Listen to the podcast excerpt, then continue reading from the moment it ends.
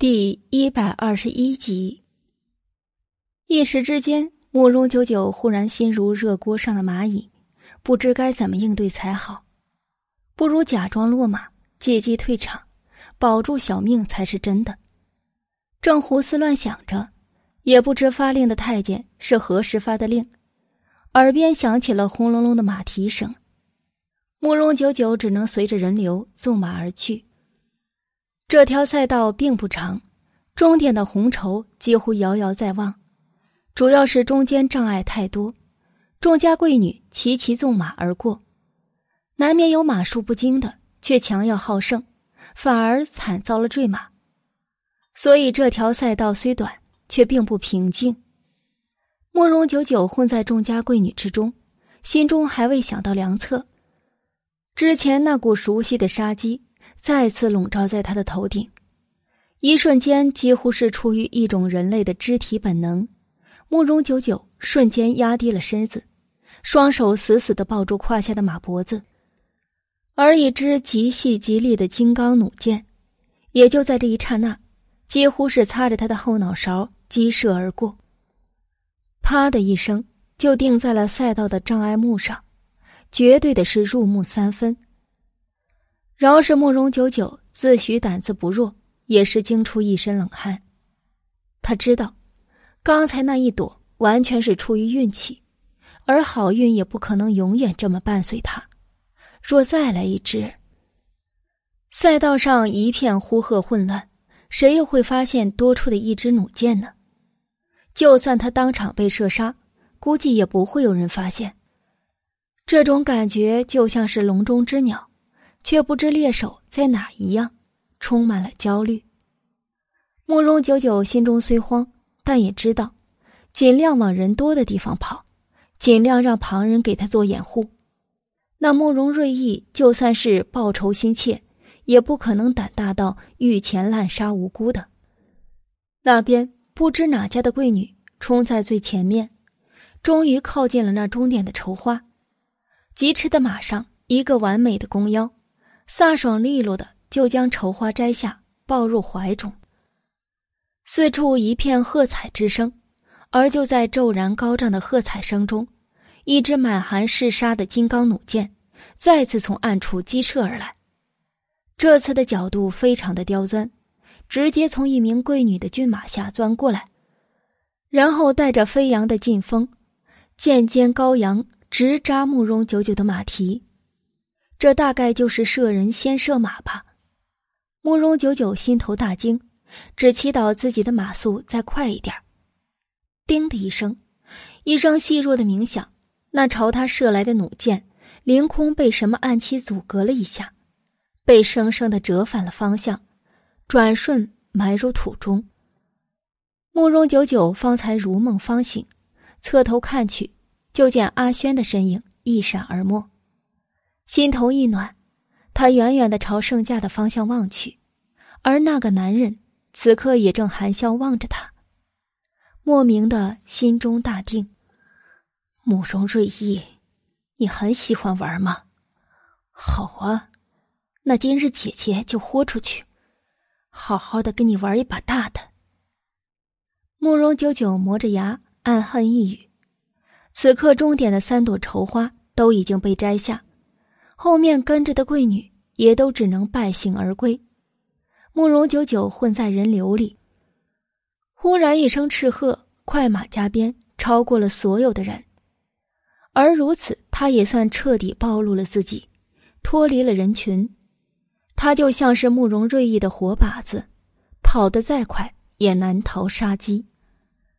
远远的看着圣驾前的百里玉华，原本如常的面容。忽然闪过一丝阴郁，这个死丫头在干什么？一声高喝，眼看就要折返回终点的慕容九九，马上忽然迎风侧头，他清丽绝俗的容颜朝暗处的慕容睿意绝艳一笑，这一笑倾国倾城，杀机四溢。隐在一张大旗后的慕容睿意，金刚弩已经重装，这是他最后的机会了。只是待他一抬头，入眼的却是那个女人胜券在握、眉艳绝俗的一笑，这贱人害惨了他的母亲和姐姐，凭什么还敢露出这么美的笑？义儿，一声低呼，慕容正终于也发现了慕容九九的异常，和大气后若隐若现的慕容瑞意。义儿要干什么？他要干什么？这个手掌一朝权柄的如尘，这一刻忽然面色煞白，摇摇欲坠。不要啊！就在这电光火石的思量间，慕容瑞意手中的弩箭已经激射而出，直追慕容九九的项上人头。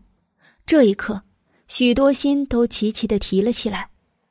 很好，慕容九九却极尽兴奋的一笑，猛挥马鞭，转眼就超过了最前面的贵女，但他却没有停下来，而是直扑圣驾，并且口中大喊：“有刺客！”保护陛下！天呀，这个女人疯了！程坤帝大惊，完全不知道发生了什么事。只见一名身着骑马服的贵女，已经直直的朝他扑了过来。保护陛下！惊呼中，慕容九九张开双臂，身后的弩箭直直的刺进了他的后肩。重伤的身体仿佛脱力一般。顺势就倒在了程坤帝的怀里，而这一幕，在旁人看来，绝对是有刺客暗处放箭，而这位相府的小姐奋不顾身，飞身挡箭，实在是勇气可嘉。有刺客，快那边！在无数的惊呼低叫中，慕容九九忍着后肩的疼痛，艰难的抬头，入目只见程坤帝余惊未消的面容。一侧头就是百里玉华那双黑沉的，仿佛无边地狱般的瞳孔，隐忍着，幽沉着，死死的瞪着慕容九九。刺客，保护陛下。但今日的闹剧显然还没有结束。就在慕容瑞意这个假刺客放出一箭后，猎场的周围忽然涌现出十几个身着太监服、面目凶恶。却手持大刀的刺客，狗皇帝拿命来！你治国无道，害得黎民百姓受苦，你不配做皇帝！一声声狂怒的呐喊，刺客已经冲上了高台。这下就连当事人慕容九九也惊了，真有刺客呀！下一刻后肩一痛，他已经被百里玉华一把卷入怀中，并且封住了他的穴道。然后往他嘴里塞了一颗不知什么药丸。玉华触到那双冰冷如风的目光，慕容久久的心一缩，讨好似的笑了笑。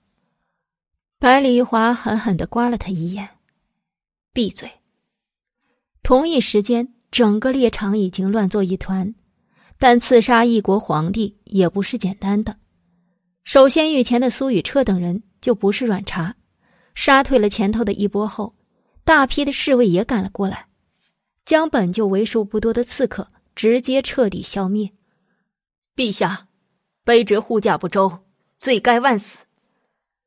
本集播讲完毕，感谢您的收听。第一百二十二集，一众御前侍卫纷纷跪地请罪，消停了片刻钟。受了惊吓的陈坤帝这才彻底的平复下来。不过平静下来后，却又化作了满面的阴沉之色。皇家猎场戒备森严，竟随随便便就跑进十几个刺客。尤其刚才那支暗箭，若不是阿九，你怎么样？苏雨彻已经满面担忧的冲了上来，而他的这一叫，众人的目光。不禁又重新汇聚到慕容九九的身上。说起来，若非这位小姐替陛下挡了一剑，不然后果还真是不堪设想。皇后娘娘淡淡一语，似乎并没有因为这一系列的变故有丝毫的慌乱。闻言，程坤帝的目光总算软和了几分，他望向府上的慕容九九，问道。你是哪家千金？慕容九九虚弱一笑：“臣女相府嫡长女慕容九九。哦，原来是慕容爱卿家的女儿。慕容爱卿，你果真生了个胆色过人的好女儿啊！程坤帝侧头望向台阶下的慕容正，可是却见这素来临危不乱的肱骨之臣，此刻竟是吓得面无人色，身子抖颤。再一听程坤帝此言，顿时扑通一下跪在了地上：“臣有罪。”爱卿此言何意？程坤帝微微眯了眯眼，眼底的阴郁之色一闪而过。他与慕容正也算是相处多年，知之甚深，不敢说，但今日绝对是反常。感受着帝王如此异样的目光，慕容正心头一颤。再不敢露出端倪，苦笑：“唉，陛下恕罪，臣老了。见了这血腥的场面，便……臣的女儿此刻又受了伤，才会……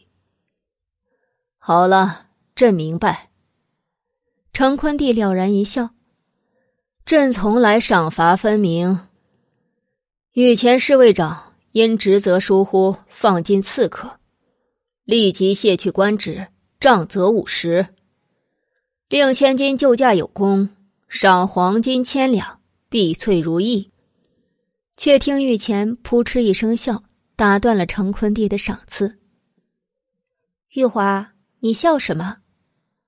明秀公主不解的望了望，突然发笑，明显与平日的作风不符的男子。说实话，刚经历刺客这种严肃的事儿。还在御前敢如此发笑的，也就这位玉晋王百里玉华了。但慕容九九却是心头一动，猜出了什么，眼底立刻划过一抹绚丽的亮光。玉华为何发笑啊？程坤帝也有此一问。百里玉华扬起白皙英俊的面容，懒懒的道：“臣只是忽然想起一个典故。”很久以前，一个樵夫救下了一个富商，那富商为感谢救命之恩，便送了樵夫十两银子。于是那樵夫笑说：“原来您的命就值这十两银子呀！”众人闻言一愣，玉妃僵硬的一笑：“玉郡王这话何意？陛下的命价值天下，难不成要将天下拱手送给救命恩人吗？” 哈哈，玉妃娘娘此言差矣。樵夫救富商，本着一份善念和仁义；可阿九救皇帝舅舅，本的是为臣的本分，非要用金银俗物来污浊吗？皇帝舅舅，依我看，您不若赏阿九一份尊荣，如何？却听苏雨彻忽然笑道，玉妃却打趣的调笑道：“都说彻郡王与玉郡王素来不和。”不想如今为了一个相府小姐，意见却出奇的相合。看来传言也是不可信的呀。苏雨彻一愣，他当然跟百里玉华那厮不和了，但是在帮阿九忙的事儿上，当然不能胡闹。但岳飞此言却明显不单纯。什么叫为了一个相府小姐？果然，众人若有若无的目光。都在慕容九九的脸上扫了一下，虽因受伤有些苍白，却也难掩美人之姿。尤其是明秀公主，在发现百里玉华对慕容九九的搀扶时，眼底顿时一股子火苗就窜起来，面上更是不善。而程坤帝闻言，面上似乎也多了一抹了然，但所有人却不约而同的都没有点破。如此，若不赏赐一份尊荣，倒是朕的不是了。也罢，宰相之女慕容九九，勇气可嘉，蕙质兰心。此番救驾有功，赐郡主之位，黄金百两，丝绸千匹，封号长乐，赐居郡主府。此言落地，在场的诸人皆是暗惊。赐了长乐郡主这份尊荣虚名也就罢了，竟还赐居郡主府，可见陛下心中的认可。只是这份认可来自于谁就不清楚。反正肯定不是简单的救驾这么简单。小女救驾完全出于为人臣的本分，不敢。慕容正此刻只觉得有种汗流浃背之感。原本长女被册封郡主，该是天大的好事，但他却半点也高兴不起来。不错，救驾乃是臣女的本分，不敢受封。慕容九九也颤颤巍巍的屈膝，想要跪下，但因扯动了后肩的伤口，直接就软倒在地上，昏死了过去。实在是懒得看这些虚伪的嘴脸，反正这赏赐是铁定跑不掉了，索性挺尸算了，眼不见心不烦。而待他再次醒来的时候，已然是夜半时分了，感受着身下的被褥与昏黄的孤灯。他知道，应该还在兰塔斯。几时了？一张嘴哑的不行，像是要冒烟似的。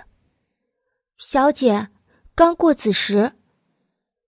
一直在床头边伺候的宁儿跟阿秀，立刻嘘寒问暖的凑了上来。小姐，哪不舒服吗？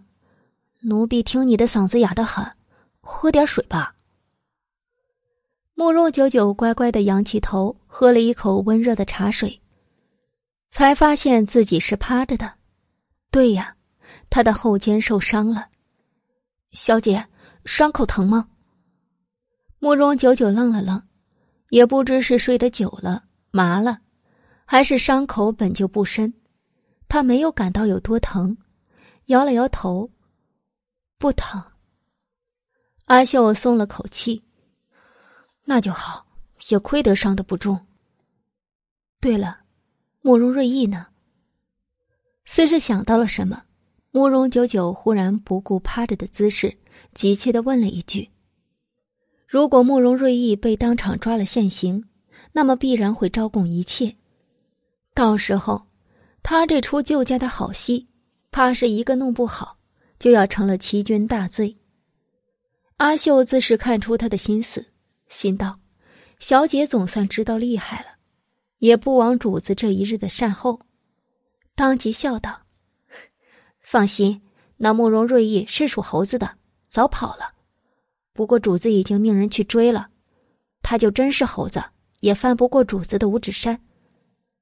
那就好。”慕容九九总算松了一口气。不过说到百里玉华，马上又想到了白日。他那双恼怒幽冷的眸子，他在气他鲁莽吗？小姐，主子来了。本集播讲完毕，感谢您的收听。第一百二十三集，得说曹操，曹操就到。莫名的，慕容九九忽然对他那双眸子产生了几分畏惧，缩着不想抬头。可不管他抬不抬头，人还是来了。主子，出去。是。听着耳边熟悉的对话，慕容九九一直趴在床上，低着头。许久，他听到关门的声音，然后是百里玉华的脚步声，缓缓的停在了他的床头。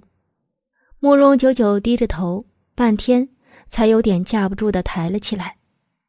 果然。入目就看到对方那双幽冷的眸子，就那么一眨不眨的盯着他。昏暗的光线下，他本就如诗似画、艳华无双的面容，此刻清冷的如暗夜中带血的蔷薇，冷不丁的让人生畏。可慕容九九还是把他自以为最美的笑容勉强的挂在脸上，讨好的道：“ 嗨，玉华，这夜深路重的。”你怎么来了？这荒山野岭的古刹，要是一不小心踩空了，摔了破了相可怎么好？我会担心你的。闻言，白梨华依旧阴着脸，没给他一个好脸色，冷笑道：“慕容九九，你今日威风啊，得意呀，又是救驾，又是册封的，本郡王以后见了你，是不是也要给你行半个礼呀？玉华，慕容九九委屈的撇撇嘴。今日若没有你，我哪来这般的尊荣？怕是早就被扣上欺君之罪了。所以，不管我得了什么，我都还是一个我罢了。我是你最乖、最听话的眼中人。闻言，白梨玉华的眉峰终于动了一下，好像里面的寒霜阴郁似乎也在这一刻稍稍的减了几分，却依旧不说话，冷冷的看着他。慕容九九见服软没戏，转而又满面气愤的道：“玉华，今日其实我也是头脑一热，他慕容睿意把我当活靶子射。”我如何能气得过？便就想着，你不是会射暗箭吗？有本事就去射那最厉害的。后来我一琢磨，全场最厉害的不就是皇帝陛下吗？我就朝圣上扑过去了。此刻想想，也是悔的不行呢。下颚一紧，才发现白丽华已经飞速的蹲下来，一双幽冷的眸子正好与趴在床沿上的慕容九九。紧紧的对视。你可知道，今日若我的人晚去一会儿，慕容瑞意可能就会被抓住。若他被抓，你觉得你会是什么下场？欺君罔上，必死无疑。慕容九九乖乖的吐出一行字，百里玉华越发森冷的一笑：“哼，原来你知道。”慕容九九一双水汪汪的杏核大眼，就蓄满了可怜巴巴，软声道：“玉华，我错了，你打我吧，骂我吧，实在不行，你晾我十天半个月，我一定好好反省。”没来由的，原本满心的怒气，忽的就被这一番软言细语给堵了回去。但堵回去之后，百里玉华只觉得更气。究竟从何时开始，这个女人的故意作态，居然能如此的影响他的情绪？自己难道果真是太纵着他了吗？纵得越发的没样，越发觉得他好拿捏吗？玉华，耳边弱弱的一语，待白丽玉华抬眸反应，唇上已经多了一抹柔软的唇瓣，带着一股女子特有的淡淡馨香。辗转间。那丁香小舌已若即若离的划过他的齿畔，乍然间带动起一种噬骨的销魂之感。一声抽泣的吃痛声传来，就见慕容九九将如玉的面容皱成了一团，然后缓缓的将脖子又缩了回去。见此，百里玉华瞬间勃然大怒，气得恨不得抬手打他一巴掌，可又抬不起手。只能狠狠的刮了他一眼。慕容九九，伤成这样，你还想着勾引男人，知不知羞的？慕容九九一本正经的摇头，不知。瞪着眼前这个时而撒娇拿吃，时而柔情似水，此刻又恬不知耻的女人，他竟分辨不出自己究竟是喜多一点，还是气多一点。你这是仗着有伤在身，我不会碰你，你才这样没脸没羞的撩拨我吗？百里玉华这时气得有点磨牙，慕容九九俏皮的吐了吐舌头，居然被你看出来了。这话无疑令百里玉华愈发的恼恨，恨不得即刻将这个女人按在床上，好好的调教调教什么叫做夫纲。可再看歪在床上疼得呲牙咧嘴的女人，他又实在下不去手。慕容九九心虚的撇撇嘴，头一歪，故意懒散的道：“玉华，长夜漫漫，你也洗洗睡吧。不嫌弃的话，就睡在我旁边吧。”见这女人果真睡了过去，白丽华方才无可奈何的一叹：“唉，你可知？”我今日哪里是气你鲁莽，分明是气你，气他为了算计旁人，竟伤了自己。得了区区的郡主之位又如何？他能为你请来圣旨，为何还请不来一个名位？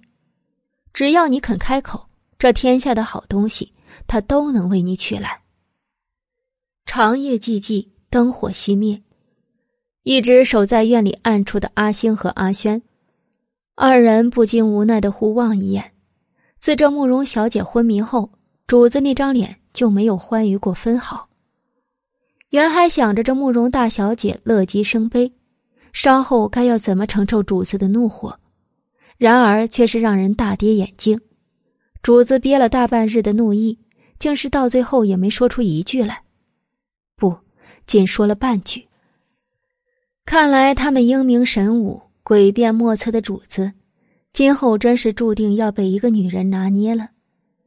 只是这个女人配吗？主子的妻绝不是一个相府嫡女能受得起的。转眼天明，慕容九九一睁眼，果然发现白丽华已经不见了。但只要一想起昨日那厮的表情，他心里就忍不住暗爽。没道理，每次在床榻上，他都是那个受摆布、受欺负的。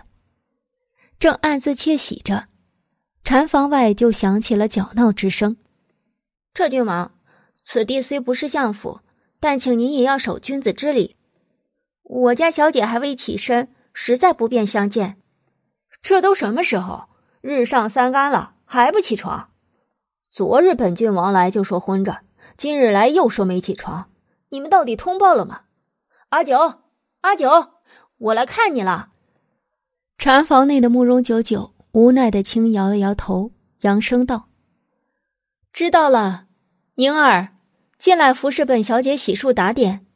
苏雨彻，你若诚心看我，就稍等片刻吧。苏雨彻果然停止了搅闹。小姐，您的伤能起吗？但宁儿依旧满面的担忧。慕容九九摇头：“没事，我是伤在肩上，又不是伤了腿。再说那弩箭再厉害，那么远的距离。”等射到我的肩上，也没那么凶了，这顶多两三天就好了。这话倒是实话。那慕容瑞意虽是一根筋，瞅准了什么事儿便要一干到底，可终究到底还是年轻气盛了，昨日才会遭了他的道。本集播讲完毕，感谢您的收听。第一百二十四集。待洗漱完毕，门外的苏雨彻终于迫不及待的进了门。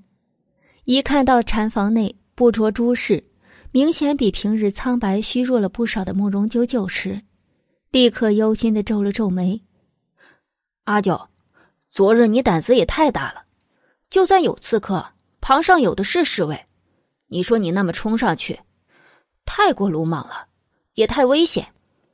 若是那剑再利一点你这条小命，怕是也要丢在御前了。慕容九九抿嘴一笑，其中明细他自是不能说的，但感受着朋友的这份关心，他还是很开心的。当时不是头脑一热吗？此刻我也后怕的不行。若时光倒流再来一次，我未必会有那样的胆色呢。他调笑着回答。苏雨彻抱臂而战。年轻英俊的面上，此刻已然换上了一副欢喜之色。说起来，以后见面就该唤一声“长乐郡主大安”了。慕容九九顿时翻脸怒道：“你若要酸，就出去酸去。郡主之位是皇恩浩荡，封来封去，我终还是一个我罢了。”是是是，我不酸了。苏雨彻原是想取笑他。但见他这么快翻了脸，赶忙告饶。不过他的告饶声才说到一半，却猛然的僵住了唇角，因为他看到慕容九九床榻的角落正放着一件衣服，尊华的紫色宝月衫。天下新贵能将这种紫衣穿出举世无双的人不多。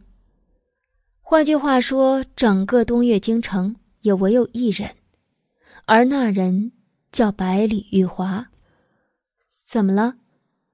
慕容九九见苏雨彻的说笑，突然卡了壳，疑惑的一抬眸，就见对方已经越过了他，直直的从他身后的榻上拿起了一件衣服。阳光下名贵的紫衣，参金加银的精美绣线，还泛着那个人特有的气息。这这百里玉华的外衫，怎么会在你的榻上？他昨晚就来过，对吧？苏雨彻拿着衣衫，愣愣的问了一句，然后侧头用一种极其复杂的目光望着慕容九九道：“究竟何时，你们的关系竟亲密到可以让他将外衫随便的褪去？”慕容九九在看到那外衫的时候，他自己就愣住了。什么叫现世报啊？这绝对是百里玉华那厮根本就是故意将外衫留下。惹人误会的，算了。你知道的，我喜欢他。慕容九九索性大大方方的承认了。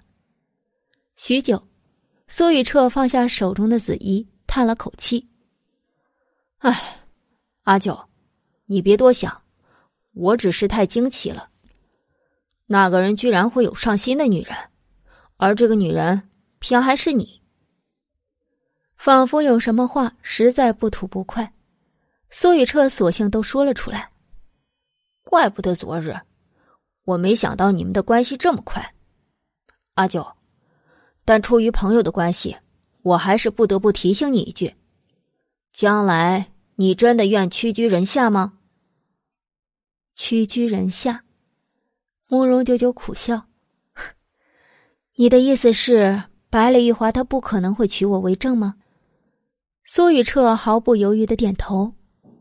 虽然这些年我一直看不透他，但我知道，他的实力绝非东越国表面上看到的这一点。所谓的郡王之位，于他而言不过是一个可有可无的虚名。所以你明白吗？不管是出于利益还是别的，你都不可能是他正妻的最佳人选。退一万步说，他若对你真的有意，充其量不过是侧位，但是我苏雨彻认识的阿九，表面静若沉水，实则飞扬骄傲，骨子里我们都是一样的人，你怎么可能容忍自己屈居人下？而这个所谓的人下，还不知道是几个人。苏雨彻的话可谓是十分透彻，并且以无比现实的口吻告诉他：“你爱的男人不会娶你为妻，要做。”也只有做妾的份儿，所以阿九，你收手还来得及。来得及吗？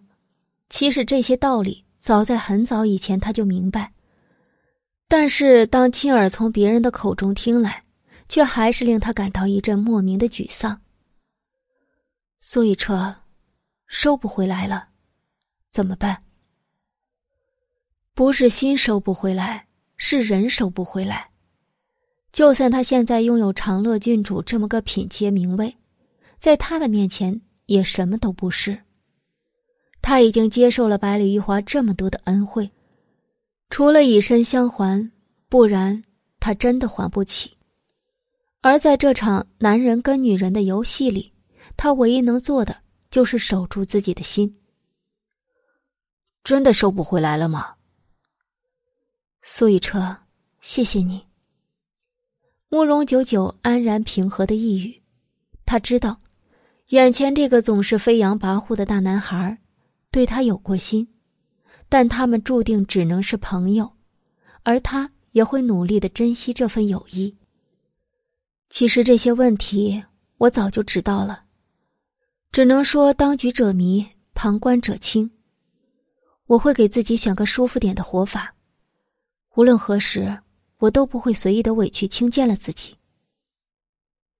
在兰塔寺休息了一日，一日间也迎来送往了几个前来探望的。转眼日暮西垂，慕容九九也知道，猎场马会今日也算彻底收了官。明日兰塔寺内的各家小姐也都要陆续下山回府了。小姐，之前查到三老爷暗中的确有买通一些江湖人。行为不轨，可如今咱们在兰塔寺也住了两日，也未见有何动静，怕是回京的路上不太平。阿秀有些忧心的道：“慕容九九摇头。兰塔寺的确是杀人灭口的好地方，只可惜，如今我想了郡主之位，一切与他们的计划有变，自是不敢轻易再动。至于回京的路上，托我那父亲的福气，会一道走，怕是无人敢造次的。”谁知刚说完，外面就有人来报。相爷来了，请。转眼的功夫，慕容正就快步进了屋。这一日一夜，慕容九九在榻上养病，闲心不操。但反观慕容正，一张疲惫的脸色，想来是操碎了心吧。昨日慕容瑞意放冷箭，不管射的是谁，都惊动了圣驾。慕容正一辈子为人臣下，哪里做过这等忤逆之事？若是被查出来，绝对是要祸及满门的。慕容九九自是看出他的焦虑，不由笑道：“父亲宽心，义弟福大命大，昨日没被抓住，今日铁定是跑远了。”一声异地喊出来，他自己都恶寒一下。慕容正望着如此优雅有序的女儿，此刻胸中除了陌生，便是复杂。口中还是那句话：“无论如何，你都不能杀你弟弟。”我以为父亲是如旁人一般来探望我的伤情的，此刻方知，原来不是。慕容九九反唇讽刺一笑，慕容正面上一僵。本集播讲完毕，感谢您的收听。第一百二十五集，第二日一大早，结束了昨日的新贵簇居，在兰塔寺小住了三日的众家的公子小姐们，一上午就都开始了返程。一些玩心大、没尽兴的，便要多留上一日。慕容九九倒是也喜欢这山清水秀的好地方，奈何俗世缠身，拖着病体也跟着慕容正。一前一后的回了京。长乐郡主，你有伤在身，不多留两日吗？伤口可经得起这一路的官道颠簸？一声呼唤传来，就见远东侯府的阮明月也正要返程。慕容九九一愣，对他这突然多出的身份名号，竟是有点反应不过来，当即一笑：“兰塔寺虽然人杰地灵，但是……”也不及府邸舒适。如此也是。阮明月点点头，随即恭贺着又笑道：“如今郡主已经成了京中的一等红人。昨日大伙还说呢，此番马会，我等皆成了长乐郡主的陪衬，我们都不及你飞身救驾来的惊艳。”慕容九九苦笑着摆摆手：“ 休要取笑了，我这郡主之位。”来的实在是侥幸，若再说我还羞臊的慌呢。阮明月却道：“要我说呀，时也命也，慕容大小姐担得起。”言罢，二人匆匆作了别。大姐，啊，不，长乐郡主。两声清脆委婉的呼唤，慕容九九侧头，就见两个堂妹。不知何时已经走到近前，只是他们看向慕容九九的目光，难免存有几分复杂与不甘。马会一年才一次，他们出入京城，原还指着多少出点风头，却不想，如今全马会的风头都让这个长姐一人给盖了，让他们心里如何舒服呢？慕容九九看在眼里，也不以为意。面上依旧是客气，说道：“二位堂妹，上车吧。如今我有伤在身，以防颠簸，就独占一辆了。”大姐请便。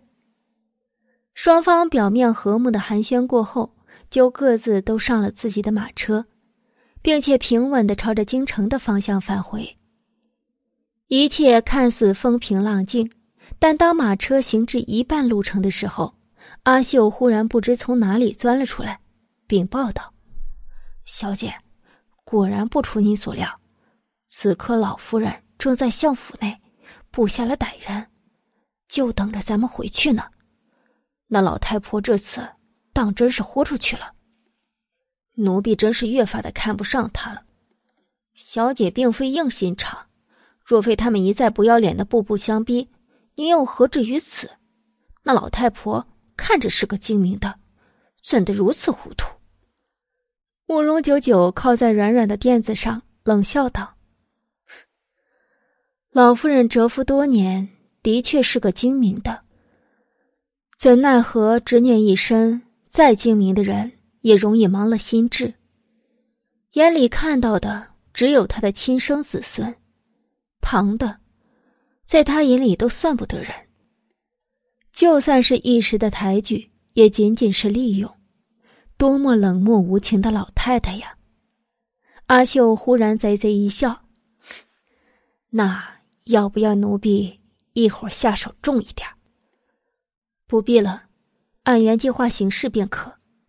是。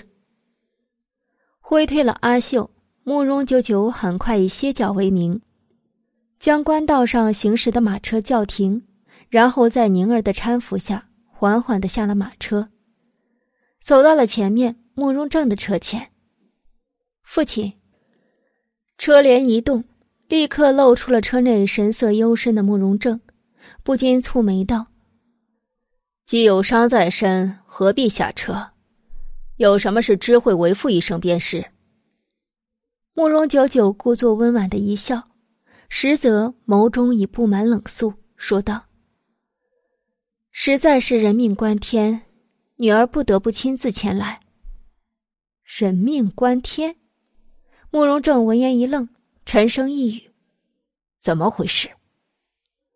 方才有人前来密报，祖母此刻在府中已布下了刺客，正等着女儿回去自投罗网。女儿有家不敢归，还望父亲为女儿做主。什么？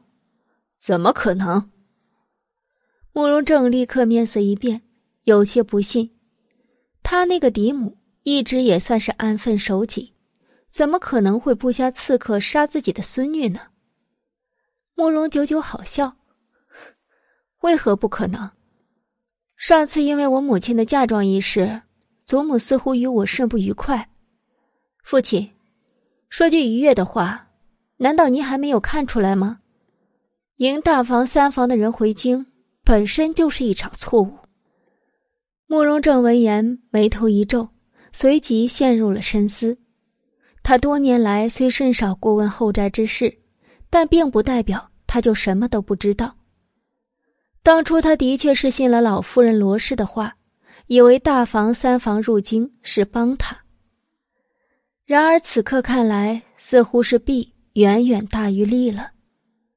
如今因小小的嫁妆一事，若那老夫人当真要置慕容久久于死地，那他是万万不能容的。许久，慕容正才恢复了神思，幽寒的眸中厉色一闪，说道：“放心，此事若属实，今日有为父在，定伤不了你分毫。那女儿就安心了。”慕容九九勾唇一笑，返回了自己的马车。大概又经过了半个时辰的路途，他们才算入了京。马车缓缓的停在了相府的大门前，而此刻，因他半路时的那一番话，相府内的气氛明显正处于一片冷凝。相爷，府中管事王福满面紧张的擦着额头上的汗。等在府门前，因为就在一炷香的时间前，相爷快马命人传回消息，说府中有刺客，他哪敢怠慢，领着大批护院就搜查起来，果然揪出了几个可疑之人，好一番折腾，才将那些贼人五花大绑的制服了。可府中后宅无端端的混进贼人，他这个做管事的。便是第一个失责。人呢？慕容正一看王府的表情，便知道这府里当真是暗部有贼人。一念至此，他再也抑制不住胸中的怒火，咬牙切齿：“好一个罗氏！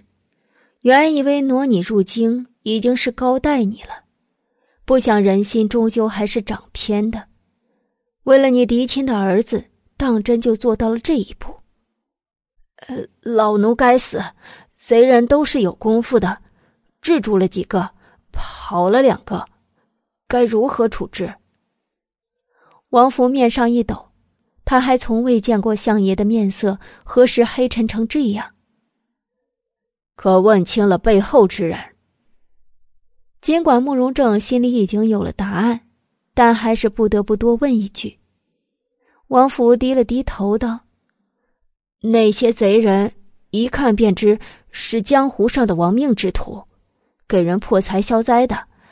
他们说，说什么？”说是三老爷偷偷从后门放进来的，意欲意欲刺杀大小姐，呃，不是长乐郡主。王福忽然改口，尽管如今正是册封的圣旨还未下来，但猎场的事儿早已经传回了京城。本集播讲完毕，感谢您的收听。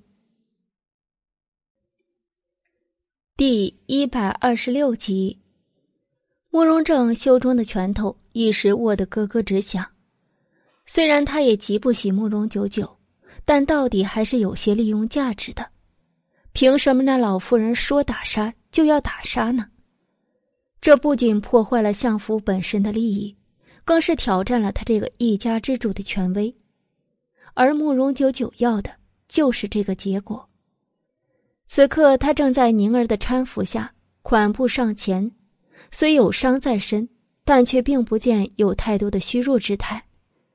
婉约的身态依旧窈窕，身着百金一匹的水色流云缎，合体的剪裁，流水般倾泻的裙摆，阳光下令这本就精致美丽的女子越发的清丽无双，贵气怡然。愕然间，周围的奴仆只觉得这大小姐竟如此的高若云端，非凡莫测。父亲，既然后宅的贼人已经肃清，那女儿正好有事与祖母相商，这便去了。慕容九九淡淡一语，慕容正下意识的又皱了皱眉：“你有伤在身，万事小心一些。”为父会令人在寿安堂外守着的。慕容正的口气顿了顿，才道：“看这架势，明显是将罗氏当贼防上了。”慕容九九点了点头，主仆二人缓步便朝着寿安堂而去。小姐，阿秀办完事儿，不知从哪钻了出来，满脸笑嘻嘻的，手里正抱着一只乌木匣子，献宝似的，让慕容九九看了看。慕容九九仅是一笑，主仆三人已经停在了寿安堂前。乍一撩开门帘，就见气氛阴郁郁的。堂内老夫人瞪着一双猩红的目光看着他，似乎早已经料到他会来。祖母好生耳聪目明啊！九九讽刺一笑，老夫人罗氏腾的一下就从椅子上坐了起来。再不是过去病歪歪、懒洋洋的姿态，抬手指他便道：“贱人，你竟非要将我们逼迫至此吗？”慕容九九眸中冷色一闪：“祖母说错了吧？究竟是谁逼谁？孙女我只是拿回属于我自己的东西罢了，祖母何故这般阻挠，还要将孙女？”置于死地，你的东西，哼，你也配？当初若不是我，你以为你能安然的活到今日？老夫人冰冷切齿的冷冷一语。对，倒要多谢祖母的照拂了，谢谢您亲口令人勒死了我的母亲，谢谢您多年对我不管不顾。任人欺凌。谢谢你难得一次抬举，到如今的置我于死地。可惜呀，您终究是老了，脑子也木了，花重金雇来了一批亡命之徒，却终打了水漂。其实我当日前往兰塔寺的路上，便是刺杀的最好时机。可惜您心中总是有顾忌，觉得机会还有很多，便生生的放过了那个机会。其实原本我入住兰塔寺的第一夜，也是个难得的好机会，却被人搅了局，引来了寺内的武僧。您一时谨慎，也错失了良机。再之后，我便荣得郡主之位，受多方的关注庇佑。您更无机会。孙女一直以为，以您老谋深算的心机，必会选在我回京的路上再次动手。可惜啊，父亲与我同行，您便再次顾忌了，便想着等我回府再行刺，险中求胜。殊不知一而再，再而三，你已经彻底失了先机，注定一败涂地。我若是您，便就不动手了。所幸是舍财宽心，但是您太固执了，固执的可笑。慕容九九将事情娓娓道来，掷地有声。老夫人闻言，原本故作强硬的身子，终于剧烈的抖颤了一下，仿佛瞬间苍老了许多，踉跄着就跌回了身后的椅子。也不知是气多还是惊多，口中想说什么，竟是说不出来，只能愤恨的瞪视着眼前笑意盈盈、越发精致美丽的少女。这时，就见慕容九九伸手接过阿秀递上来的乌木盒子，淡淡又道：“祖母既如此手眼通天，应该也知道了。刚才回到相府的马车，只有我与父亲两辆。”至于两位堂妹的去向，手中的乌木盒子缓缓打开，露出了里面两件女子的贴身物件。一见那物件，老夫人罗氏气愤的面容顿时煞白一片。你，祖母莫急，京城天子脚下，素来是风高浪急，每年都难免有几个京中的小姐。不是遭了劫匪先奸后杀，抛尸荒野，就是不慎失踪，生不见人，死不见尸。哎呀，两个娇滴滴的小姑娘实在可怜。你，你这个贱人，你不能那么对他们，他们可是你的亲堂妹。老夫人终于怒极，低吼了一句。慕容九九却悠哉悠哉的含笑，摇头：“ 我这个孙女如今都不亲了，两个十几年没见过面的堂妹，又能亲到哪里去了？罢了，不说了。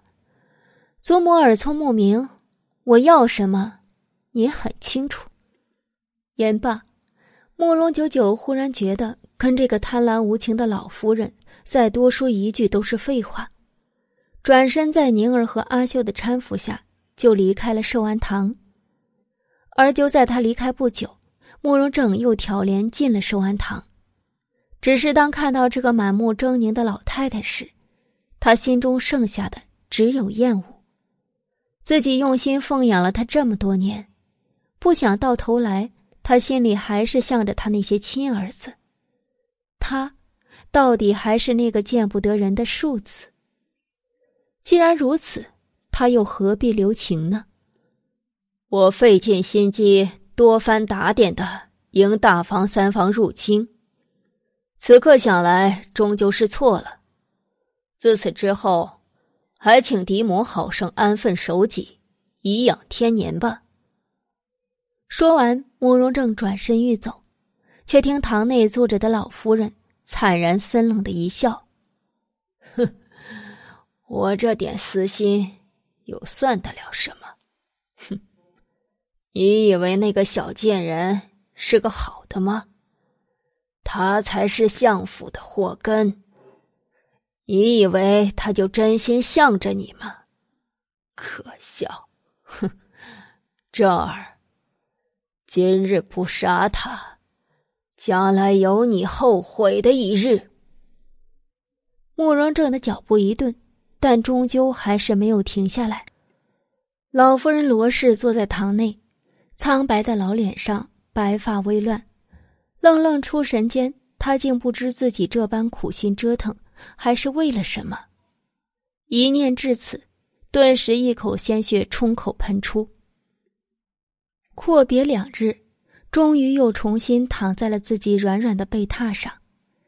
慕容九九不禁满足的叹了口气：“真好。”从寿安堂出来后，他原以为那老夫人要天人交战好一会儿，不想才半个时辰，就令人送来了一封信。上面明确写明了他母亲那批嫁妆的所在地，竟是苏氏名下的一座私宅。立刻令阿星过去看看，是否属实。是。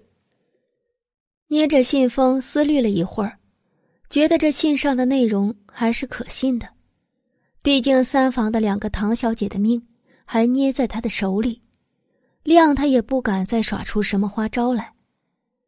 果然。阿星来报，那私宅的库房内果然存放着他母亲的大批嫁妆。那些东西虽都有些年头了，但到底还是他母亲留下的，也印证着云氏当年的风光，还有一个女人一口被屈辱埋葬的怨气。本集播讲完毕，感谢您的收听。第一百二十七集，把东西好好的封存起来。那些都是云氏的，我不会动。良久，慕容九九悠悠一语，只是周围一圈的奴婢听得疑惑：云氏难道不是小姐的母亲吗？母亲留给女儿的嫁妆，这原就是天经地义的事儿啊。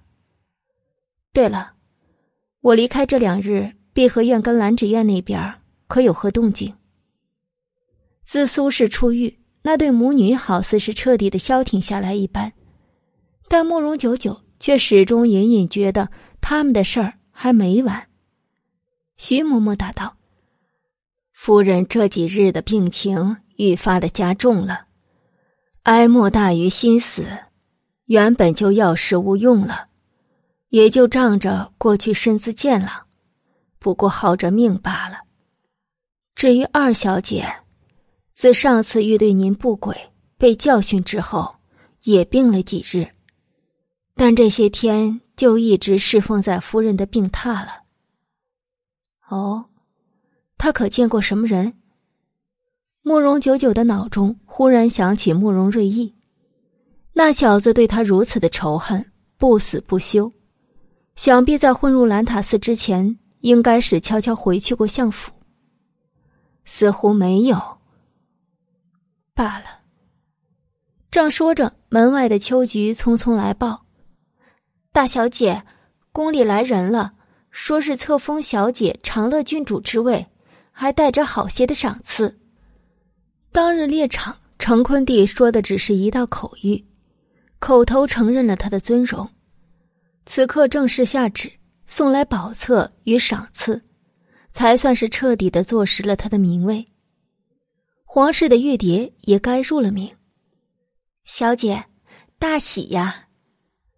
早就预料到的事儿，慕容九九的面上倒没有多喜，起身就被众婢女嬉笑着簇拥着出了将子院，朝着前厅而去。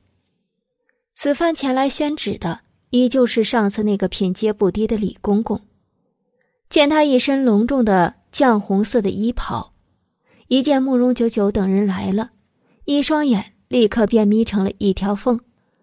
慕容氏长女接旨，陛下仁爱，念小姐因救驾有伤在身，免跪。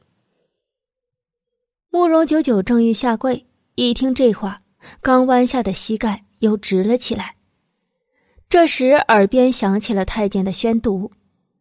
其实所谓的圣旨，无非还不是那一套吗？前面一堆赞誉他的话之后，便就正式册封他为长乐郡主，并附上了象征身份的宝册，同一干金银的赏赐。慕容九九只需俯首见礼，末了高呼一声：“长乐，谢主隆恩。”接下圣旨，那李公公当即笑眯眯的道。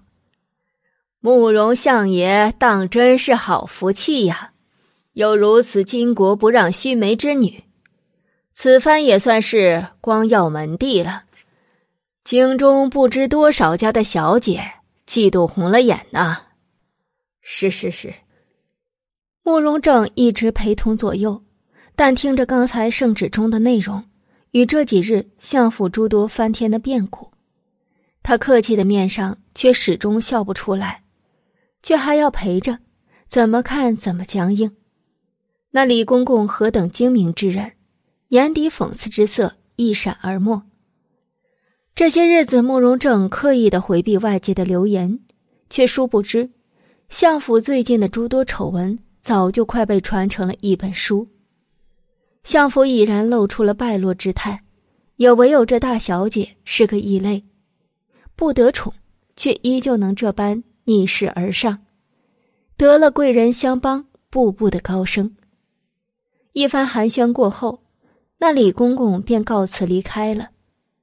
慕容九九手端着圣旨，侧头，就见慕容正依旧有些僵硬出神的侧脸，微微一笑。父亲可是在想，女儿今时今日的荣耀，若是子言的该多好。嗯。慕容正闻言，有些暗恼的回瞪他一眼。他当然不会承认，他心里就是这么想的。无论苏轼对与错，好与坏，慕容子言到底还是他放在心上、宠着长大的女儿。就算是如今蒙羞，也是始终站在他这一边的。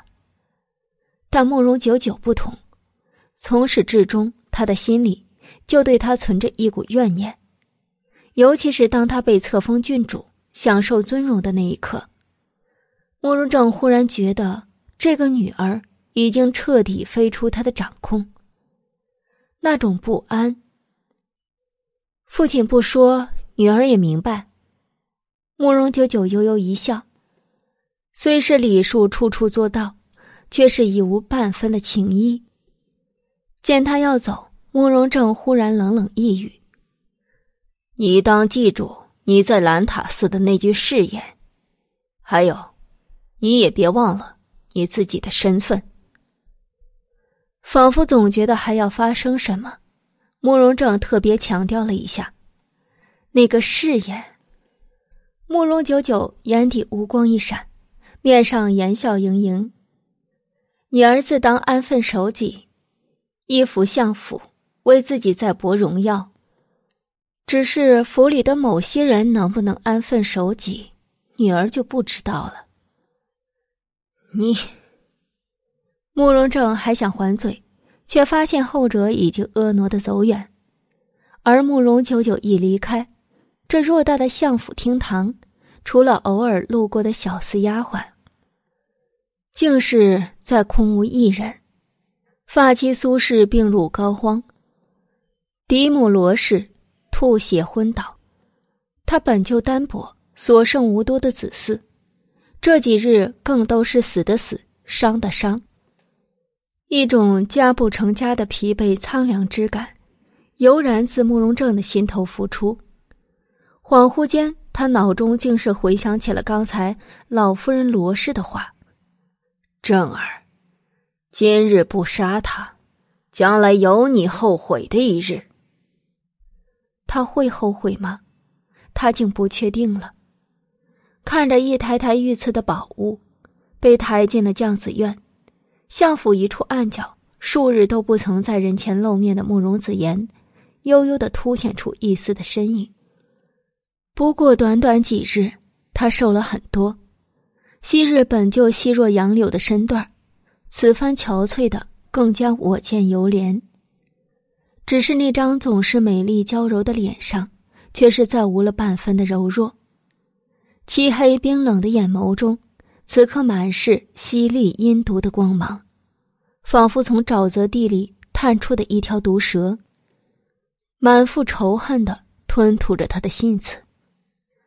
贱人，你害我母女至此，却还可以享受如此尊荣，天道不公！贱人，为什么不去下地狱？下地狱！慕容子言怨毒的低低咒骂着，一边骂一边伸出手，尖利的指尖泄愤般在坚硬的墙壁上狠狠的抓挠着，发出一阵阵毛骨悚然的刺啦声。一双愤恨通红的眸子里，滴滴答答的泪水夺眶而出，却也不擦，就那么又哭又笑的，冷冷的望着，望着不远处的酱子院。宛如撕开了美人皮的恶鬼，恨不得将那个心心念念的仇人一口一口的撕成碎片。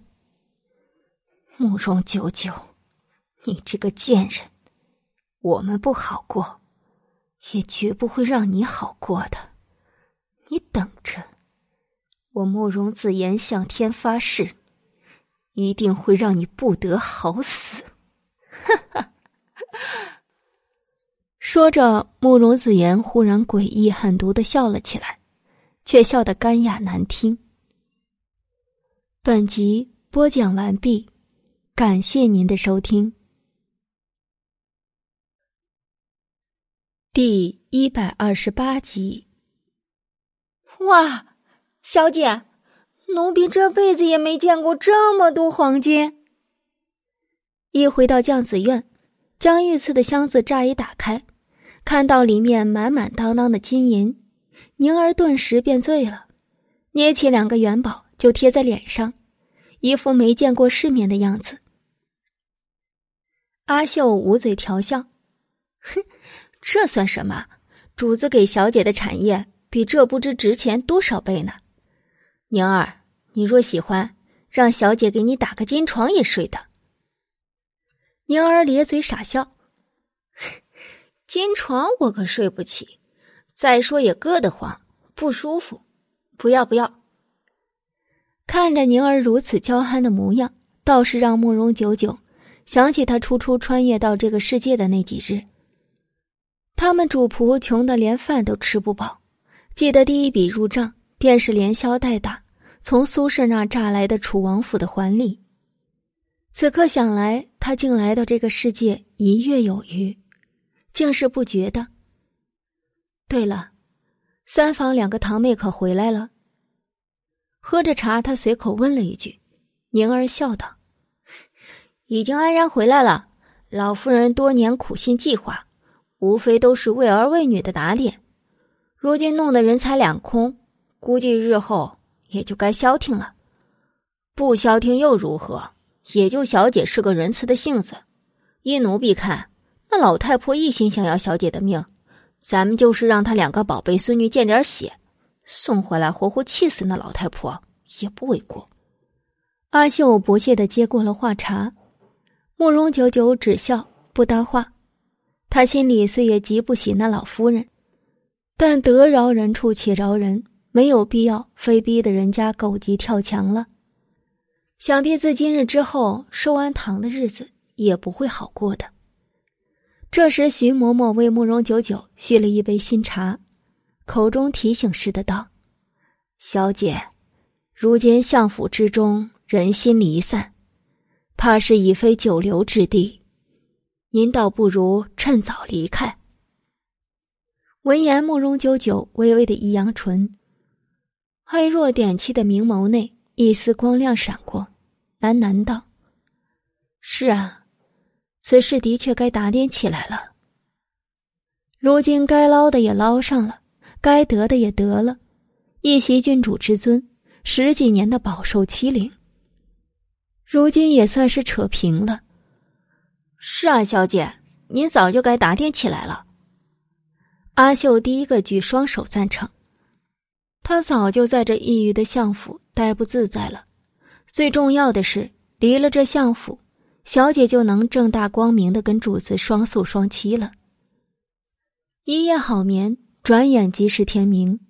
当慕容九九起榻准备梳洗的时候，才知道，昨日他接了册封郡主的圣旨，按照规矩，今日他必须要到宫里谢恩的。嗨，这令人忧伤的皇权时代呀！满会上折腾了好几天，原还想睡几日懒觉，怕是不成了。倒是皇宫那个地方。虽然之前他就让徐嬷嬷调查过一些基本的信息，但一想到今日要全程规规矩矩去那吃人不吐骨头的地方走一圈，还是莫名的让人感到压抑。不过好在昨日的赏赐中，专有一箱放着各色华丽的宫装，都是按照郡主的位分做的，这样就不必担心初次进宫在着装上失了礼仪。不过，待一切打点清楚，也已经是一个时辰后了。哇，小姐好美啊！众人望着铜镜前这婀娜华美的宫装美人，皆是一阵赞叹。但慕容九九却颇有些不满的皱了皱眉。然而，美人蹙眉也是别有一番风情的，好似一幅生动的美人画，冰肌雪肤，明眸顾盼。水色嫣然的拖地宫装，腰肢紧束，将少女才刚发育好的身子迫不及待的勾勒出来。清嫩中分外透着尊华妖娆。后肩的墨发如云，因还没有及笄，并未梳什么复杂的发髻，但为了衬着华美的宫装，还是顶了一头的珠饰，压得脖子都软了。若非情势所逼。我一辈子都不想穿这么费劲的装扮。他愤愤一语，身后几个奴婢闻言好笑。就在慕容九九转身之际，他们齐齐端正一礼：“奴婢见过长乐郡主，郡主万安。”说起来，自册封后，他们还是第一次这般端正的行礼，惹得慕容九九一笑：“都是自家人，不必虚礼。”徐嬷嬷摇头，正因为自己人才不能疏忽了。郡主日后身份贵重，言行举止上也都要有所注意了。慕容九九认真的点点头，言罢，带着宁儿、阿秀两个贴身的婢女，就坐车进宫而去了。只是他们的马车才刚上路不久，大街上的百姓。忽然传来一阵阵喧哗的议论，似乎有什么大人物登场。百姓必须退至街道两旁，就连相府的马车也不例外，被停靠在了路边。发生何事了？阿秀朝车外探了探头，从来喜欢嘻嘻哈哈的他，今日难得眉头蹙成了一团，沉声道：“小姐，是太子的车驾回京了。”太子回京，慕容九九一愣。东越国的未来储君太子君熙，今日回京了。他之前虽一直居于深闺，对外界的事情不甚了解，但对这位传说中极为出色却素有残暴之名的太子殿下，也是如雷贯耳。脑中不及细想，就听阿秀难得严肃的声音自耳边响起：“郡主。”主子之前也有吩咐，希望您近期万不可随意招惹此人。闻言，慕容九九无声的点点头。这时，车外的嘈杂之声渐消，估摸着太子的车驾已经走远，相府的马车这才缓缓的驶动。大约一炷香的时间，已经停在了肃静的宫门口。但是，似乎冥冥中，你越是怕什么。什么就偏越是要找上门来？一个尖细偏冷的声音乍然自车帘外响起：“车上可是长乐郡主？”“正是。”太子殿下早闻郡主救驾神勇，特邀郡主下车一见。什么？慕容九九面色一变，刚才阿秀特意提醒后，他是故意令马车放慢了速度，想跟太子进宫的车驾错开时间，不想还是碰上了。或者说，对方是故意在宫门口等着的。慕容九九有些懊恼的揉了揉眉心，一国储君太子殿下有请，他一个有名无实的郡主能拒绝吗？当然是不能。所以他只能在两个婢女的搀扶下，缓缓的下了车。入目就见白砖铺地，分外冷肃的宫门前，一架沉木打造。极为张扬华贵的马车，正静静的停在那里。从车上精美的纱帘上，隐隐能看到一个男子的身影，端坐在内。一缕酒香飘过，对方似乎自斟自饮的喝着美酒。慕容九九款步上前，端正一礼：“长乐拜见太子殿下。”本集播讲完毕，感谢您的收听。第一百二十九集。今日的天空风和日丽，却依然偶有微风吹过，将太子车架前的纱窗微微的扬起。透过那扬起的缝隙，看清了车外那正垂手行礼的女子，一身端庄的华服，身段婀娜，鬓发精致，看上去呆呆木木的，似乎与旁的贵女也没什么不同。不过，听说这是百里玉华相中的女人。只要是他相中的，别说是如此婀娜的贵女，就是一头母猪，他也要掳过来好好研究研究，看看是不是母猪中的极品。抬起头来，良久，男子极轻极淡，却又透着五分的慵懒，五分的诡异的声音响起。莫名的，这声音似乎还掺着几分的血腥之味，有些熟悉。因为这跟百里玉华漠然冷情时的腔调极为的相似。他们都是充满了杀伐残酷的人，有些危险。伴着这样的认知，慕容九九尽量让自己不那么惹眼的，微微的抬起头来，呆滞的表情，纵然五官再怎么美丽。也失了应有的神采。车内饮酒的男子微顿了顿手上的动作，悬于酒盏之上的唇轻轻玩味的笑了起来，然后他将唇边的美酒放下，吩咐道：“郡主果然好颜色呀，这杯酒便就赐了郡主吧。”说完，立刻有随从将车内太子君熙刚放下的美酒。恭恭敬敬的端了下来，弯腰举于头顶，慢慢的递到了慕容九九的跟前。长乐郡主，请。看了一眼那精致酒盏中琥珀般的酒色，慕容九九有些为难的答道：“殿下恕罪，男女有别，你我共用一只杯盏，实在与理不合。”放肆！一声杀气四溢的暴喝突然响起，不及反应，一把锋利的长剑已经直直的斩向慕容九九雪白的颈项。啊！仿佛受惊一般，慕容九九一声惊呼，花容失色，身子不受控制的就软倒在地上，仓皇中还摔碎了腕上的一只玉镯，总之是一塌糊涂。瑟瑟发抖的求饶道：“太太子殿下，太子殿下饶命！君主。”身后宁儿等人也是面色惨变，颤巍巍的望着眼前忽而剑拔弩张的气氛。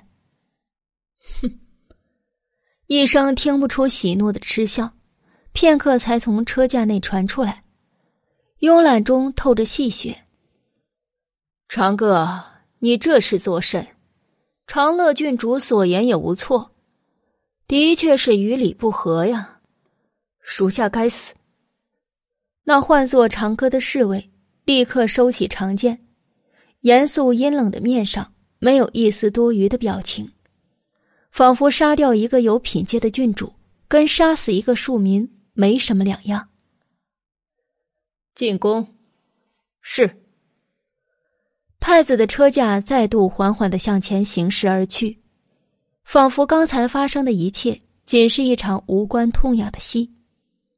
跪在地上的慕容九九，好半天才僵硬的被奴婢扶了起来，只是面上再无刚才的惊慌之色。而是更深一层的震惊。郡主，其实您刚才也不必那般作态。阿秀有些心疼的看着慕容九九，知道刚才他是故意装作懦弱，不想惹起麻烦。却听慕容九九苦笑摇头，说道：“不，刚才那个侍卫是真的想杀我，我若不软倒在地。”只怕此刻已经身首异处了。想想刚才被杀机笼罩的那一刻，就胆寒。怕是太子君熙也在刚才那一下看出了他的深浅，此人着实难缠。什么？众婢女皆满面的震惊。太子君熙怎么敢？慕容九九想了想，又道：“若我猜的不错。”这些年，一直在暗中企图侵吞玉华势力的人，就是太子。上次枫叶房，我史记也算是坏了他的事，他必是知道的。所以刚才是真想杀我。宁儿听得不是很明白，但阿秀却是懂得，他立刻满面的愤愤说道：“哼，就算如此，太子殿下也不该冲着郡主来。”为难一个弱女子，算什么本事？有本事，慎言吧！我有种感觉，从此我与这皇宫怕是不对盘了。说完，主仆三个人重新整顿妆容，入了宫。而门口负责接应他们的老太监，早已经将刚才的事儿都看进了眼，一时笑得有些尴尬，说道：“长乐郡主。”果然好福气。是啊，能从太子殿下的剑下走过来，着实是个有福气的呢。对此，慕容九九扯了扯面皮，不以为意。跟着老太监入了宫门后，一路便坐上了软轿，直到行至承庆殿附近，才压轿，拖着华丽的宫装，连步轻走。如此也算他身为郡主的福利了。寻常贵女入宫都是从宫门口直接走进来的。陛下此刻刚下朝，正在殿中批阅政务，烦请郡主稍后片刻。老太监也算客气，微微一语。慕容九九规矩的昂首，不过这一等，足足就等了两炷香的时间。最后才有御前近身的太监过来通传。此刻慕容九九被一头猪尸压着，后肩的伤也开始隐隐作痛起来，但面上没什么微词。谁让人家是皇帝呢？人家大呢。承庆殿内，几乎才刚一站定，慕容九九就感觉到帝王打量的目光，许久才淡淡的道。果然是个好颜色的，那日救驾倒是朕眼拙了。陛下谬赞，臣女惶恐。成坤帝正伏在岸上书写着什么，闻言略作沉吟，便从案前支起身来。这个乍一看略有些清瘦的帝王，漠然的脸上一丝莫测之意一闪而过，他又淡淡的道。可知朕为何封以郡主之位？难道不是因为救驾吗？慕容九九暗中嗤笑了一下，但面上却是一副乖顺的姿态。臣女愚钝，望陛下明示。历朝历代，但凡破格册封郡主、郡王的朝中新贵，皆是世态为官的，为我东岳有过大功的朝臣。你觉得相府有这个资格吗？程坤帝似乎并不打算绕弯子，淡淡的问：“慕容九九闻言一震，却是由衷的道：“没有。相府既不是三朝元老，也不曾有过大功，区区布衣宰相的家中，何德何能出一个皇帝册封的郡主？这本就不合常理。原本只是他临时起意的一个荒唐想法，却不想演变至此，竟变得无端诡异起来。”你知道便好，相府一门的荣辱从来都是握在朕的手里。程坤帝悠悠一语，但慕容九九却是听出来了，这个老皇帝有任务要交给他，而这个任务绝对跟百里玉华有关。本集播讲完毕，感谢您的收听。第一百三十集，玉华似乎甚喜你，这是你的福气。待你及笄，朕便将你赐给他做侧妃，如何？但你需要时刻记住自己的身份。果然，这老谋深算的程坤帝，根本就是捏着他家族的荣辱，让他去百里玉华的身边做间谍的。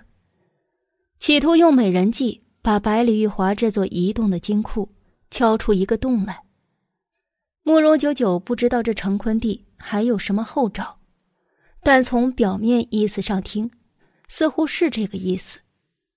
但是他算错了，慕容九九压根儿就不是一个有家族意识的好孩子，相府荣辱兴衰，他根本就没操过心，所以呢，构不成威胁。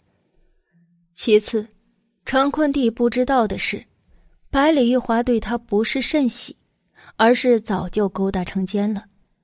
但是他却从没有想过要嫁给百里玉华。此时此刻，如果说百里玉华是一头正周旋着的猛虎，那么程坤帝便就是企图将他利益榨成干的豺狼。还有一个摸不着路数的太子君熙，虎视眈眈。慕容九九不禁暗自吞了吞口水，虽然心里不愿，但他也知道，当面拒绝一个帝王的代价，他还不敢承受。正酝酿着委婉的词汇，就听头顶的成坤帝忽然一挥手道：“你先退下吧。毕竟还只是个未及笄的少女，此事急不来。”慕容九九立刻如蒙大赦，快步就出了长庆殿。而似乎他今日的运气并不是很好，才刚出来，迎头就碰到一个人。见过明秀公主。不错，眼前的宫装丽人，正是一直仰慕百里玉华的痴情妹子，公主明秀。而她的出现，明显也绝非偶然，而是专门来赌的。看来上次马会救驾，百里玉华对她的别样态度。已经触犯到了这位公主。慕容九九可不会忘记，上次牡丹会自己不过是陷害苏云云，偷了她的玉环扣，这明秀公主一怒之下，就差点斩了苏云云的双手。对自己恐怕也仁慈不到哪里去了。慕容九九，你可让本公主好等啊！明秀公主微扬着雪白的下巴，冷冷一语。然后缓步走近。上午明艳艳的阳光下，立刻就将慕容九九本就精致美丽的容颜映得越发的光彩照人，华衣如云，玉质尊华。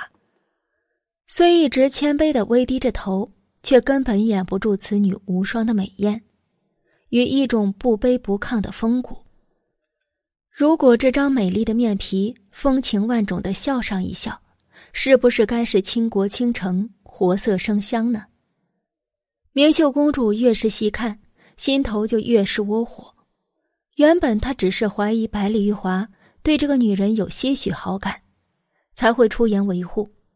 但此刻，她不仅笃定了这个想法，并且更甚：你就是凭着这副妖媚样子勾引的玉华。越是愤怒，一些思想。就越是不经脑子。明秀公主抬起尖锐的扣单指甲，就要去划慕容九九的侧脸。慕容九九眸中冷色一闪，如何能让他得手呢？立刻飞退一步。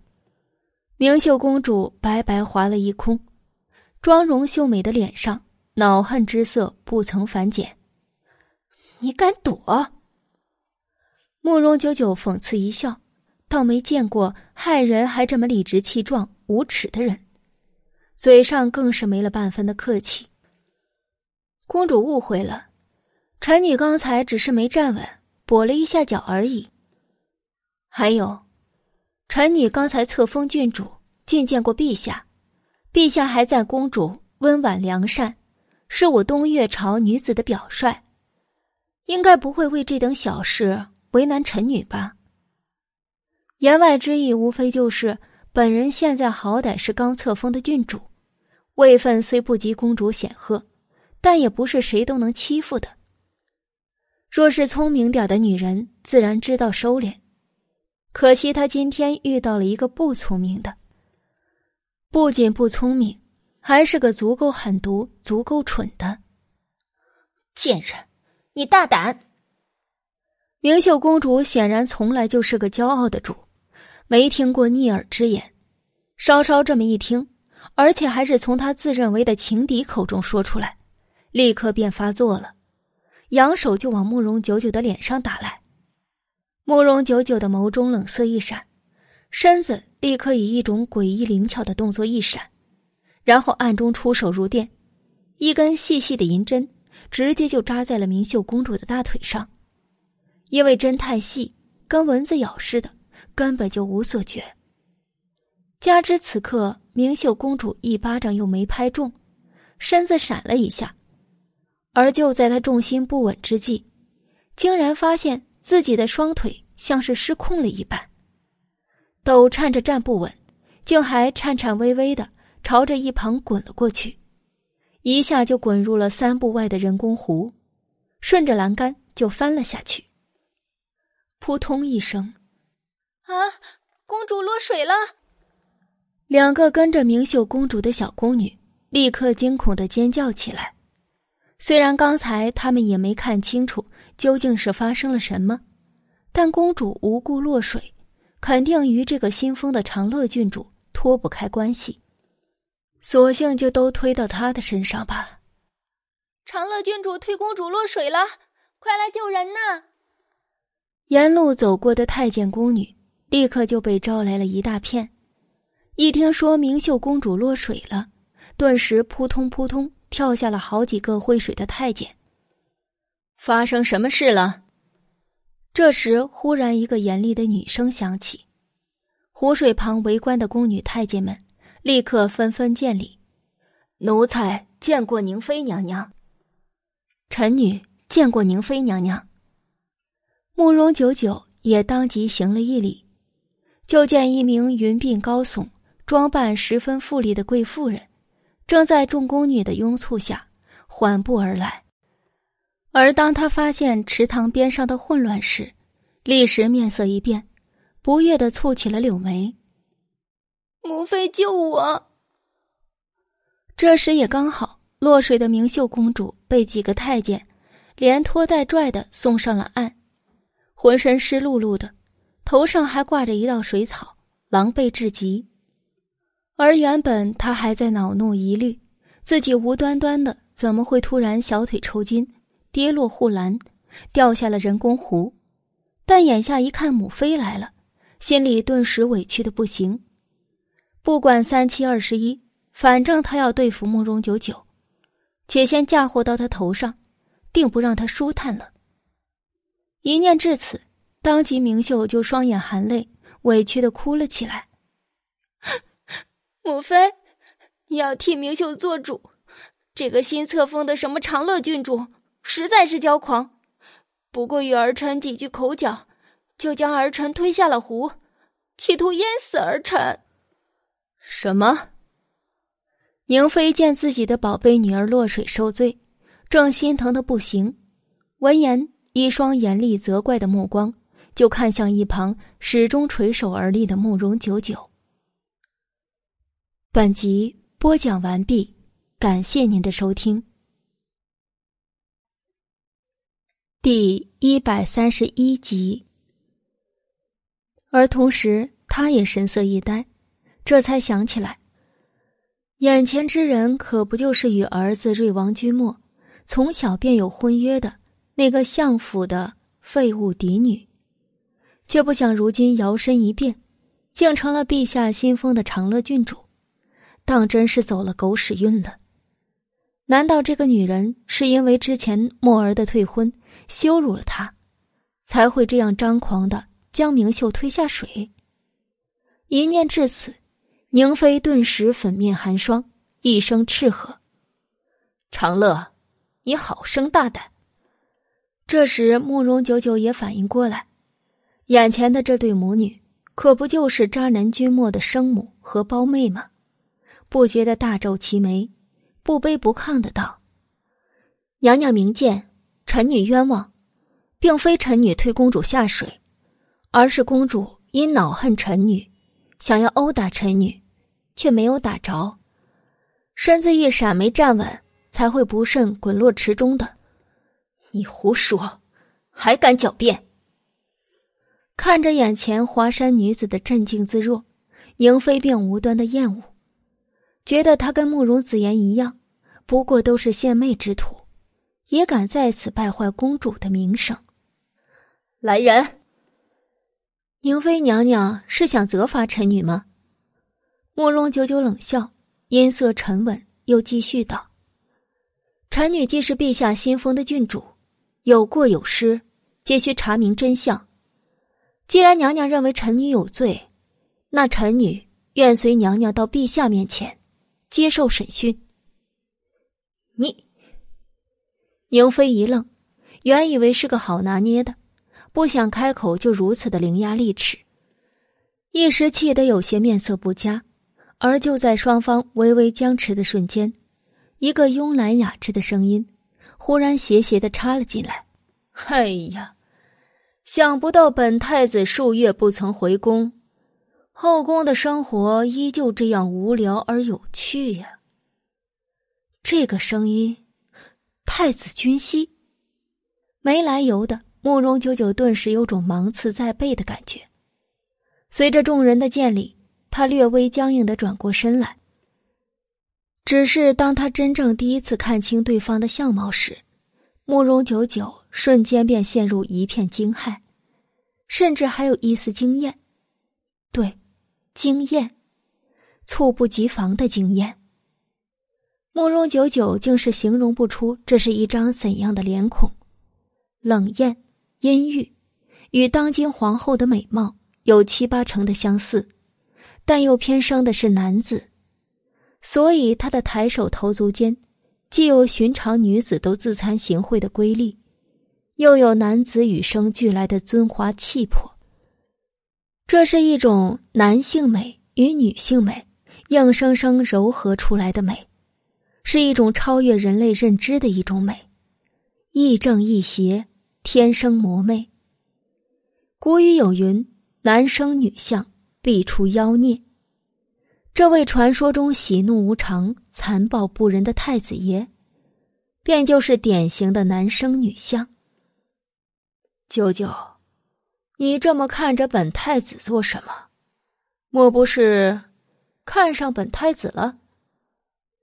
就在慕容九九这惊艳怔愣的片刻，那张冷艳不似凡人的容颜，轻动了动，竟是似笑非笑，朝他亲密的唤了一句：“恶寒，一个半时辰前还要杀你的男人，半个时辰后忽然这么亲密的对你说话，这绝不是什么好现象。”慕容九九匆忙甩掉满脑子的想法。面上飞快就做出一副诚惶诚恐、瑟瑟发抖的样子。臣臣女不敢。太子君息不置可否的一笑，仿若周遭的春色都因他而失了颜色。太太子皇兄，看到这个男人，明秀公主不自觉的生生打了个寒战，似乎从骨子里就忌惮着什么。太子君熙闻言一愣，惑人一般淡淡一语：“天气很热吗？皇妹竟要跳到池水里消暑。也罢，既然你喜欢，那皇兄便由了你。”言罢，太子君熙忽然一挥袖袍，一阵劲风凭空甩出。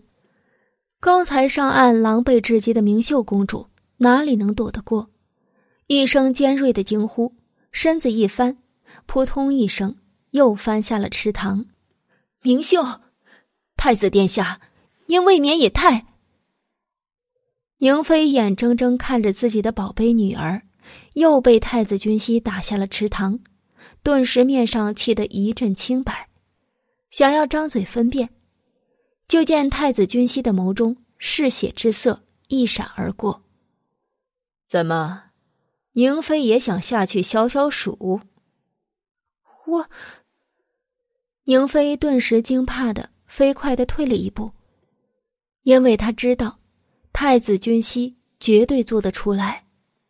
一年前有一个陛下的宠妃，因为冒犯太子，晚上便被刺客掳走，被先奸后杀，尸体就被丢进了御花园的荷塘里。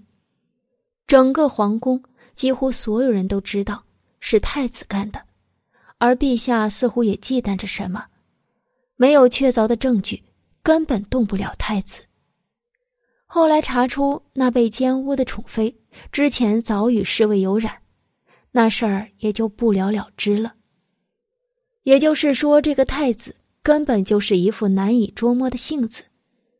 宁妃不想，也不敢拿自己的颜面作薄，只能硬生生的吞下了这口恶气。看着宁妃铁青的脸。君熙仿佛在欣赏好戏一般，不屑一顾道：“区区贱妾，居然也敢猖狂！比起正宫皇后，宁妃可不就是妾吗？”这话险些令宁妃一口老血喷出，哪里还有心思找慕容九九的麻烦？将呛了几口苦水的明秀公主拉上来后，匆匆的就走了。谢太子殿下解围。臣女告退。慕容九九只觉得越发看不透眼前这个魔魅的男人，唯一能做的就是赶紧逃。但是他失算了，君熙出现，压根就没想过让他逃。下一刻，慕容九九只觉得眼前一花，他身后的君熙已经一脸魔魅的走在了他的眼前，并且双臂伸出，直接将他拥入了怀中。二人面对面，此刻几乎是额头抵着额头，远远的看去，如一对互诉衷肠的小情人。但慕容九九却是面色大变，想要挣脱，浑身却是动弹不得，只能警告似的等着近在咫尺的魔魅容颜，冷冷的道：“太子殿下，请自重。”本太子若不自重呢？君熙慵懒的一笑，一张一合的妖异薄唇轻吐出一串串暧昧的热气，仿佛是企图迷惑凡人的恶魔。他低低的道：“听说你是玉华的女人，哼，你这个表情真是好极了。不如做本太子的女人吧，本太子许你侧位，如何？”太子，请放开臣女。慕容九九实在是恼恨了，他当然知道，君熙会这样为难自己，定是因为百里玉华的关系，但他现在却挣脱不得。该死！你这么激动做什么？是怕被他发现我们的情谊吗？君熙漆黑莹润的眸中满是戏谑的，缓缓的说道。慕容九九正想说情谊，你个大头鬼呀！就见近在咫尺的君熙忽然面色一正，充满恶趣味的提醒道：“可是他已经发现了呢，怎么办？”本集播讲完毕，感谢您的收听。第一百三十二集，慕容九九闻言一僵。修长白皙的指尖缓缓的抵住他的下颚，然后往左侧一摆，不远处的朱红长廊上，那个同样如妖似魔、艳华无双的男子，果然就站在那里，一双幽寒的眸子，此刻早已穿过冰凉的空气，死死的盯住他们。慕容九九只觉得心间一颤，莫名的慌乱了一下。就见朱红长廊上那个紫衣潋滟、贵气非凡的男子，已经慢条斯理的从身后随从的手中接过了一只金刚快弩。弩箭上膛，然后被他非常认真的举起，仿佛只是要击杀一对他看着碍眼的东西。看着那漆黑、泛着冷气的弩箭。慕容久久的心也跟着冷到了冰点，瞳孔紧张的收缩了一下。也就在这收缩的瞬间，百里玉华手中的剑已经猛然割裂空气，激射而来。看吧，果然是个无情的。头顶君熙嘲讽的音调悠然的响起，他仿佛也计算着分寸。就在弩箭射来的瞬间，他一把冷笑着。将慕容九九推开，弩箭从他二人之间嗖的一声飞过，狠狠的钉在了侧面的墙上。慕容九九被惊出了一身冷汗，微有些恼怒的抬眸就瞪了太子君熙一眼。君熙却好似刚完成恶作剧的孩子般，朝他洒然一笑。这个男生女相的魔魅男子，仅这一笑也是艳光四射的。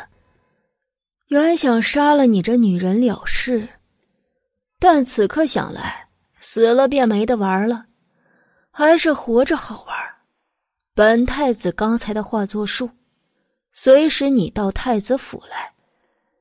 言罢，太子君熙转身而去，修长笔直的身影与风采，竟是不输百里玉华分毫。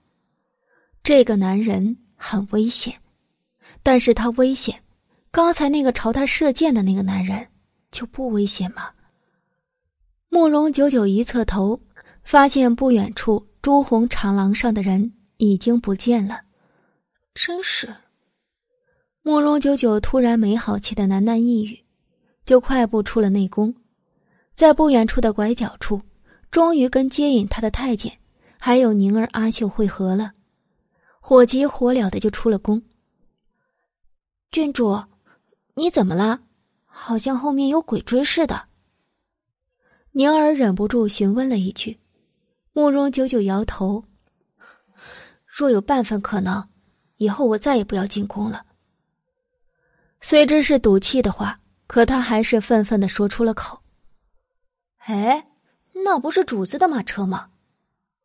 这时阿秀的声音响起，慕容九九顺着视线抬头。果然见玉郡王的车驾就停在宫门口，赶车的是阿轩，想必百里玉华就在车内了。上来。沉沉的车帘后伸出一只骨节分明的大掌，正是这只手掌，刚才差点就将他置于死地了。其实慕容九九知道他射那一箭的目的，可心里就是不怎么舒服。可不舒服又如何？还是伸出了手，一把被他拽上了车。一上车，他就被一团淡淡的檀香紧紧的包围，撞入一个宽厚结实的怀中，头顶响起他软软的话：“刚才可吓到你了？还好了，我知道你是为了逼退太子才那么做的。”慕容九九懒懒一笑。百里玉华认真的低头看着怀中的女子，如常的神色，片刻才松了一口气，唇角在他面上轻啄了一下，才道：“你明白就好。君熙就是个执拗的疯子，谁也不知道他会没理由的做出什么事来。以后，尽量离他远点慕容九九苦笑。如今怕是已经招惹了，他是冲着你来的。我知道，我与他明里暗里相较了这么多年，又岂会不知他的那点脾性？只是让你长个心眼儿，休要被他那副妖媚样子给迷惑了。白丽华在说话的时候，口气颇为的怪异，好像生怕自己的孩子被妖精给勾引去似的。慕容九九不禁莞尔一笑：“玉华，你这是在变相的承认容貌不及他吗？那你这是在变相的告诉我？”你已经喜新厌旧，被他迷惑了吗？百里一华似以同样的口气，却咬牙切齿的望着他。慕容九九心头一突，赶紧告饶：“没有，坚决没有。不过有一个问题，我想问，那就是太子很嚣张。”百里一华冷冷一笑。哼太子若不嚣张，那才是天下红雨了。慕容九九抚着额头，苦思了一下，却依旧百思不得其解。那他如此嚣张残暴，陛下就不闻不问吗？只能说非常之人必有非常之法。你没事瞎操心这些做什么？你该操心的是日日吃什么，喝什么。赶紧把鬼水给本郡王养出来，再不彻底成年，别怪本郡王就要真的好好折腾你了。看来这厮已经不耐烦了呢。慕容九九这么想着，已经被对方铺天盖地的吻弄得迷迷糊糊。也不知过了多久，百里玉华悠悠的问：“快及笄了吧？具体还有几日？”几日，慕容九九自己都疑了疑，似乎从一开始到这个世界，就有人告诉他：“快及笄了，快及笄了。”可至于何时及笄，他竟是不知道，只好朝车外随行的宁儿扬声道：“宁儿，我还有多久及笄呀？”坐在后面马车上的宁儿闻言，差点没被自家的小姐给呕死。这可是在大街上啊！一个女孩子家家的，居然问自己何时及笄。但既然问了，他又不得不答，只好道：“还有二十日。”慕容九九认真的回答道。白里玉华宠溺的刮了刮他的鼻尖儿。车厢内因暧昧的气氛逐渐升温，男子如诗似画的面容，此刻越是凑近。就越是染上了一层朦胧的青灰。他伏在九九的耳畔，低低的道：“待你及笄，待他及笄后如何？”百里一华温柔轻吐的话没有说完，面色忽然一变。与此同时，一股铺天盖地的杀机霎时间朝他们席卷而来。不由分说，百里一华拥起怀中呆愣的慕容九九。直接就掀开了车顶，飞了出去。而也就在他们飞出去的时间，四面八方已经利箭如雨，直接将他们刚才坐的马车射成了筛子。啊！四周一片惊呼之声。慕容九九还没有反应过来发生了什么，环顾望去，就见数十名百姓打扮的刺客已经凶猛的朝他们杀了过来，一边冲。一边还射出一片淬了毒的利剑。本集播讲完毕，感谢您的收听。第一百三十三集，拥着他的百里玉华一声低喝，清长潋滟的身姿忽然如一阵旋风，再次拔地而起，宽大的袖摆已经遮在他的面前。别看。与此同时，数声凄厉的惨叫响起，一大片一大片浓烈的血腥也开始飘散开来。被保护在怀中、遮住面容的慕容九九，微有些目瞪口呆。这里可是大街上啊，居然就有刺客行刺！保护主子！数十名影卫也齐齐的现身，一场厮杀转瞬即至。慕容九九被遮住目光，不觉得好笑。还有什么是我看不得的？白丽华却并没有放下袖摆，她低下头，俊美的容颜，斑驳的多了几滴赤红的鲜血，不过也是极艳极美的，只是美轮美奂的琉璃凤眸内已经布满了嗜血般的阴鸷。做不是什么好风景，少看一眼是一眼。听着外边的动静，似乎刺客并不敌他的暗卫，很快就消停下来。但无疑血腥之味更浓了，偶尔竟还有断臂断指之类的飞过来，落在慕容九九的脚边，差点没让他作呕。主子，无需留活口，都杀了吧。是。慕容九九一愣，问道：“就不问问是谁要杀你吗？”白里华不屑的冷笑：“哼，要杀本郡王的人多了。”但青天白日敢这么明目张胆过来恶心人的却不多。慕容九九闻言一怔，下意识的就想到了一个人——太子君熙。他在报刚才长庆殿那一箭之仇呢，专门过来恶心他的。居然有这么无聊的人！此刻京城的大街上，经过这场刺杀的肆虐，早已经是空无一人。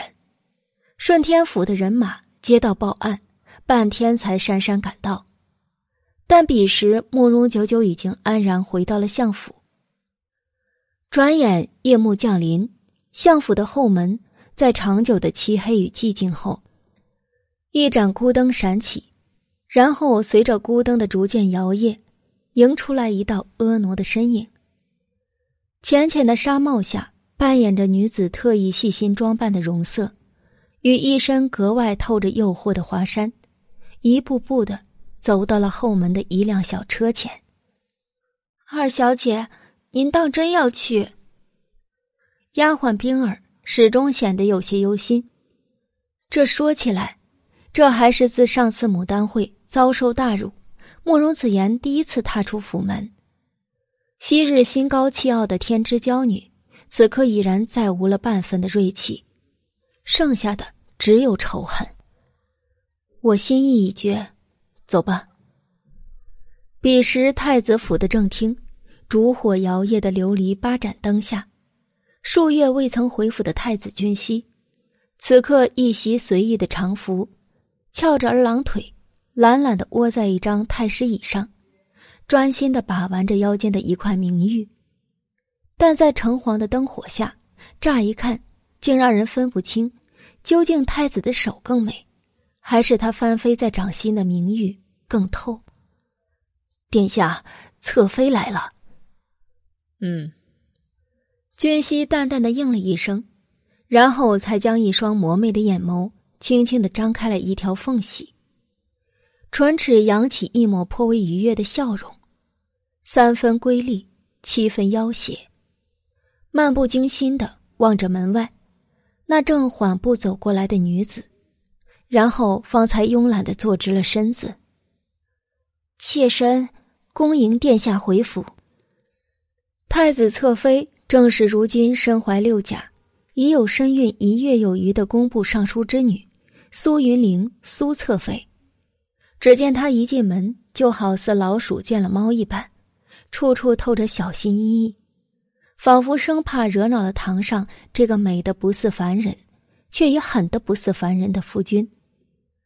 旁人只知她嫁入了太子府，处处受到皇后娘娘的眷顾，风光无限。但是究竟如何，也只有她自己知道。太子在床榻之事上非常的粗暴，不知明里暗里折磨死了多少小妾。想想他便是心惊肉跳。但是如今好了，苏云玲下意识的抚了抚自己还未凸显的腹部，心头也莫名的安定了几分。如今她好不容易也算是母凭子贵了，太子府这些年来一直不能有子嗣诞下。太子虽然嘴上不说，想必心里也是不悦的。若他能为太子诞下第一个子嗣，太子自然会宽待他的。一念至此。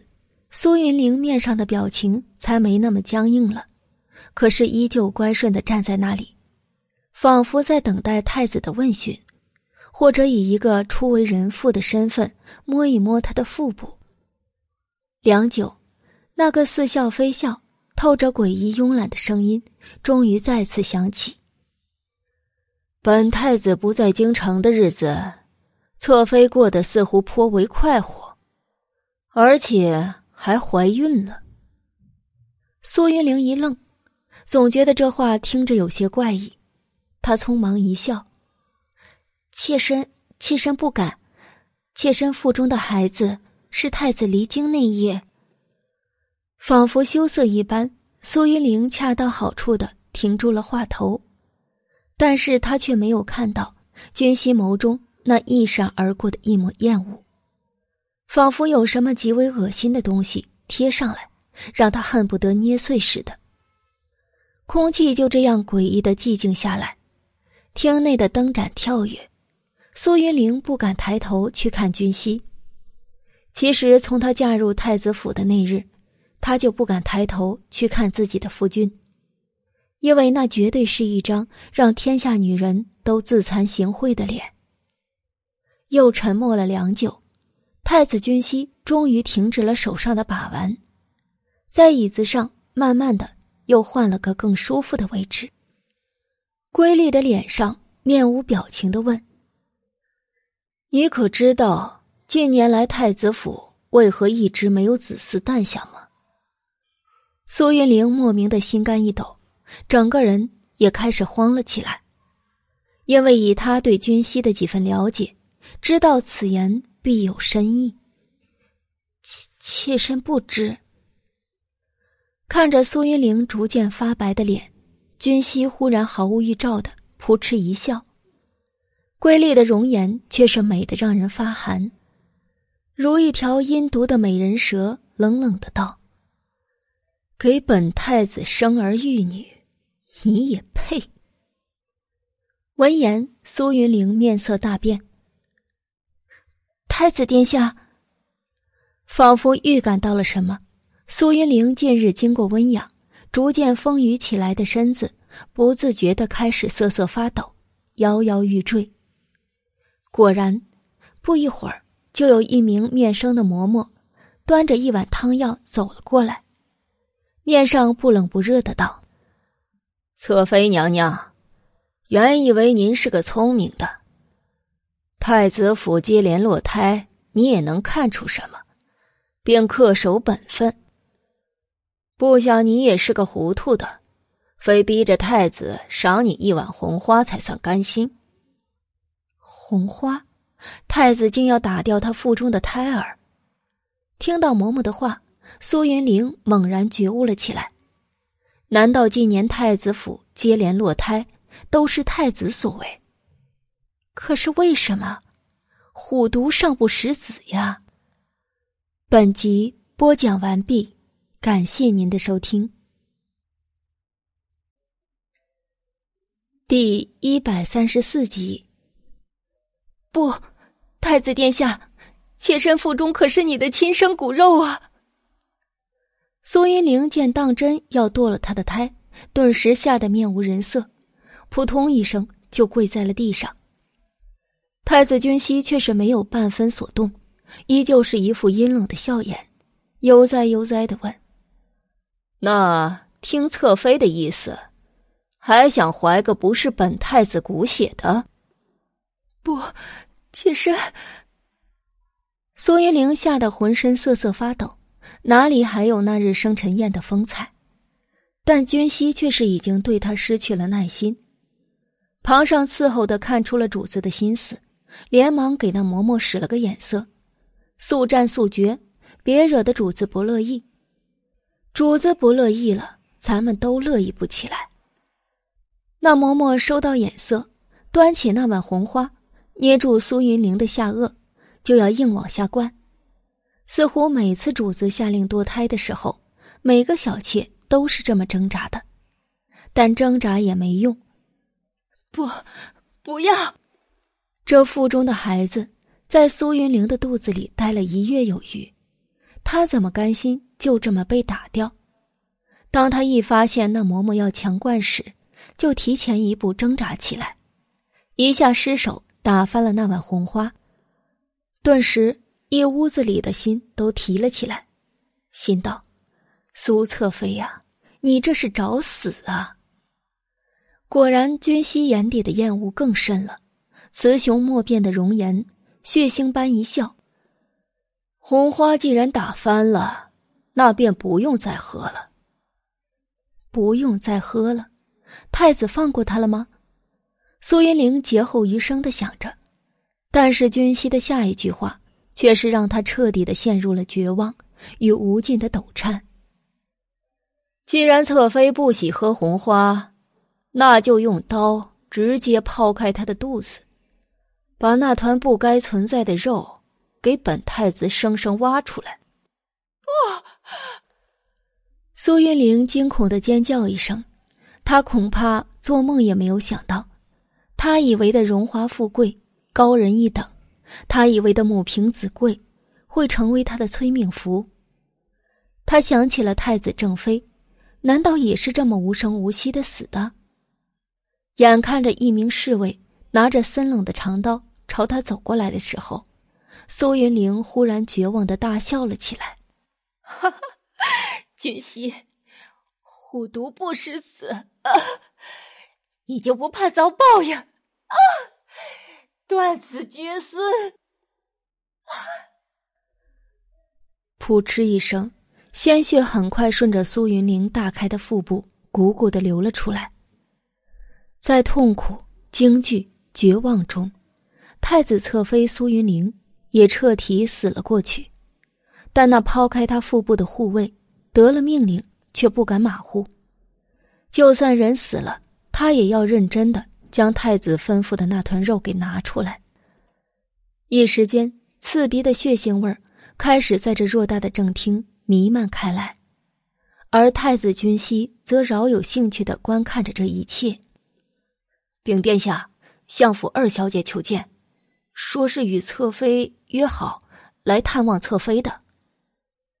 这时，有护卫匆匆来报，原本歪在太师椅上、唯有些困乏的太子君熙，轻轻的挑了挑眉。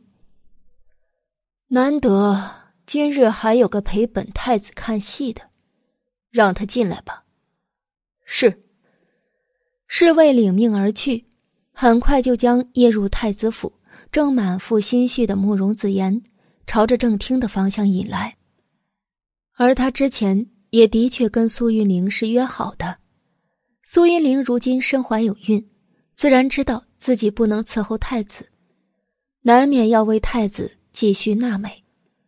也正凑巧，自己的表妹慕容子言找上了门，希望他可以牵线搭桥引荐太子，做太子的妾也甘愿。苏云玲原就是个精明的，既然注定要给太子纳美。与其便宜了外面摸不着路数的狐妹子，倒不如许了自家的表妹。反正这表妹的名声也不是很好，谅她也爬不到自己的头上。于是姐妹二人就这么愉快的达成了协议。但是不知为何，她也不是头次来太子府，总觉得今日的太子府有一种莫名其妙的诡异。难道是因为太子在府里吗？一念至此，慕容子言紧了紧心，尽量让自己的表现温婉一点，就抬步跨过了正厅的门槛。只是一股浓烈的血腥味儿已经扑鼻而来。待他一看清屋内的情景，更是吓得惨然色变，连尖叫都忘了。就见他的表姐苏云玲口吐鲜血，死不瞑目的瘫在地上。最恐怖的还是他腹部大开。一个侍卫正用匕首，在他腹部的肠子血肉间认真的翻找什么。闻声，那护卫仅是冷眼看了他一眼，就又继续翻找起来。再看堂上的太子君熙，慕容子言知道君熙很美，但如此正面的观看却是第一次，美的让人发寒。慕容子言只觉得胸中的气血一阵翻滚，却硬生生的。没让自己昏死过去，因为只有这样残暴的太子才能替他报仇，杀掉慕容九九那个贱人。臣，臣女拜拜见太子殿下。尽管已经想好了，可话一出口，慕容子言还是语不成调，结结巴巴。一行礼，才发现自己已经抖得不成样子。太子君熙似笑非笑的打量了慕容子言一眼，然后挥了挥手，意思是对苏云玲没兴趣了。那护卫立刻便拖着苏云玲的尸体出了正厅，沿路拖出一条长长的血线。但却立刻有嬷嬷上前跪在地上擦了起来。慕容子言就那么惊魂未定的站着，他身子不敢去看堂上的那个男人。此刻，太子君熙也饶有兴趣的打量着慕容子言，良久，悠悠的问：“你是慕容九九的妹妹？”啊！慕容子言闻言一惊，他竟始料未及。太子居然认识慕容九九那个贱人，他们关系如何？自己利用他帮他报仇，难道走错了？他会像杀掉表姐那样杀掉自己吗？正当慕容子言自己吓唬自己的时候，太子君熙轻蔑一笑：“哼，就如此胆量，也配来跟本太子说话？求太子成全。”话不及说完，慕容子言忽然把心一横，决定还是拼了吧。双膝一弯，就跪在了地上，求太子成全，替子言报仇。子言愿为奴为婢。虽然一切都跟自己的预想错位了，但既然站在了这个魔君的面前，他就再没了退路。说完此话，慕容子言刻意的直了直身子。这些日子，他虽心力交瘁，消瘦了许多，但精心的打扮一下，重在眉目宛然，亭亭玉立，也是个难得的美人儿。美色如今也是他唯一可以利用的利器了。原本他想过以此来笼络住太子，先做妾位，以自己的身份与手段，将来捞个侧妃也不是难事儿。但经过刚才的那一幕，慕容子言也不敢多求了。他只求能够报仇，他也必须求报仇，不然就冲刚才那一幕，太子也不可能让他活着离开。本集播讲完毕，感谢您的收听。第一百三十五集，无情的眸中仿佛意识到了什么有趣的事。终于玩味的勾起了唇角。你的仇人是慕容九九。慕容子言心头一颤，因为他实在猜不透太子君熙的想法，只能硬着头皮颤声道：“是的，他害得我几乎一败涂地，我要他死。为奴为婢。”却听太子君熙轻语一下。慕容子言立刻点头：“是的，只要殿下助我复仇，子言愿为奴为婢。”居高临下，但君熙的眸中因此再次浮现出几分厌恶与不屑，却没有杀意。可是本太子记得你之前心仪君莫，如今又要给本太子为奴为婢，未免太过薄情了吧？我，慕容子言心头在颤，迎着君熙那种似是而非的目光，他唯有提心吊胆的继续道：“臣女与瑞王不过是几面之缘，并非，并非外界所传。果然是个不守妇道的女人。”但太子君熙已经冷冷的对慕容子言下了结论。并且眼中的轻蔑与厌恶，更是水涨船高，仿佛他多看一眼都会觉得难受。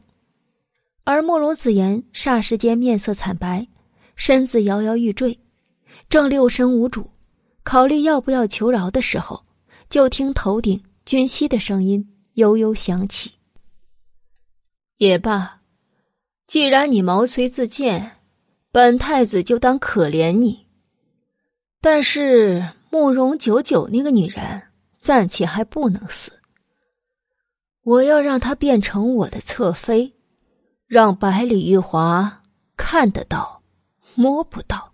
哈哈，仿佛想到非常愉快的事情一般，太子君熙忽然伏在太师椅上，笑得前仰后合，蜘蛛魔魅般让人害怕。侧妃。但慕容子言闻言却是一惊。慕容九九那个贱人做了侧妃，那他……放心，本太子玩腻了，自送给你玩。但是能不能让他做本太子的新侧妃，却要看你的本事了。仿佛看破了慕容子言的心思，太子君熙冷冷一语。慕容子言心上一喜。多谢太子成全，只是以殿下之能，想要得一个慕容九九，谈何容易？又何须？本太子养狗就是用来咬人的，不然养你做甚？太子君熙冷冷一语，慕容子言的面上顿时全无血色，但依旧隐忍着说道：“子言定为太子周全，只是女人嘛。”若她的身子给了殿下，必然是要嫁给您的。此法不通，百里玉华的女人若是这么轻易就被算计了，那还有何妙趣？如果你只能想到如此跛脚的烂法子，那么就去跟你的表姐作伴吧。君熙继续冷冷一语，但眼底明显已经没了多少耐心。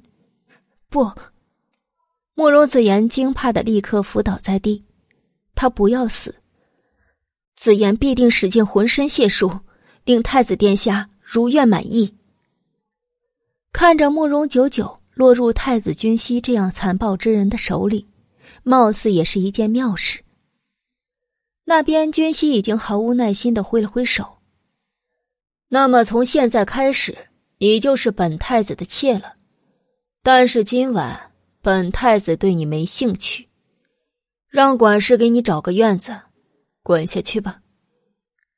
让管事找个院子，慕容子言心头一震，一种屈辱感涌了上来。他原本今日只是来谈判的，却不想。罢了，在太子君熙的面前，他又如何敢说一个不字？只要能帮他报仇就行。第二日，慕容子言莫名其妙一夜未归的消息根本捂不住，一早上院子里就传开了。可堂堂相府嫡女的行踪竟是无人知晓，因为慕容子言的消失完全没有预兆，就连他的贴身婢女冰儿也一并没有了踪迹。而就在慕容正心急火燎，准备放开人马好好找的时候，一封书信。被送入相府。当慕容正展开书信，看清里面的内容时，险些一口气没上来，给活活气死。他自小捧在手心里长大的宝贝女儿，昨晚居然夜入太子府，自荐枕席，给太子君熙做了一个没名没分的妾。这简直就是生生在慕容正的脸上抽了一个嘴巴子。但满朝文武。谁又不知道太子君熙的残暴脾性？慕容正握着手中的书信，浑身发颤，竟是没有办法。但这事儿他绝不想传出去。嫡女为妾，怎么说也不是光彩。可纵然如此，几乎一个下午的时间，半个京城的人都知道了。只因太子平城治乱有功，陛下龙心大悦。特在后宫设宴接风，从而太子回京后的新宠相府二小姐，再次成了众人茶余饭后的话题。但这个话题怕也不是什么好话题。太子宫中接风，包括宴请众家贵女。当慕容九九得到消息的时候，也着实诧异了一下。阿秀不屑一笑：“这不符合常规啊！二小姐如今也不知使了什么狐媚手段，成了太子的妾，怕是要对小姐不利呢。”妾，慕容九九皱眉，真不知道是该哭还是该笑。这个慕容子言还真是有他的一套。只是他这个时候攀上太子君熙，怕是罢了。是福不是祸，是祸躲不过。我倒要看看他能耍出什么花样。慕容九九索性也不再思考这个问题，转而问道：“太子府可有能用的眼线？”有。阿秀点头，看能不能监视一下那边的动静。罢了，慕容九九思考了一下，忽然调转了话头，否定了这个想法。因为他隐隐觉得太子君熙在此事上也是扮演角色的，那个阴沉魔魅的男子，怕是不会轻易让他看出破绽。倒不如以他长乐郡主的身份，直接将他昨夜刚荣升为妾的二妹约出来，探探虚实。但一连下了三道帖子。太子府却一直无音讯。慕容九九转念一想，也对，以慕容子言那股子孔雀傲气，若是做了正妃，定要炫耀；可如今却是做了妾，自然是不愿见他。郡主，这可如何是好？阿秀皱眉，太子府的消息可不是随便都能打探的。现在他们明知道二小姐肚子里转着坏水却无计可施，当真是郁闷。慕容九九略作沉吟，淡淡的道：“我就不信没有一点蛛丝马迹。”阿秀，派人盯着太子府今日出入的所有人员，无论是贩夫走卒，遇到可疑之人，立刻告诉我。你明白我的意思？慕容九九怕阿秀不懂。特意提醒的挑了挑眉。阿秀自是跟小人精似的，哪里会不懂？抿嘴一笑，就领命退下了。本集播讲完毕，感谢您的收听。第一百三十六集。而功夫不负有心人，第二日便有了回应。上午四时，阿秀匆匆忙忙的。趴在慕容九九的耳侧细语了一阵，慕容九九闻言勾唇一笑。备车。慕容子言果然有所行动了，而他这次也学聪明了不少，知道自己可能被盯梢，特意换了一身男装，而且还贴了两撇胡子，乍一看还真跟个公子哥似的，奈何却没逃过探子的火眼金睛。二妹。想不到几日不见，你竟变成了这般模样。当慕容九九特意将他拦在醉仙楼的回廊上时，慕容子言自己也着实惊了一下，但他依旧是压低了头上的斗笠，刻意的粗声道：“你怕是认错人了。”“好，怎么会？我若是连自己同父异母的亲妹妹都认错了，可怎么当人家的长姐？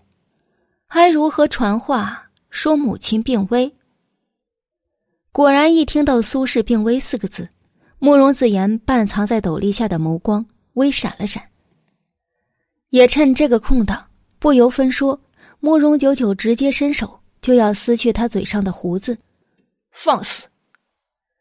一声怒喝，就见慕容子言身后窜出一名护卫，满面的严肃杀气，大有慕容九九再敢进一步。就斩了他的架势。果然是太子府的护卫，慕容九九知道他是戳不破慕容子言了，只能是见好就收，任他离开。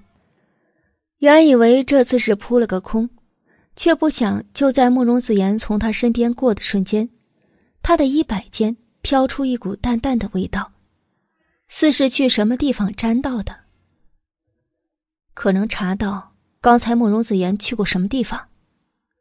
阿秀摇头，他做的非常隐秘，奴婢也……我不怪你。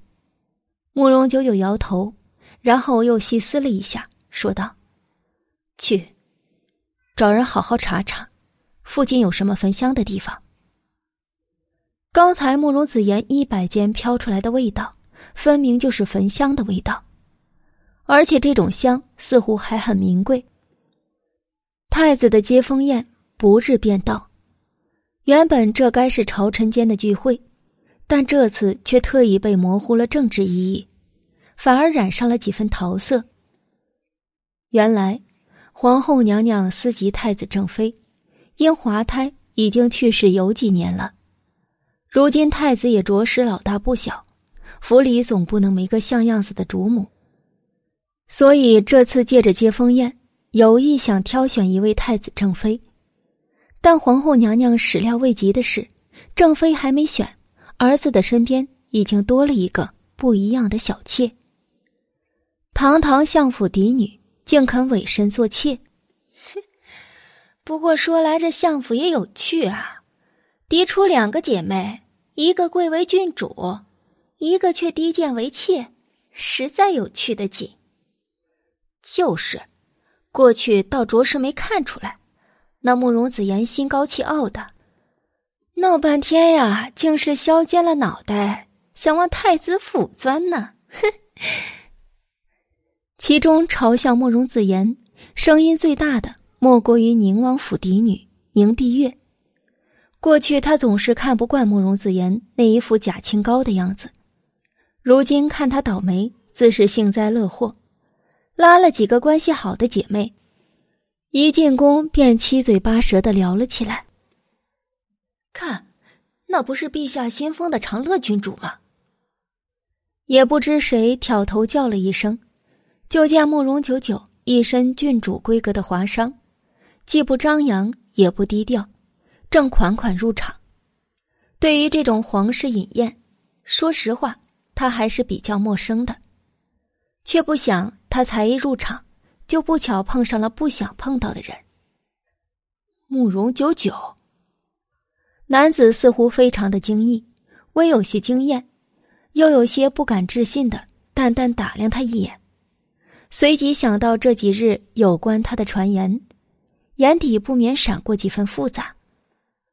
而此人正是上次被百里玉华堵在花街后墙，一通暴打的三皇子君莫。好些日子不见，他身上的伤早就养得差不多了，但心上却是似乎留了伤，因为整个人虽然依旧英俊潇洒，但眉宇间却透出一种消沉。想想也是啊，过去多么春风得意的一个人，想要什么几乎都是挥一挥手的事儿。可自从上次被贼人堵在后巷，毒打成重伤之后，他便失了圣心。皇帝绝对不会喜欢一个被人算计的那么惨都不知道凶手是谁的蠢儿子。由此，君莫的处境可想而知，再不复昔日的风光无限。慕容九九微微一笑，原来是瑞王殿下，有礼了。听说殿下半月前曾遭恶徒劫掠，受伤颇重，不知如今可大好？他一副关切的样子，实则却是很不客气的戳到了君莫的痛处，一丝难堪与恼恨在君莫的眉宇间一闪而过，但很快又平复了。从他刚才乍一眼看到慕容九九的时候，真有些不敢相信，他比上次在牡丹会上看到的样子更美了，不，准确的说是更气派尊华了。不是因为穿了郡主的这身衣裳，而是一种自骨子里就凝聚而出的自信与从容，一颦一笑皆是优雅。比之过去的慕容子言。气运上胜过的绝不是一分半分，而自己过去居然退了一个这样的女子的婚，还闹得满城风雨，令他羞耻难堪。此刻想来，竟恍如一场不真实的梦。舅舅，当日之事，九九，别恶心人了，程波。慕容九九心里恶寒了一下，赶忙转移话题道。是啊，当日殿下与二妹情投意合，不想如今，唉，二妹竟一时想不开，做了太子的妾。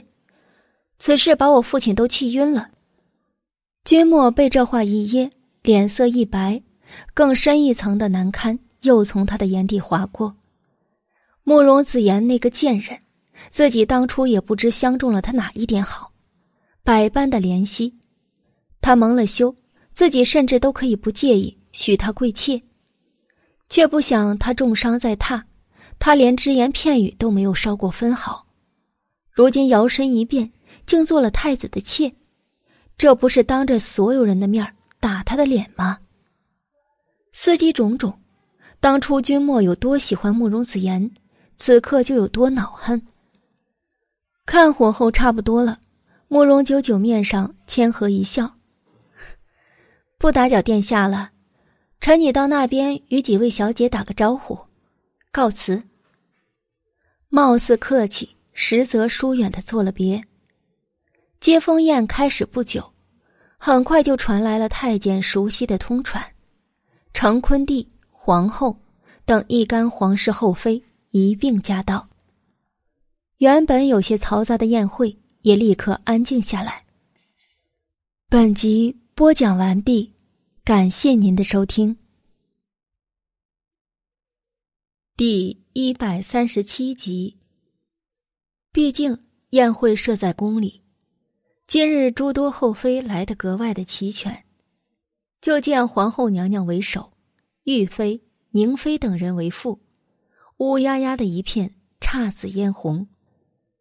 不过，大家最注意的还是今晚太子身边的慕容子言。身着打扮，依旧走的还是往日我见犹怜的风格。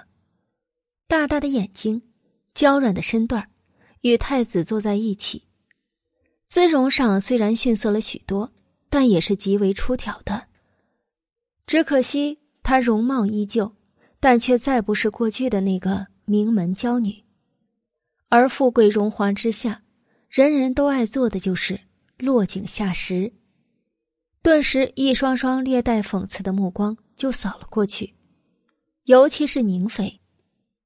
她精致雍容的眉宇，下意识的先看了一眼瑞王君莫，待捕捉到儿子眼中一闪而过的那一丝恼恨与难堪时，做母亲的心里几乎滴出血来。在望向慕容子言的目光时，恨不得千刀万剐了。今日的接风宴，比之以往。要出奇的热闹，只因今日的宴会上破天荒的难得出现了两个人，一个自是今日的主角，男生女相，俊美魔魅的太子君熙；另一个则是素来神龙不见首的玉郡王百里玉华。这二人无论是相貌还是身份权势，都是如今东岳最具风云的人物，此刻聚在一起。不知惹得多少女子春归心动。只可惜，这二人的美名远远逊于他们的嗜血恶名。纵然出色，也不敢有人大着胆子推送秋波。也就明秀公主是个胆子大的，一进来就痴痴的凝望上了百里玉华，时而还不忘给慕容九九飞上几个冷刀子。慕容九九也懒得理会这些争风吃醋。径自坐在自己的位子上，浅品着美酒，忽然感觉一道锐利的目光射了过来，抬眸正好对上太子斜肆一笑。慕容九九一愣，就见君熙不着痕迹的又朝他眨了眨眼。这时，身边的一个宫女过来侍奉菜肴的时候，飞快的给他塞了一张字条，展开一看。明显是百里玉华的口气，不准乱瞄，恪守妇道，还有焚香之地已经找到，稍安勿躁，见机行事。将字条握入掌心，慕容九九知道百里玉华此刻定在看他，他偏不抬头，只是一味的想着待会儿会有什么好戏发生。百里玉华得不到慕容九九的眼神回应，顿时皱眉。气闷了起来，再无心看场中那些闺秀的才艺表演，而就在这时，该发生的终于还是发生了。几乎与此同时的瞬间，慕容九九就接到了慕容子言森冷仇恨的目光。只是今日鹿死谁手还不一定。他讥讽一笑：“陛下，张天师持了玉浮尘，说有天大的急事，在殿外求见陛下。说陛下若不见，怕是日后东岳朝不保。”这时，忽然一个通传太监着急忙慌的进了殿，似乎因为这事儿太紧急了，竟失口喊了出来。而他这一喊，顿时满堂皆微微变了脸色。张天师，一些听过传言的人都不禁恍然大悟。慕容九九一时眉头一动。说到这个张天师，他也是耳闻过一二的。张天师本名是张天寿，原只是钦天监一个无名的侍奉童子。一次在跟随长者为先帝解读星图的时候，曾私下找过成坤帝，言说他有帝王之相，希望可以效忠。而当时的成坤帝还不过是先帝膝下一个不受宠的皇子，母族没什么地位，在皇室中几乎不受人重视。突然冒出一个人说他有帝王之相，心中窃喜之余，却也不是太信。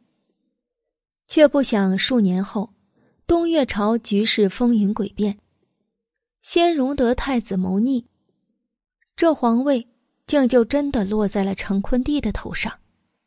而成坤帝登基不久，想起早年那童子跟他说过的话，便一道圣旨，封了钦天监。张天寿一个天师之位，并赐了一个玉符尘，以表对他的另眼相看。但登基后的几年，成坤帝到底不是笃信命数之人，渐渐的对那张天师的恩宠也就淡了。不想当年有过惊人之言的张天师，居然再次冒出来，来了个语不惊人死不休，既有前车之鉴。成坤帝自然不敢掉以轻心，当即命人宣那张天师进殿。一时间，刚才还笙歌曼舞、丝竹悠悠的接风宴，便莫名诡异了下来。几乎不到片刻，殿外风尘仆仆而来的张天师，终于快步进了殿。乍看此人一身皂色的道袍，身材修长，因为年过中年。额下留着一把长长的胡子，面目清正，倒还真有那么点仙风道骨的感觉。臣拜见吾皇万岁万岁万万岁！天师免礼吧，不知如此前来有何要事？成坤帝默然盯着坐下的张天师，虽宣了他，但如今的成坤帝可不是当年那个少爷。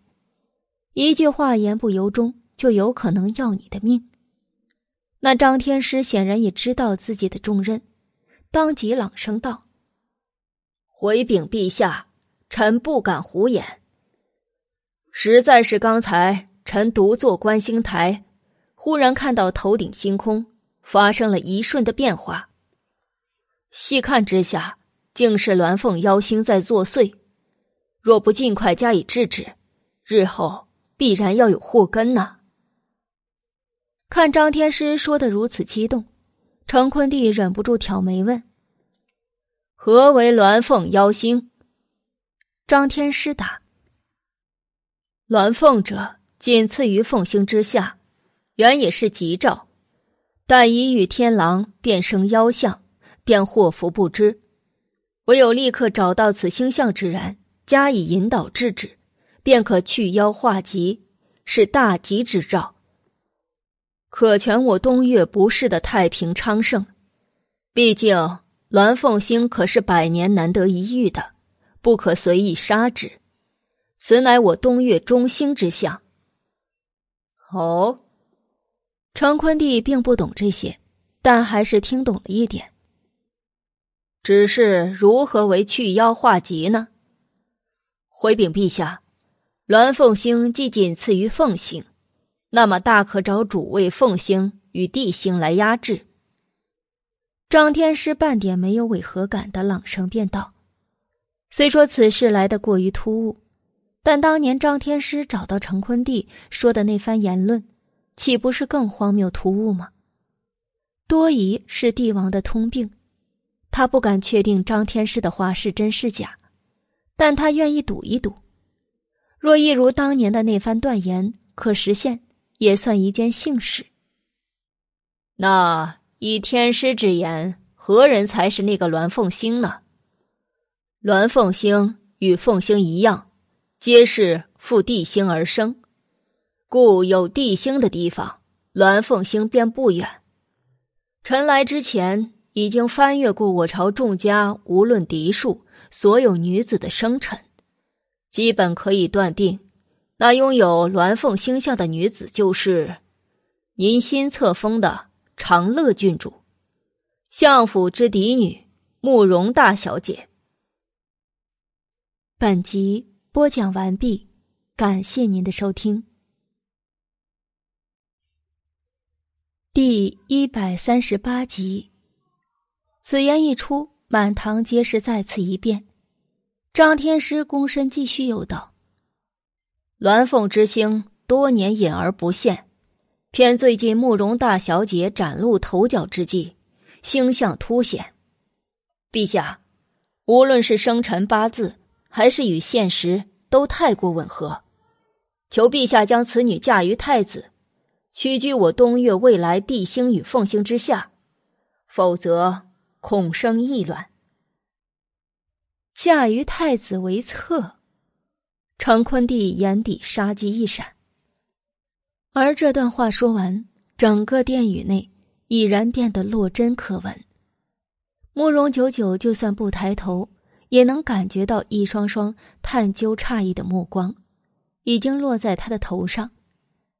就在他不着痕迹抬眸看了百里玉华一眼后，落落大方的从容起身道：“臣女惶恐，不知命数之言。”但既然天师乃陛下亲信之人，相信是不敢胡言的，所以臣女也愿信天师之言，任凭陛下发落。只是，慕容九九话锋一转，悠悠的又道：“但此事事关重大，退一万步讲，若天师一个不小心弄错了，将本郡主错认了鸾凤星是小，纵放了那妖星。”可是万此难辞其咎的大罪过。程坤帝闻言，觉得此理也对，但他还是愿意相信这个张天师多一点。就见张天师闻言，眯眼仔仔细细的打量慕容九九一眼，直觉得此女里外尊华玉质，美得好似仙女，实乃难得的妙物。怪不得太子殿下处心积虑的想要这个女人。张天师心头闪过几分淫笑，但面上却是大义凛然。本天师夜观摩天象，怎么可能弄错呢？事无绝对，如果错了呢？慕容九九忽然变得不依不饶。张天师冷笑，反唇相对：“若错了，自是万死难辞其咎。本天师愿受千刀万剐之刑。”来赎此罪。天师何必如此激动呢？慕容九九满面吹嘘的摇了摇头，然后转身朝着成坤帝的龙座遥遥一拜：“陛下恕罪，臣女不才，真的不是鸾凤星。为国为民着想，臣女今日必须将这件隐瞒多年的密事说出来了。”隐瞒密事，总是很容易挑起人的求知欲。成坤帝一愣：“你隐瞒了什么？”一听此言，那张天师面上一怔，莫名中忽然有种被毒蛇咬了一口的错觉。他下意识的就侧头看了一眼不远处的太子君熙，跟君熙身旁的慕容子言，而慕容子言在闻听慕容九九的话后。俏脸也是一呆，原本算计的都万无一失了，还有什么隐瞒？还有什么他不知道的？若是张天师有种被毒蛇咬住的错觉，那么慕容子言此刻的感觉，就好比一盆冷水当头泼下，心胆皆寒。因为他太了解自己这个长姐有多聪明，从他从容不迫的站起时，他或许就已经慌乱了。慕容九九暗自诡异的勾唇一笑，回禀陛下，其实臣女的生辰八字根本就没有被记录入青天剑。那么张天师是如何翻看到臣女的生辰八字的呢？此言一问，张天师顿时哑口无言。你胡说！这一声喝，哪里还有半分刚才的仙风道骨？慕容久久冷笑：“ 本郡主有没有胡说？天师心知肚明。”程坤帝皱眉：“这到底怎么回事？”启禀陛下。是这样的，慕容九九坦然一礼，朗声解释道：“原按朝中的规矩，每家新出的公子小姐，十年五岁生辰方可计入青天监。因为古代的孩子多数夭折，所以五岁是个排查点，夭折的孩子不算。却不巧，十年前臣女的母家云氏一族，刚好惹入了一桩大案。”成为罪臣，连带臣女在家的日子也不好过，昔年亲近的奴仆都被遣散，因此钦天监派人查询臣女的生辰时，那传话的婆子一时嘴快，便将我二妹的生辰报给了钦天监。事后虽知错了，但因臣女人微言轻，并不受人重视，也就将错就错了。慕容九九这个相府嫡长女，名不符实的消息，朝中各家也不是没听过。但正经的主子被人忽视成这样，连两个低贱的传话婆子，都只知府中有二小姐，不知有大小姐。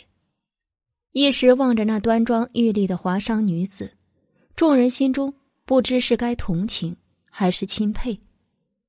反之，在看向慕容子言时，更多的则是赤裸裸的鄙夷。那如此说来，这真正的鸾凤星，岂不是慕容二小姐？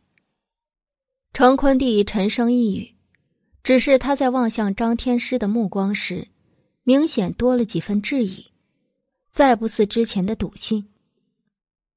道理是这样的，慕容舅舅含笑点头，只是在望向那张天师的时候。眸中已然是寒冰四溢，淡淡的质问道：“只是实在不知，青天剑的记录上，我与二妹的生辰八字明显一模一样。张天师如此日理万机、神仙似的人物，却看不出来，实在叫本郡主费解，还以为您压根就没看过呢。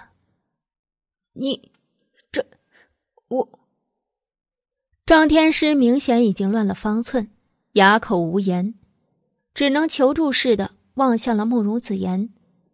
是这个女人拿了太子府的腰牌找的他，让他办的事儿。如今出了事端，可不能不管他。奈何慕容子言也已经是泥菩萨过江，自身难保。此刻他呆滞苍白的面上，满脑子都是刚才慕容九九的话。为什么青天剑有错的事儿，他不知有问题，一定有问题。陛下，青天剑的记录不会有事。慕容子言慌乱中打翻了桌案上的酒盏，踩了自己的裙角，连滚带爬的就跑到圣前。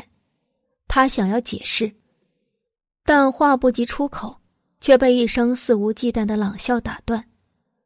就见一直在座位上自斟自饮的百里玉华，举着酒盏，吊儿郎当的起了身，如诗似画般的俊美艳华的容颜，此刻正嗤笑的望着程坤帝道：“陛下，臣不知为何看到张天师，总会想到一个有趣的人。”见从不喜欢参加宫闱斗争的百里玉华都起声出言了，陈坤帝眸中一笑，对之前心中的想法越发的笃定，笑道：“何人？”百里华却又摇了摇头。其实也不像。为了证实到底像不像，臣刚才就找人请了个熟悉他的人来。此刻人估计就在殿外了。要不要陛下宣进来问问？也好，宣。成坤帝的眼底玩味之色一闪而过。陛陛下，张天师却被这突然出来的打岔搅弄得越发的心神不安起来。可他一抬眼就对上成坤帝威严冰冷的目光，顿时令他遍体皆寒，不自觉生出了害怕。本集播讲完毕，感谢您的收听。第一百三十九集。而这时，一名样貌颇为艳丽的妇人，正在太监的引领下，小心翼翼的走进了殿。而当他看到殿中的张天师的时候，面目当即就是一变，先是有些诧异，随即满面的怒火，不由分说，冲上去就骂了起来。好你个贱人张阿四，你睡了我怡红院的姑娘，玩了老娘调教多年的清官郎君，弄得现在还下不了床。你打白条欠了一屁股的账也就罢了，连医药费你都不出，我那清官郎君差点为此上了吊，那可是老娘真金白银买来的人。放肆！哪里来的恶妇？张天师显然也被这劈头痛骂。弄得有点懵，可当他看清这妇人的长相后，原本强硬的目光顿时躲闪了几下。那妇人冷冷一笑：“哼，张阿四，别以为你人模狗样的，沾了一把胡子，老娘就认不出你了。你个杀千刀的贱人！”说完，那妇人忽然上前，竟撩起张天师那仙风道骨的一把胡子，就拽了下来。立刻就露出了里面光溜溜的下巴和略显猥琐的面目，顿时全场一片哗然。那张天师更是慌得不得不夺路而逃，但又逃不掉，只能以袖掩在脸上，站在那里瑟瑟发抖。大胆恶妇！这时也不知谁喝问了一句，那妇人似乎才发现场合不对，面上一白。接着就跪倒在地，再不敢言说半分。当看到张天师的真面目后，太子君熙的眸中阴沉之色一闪而过，而慕容子言则已经是满面绝望了。他恐怕做梦也没有想到，才一夕之变，自己竟就这样一败涂地了。可怎么会这样呢？大胆张天寿，还不快说实话！今晚若说最怒的，就要数成坤帝了。此刻他一双幽冷幽冷的眸子，死死的锁定在张天师的身上。难道自己多年来竟被这么一个跳梁小丑给戏弄了？不可原谅！陛下，陛下饶命！小人，小人也是受他人的蛊惑。我我说，我说是。呃但是他的话根本就没说完，嗓子就像卡了壳似的顿住了。这时众人才发现，张天师的喉咙上已经不知何时多出了一个血窟窿，眼见是活不成了。白丽华挑眉，似笑非笑的看了太子君熙一眼。太子君熙已经长身而起，魔魅般的阴郁目光淡淡扫过跪在地上面无人色的慕容子言后。开口道：“如此宵小，死有余辜。不过倒着实演了一场好戏。长乐郡主更是个难得的唱将。”太子君熙似笑非笑，又望了一眼慕容九九。言罢，他修长贵气的身姿转身而去。慕容子言原本呆呆的跪在地上，一见太子君熙离开了。他凄凉的心一时惊慌的不知该如何是好。身为太子的妾，还不快跟上！也不知是谁在他耳边说了一句，想起太子君熙的狠辣手段，慕容子言心胆皆寒，不敢有半分的伏逆，跌跌撞撞，犹如丧家之犬一般仓皇而去。成坤帝望着太子君熙肆无忌惮、渐行渐远的背影，和他刚才不经他同意就当场杀人的张狂，眸中闪过一片浓浓的沉怒，蠕动着唇角。似乎想说什么，可到底是没说。而就坐在帝王身侧的皇后，自是将他的每一个神色都收入眼底。只是这位永远都这么雍容尊贵的皇后娘娘，似乎并不曾为他儿子感到担心，反倒悠悠的眸光中闪过几分古怪的嘲讽。如今好戏演完了，的确是再没什么趣味了。那陈与长乐也告退了。这时又听百里玉华颇有愉悦的悠悠一语，还不待众人反应他话中的意思，就见百里玉华那潋滟贵气的紫色袖摆，已经微微的抬起，那如玉骨般的手掌微微的朝一个女子张开，然后另一只纤纤素手已悠然与那玉手相握，衣袖相叠，尊华的紫，霞贵的山。仿佛是这世间最般配的两个颜色。这两个人，这是公开宣布他们的关系吗？这时，众人似乎才后知后觉的反应过来，慕容九九早得了百里玉华的心，而太子君熙似乎有意夺之，所以才有了今日的戏码。但结果很显然，太子君熙败了，一个是京中的魔魅太子。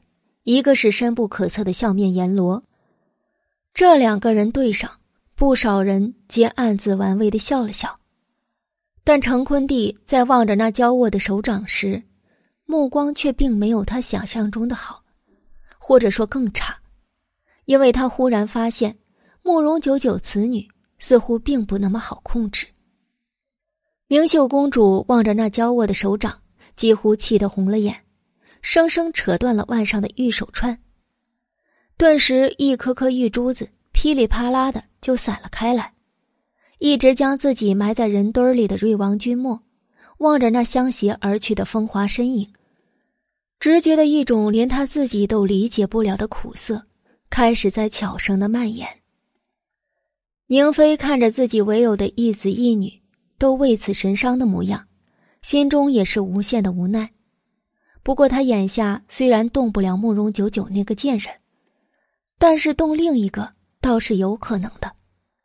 当即，宁妃的眸中狠色一闪，就招来了自己的掌事女官，秘密耳语了一下。那女官立刻领命而去，要你见机行事，满口胡言的本事倒是长了。走出接风宴，百里玉华颇为好笑的看了一眼身侧的女子。慕容九九闻言，俏皮一笑：“我若是不满口胡言，用钦天监的记录炸那张天师一炸，又岂会令他们暂时的乱了阵脚？如何等来你的人证？其实说到底，还是他们自己心虚。对了，那个张天师的胡子是怎么回事啊？”慕容九九一直很疑惑，就算那张天寿是招摇撞骗之徒，一把胡子。倒是不至于作假吧？百里玉华闻言闷笑：“自是本郡王命人给他剃的。那张天寿自诩天师，对那胡子爱惜的很，在圣前绝不敢失仪，所以情急之下才临时找了一把假胡子，所以呢，才落入了你的圈套。”之前他不过凭着慕容子言身上的一缕焚香味儿，百里玉华就顺藤摸瓜查到了青天剑。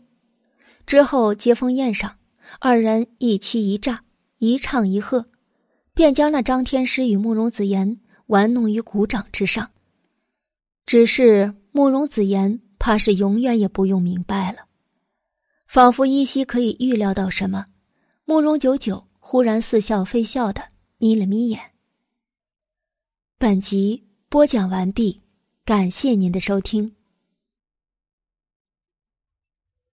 第一百四十集。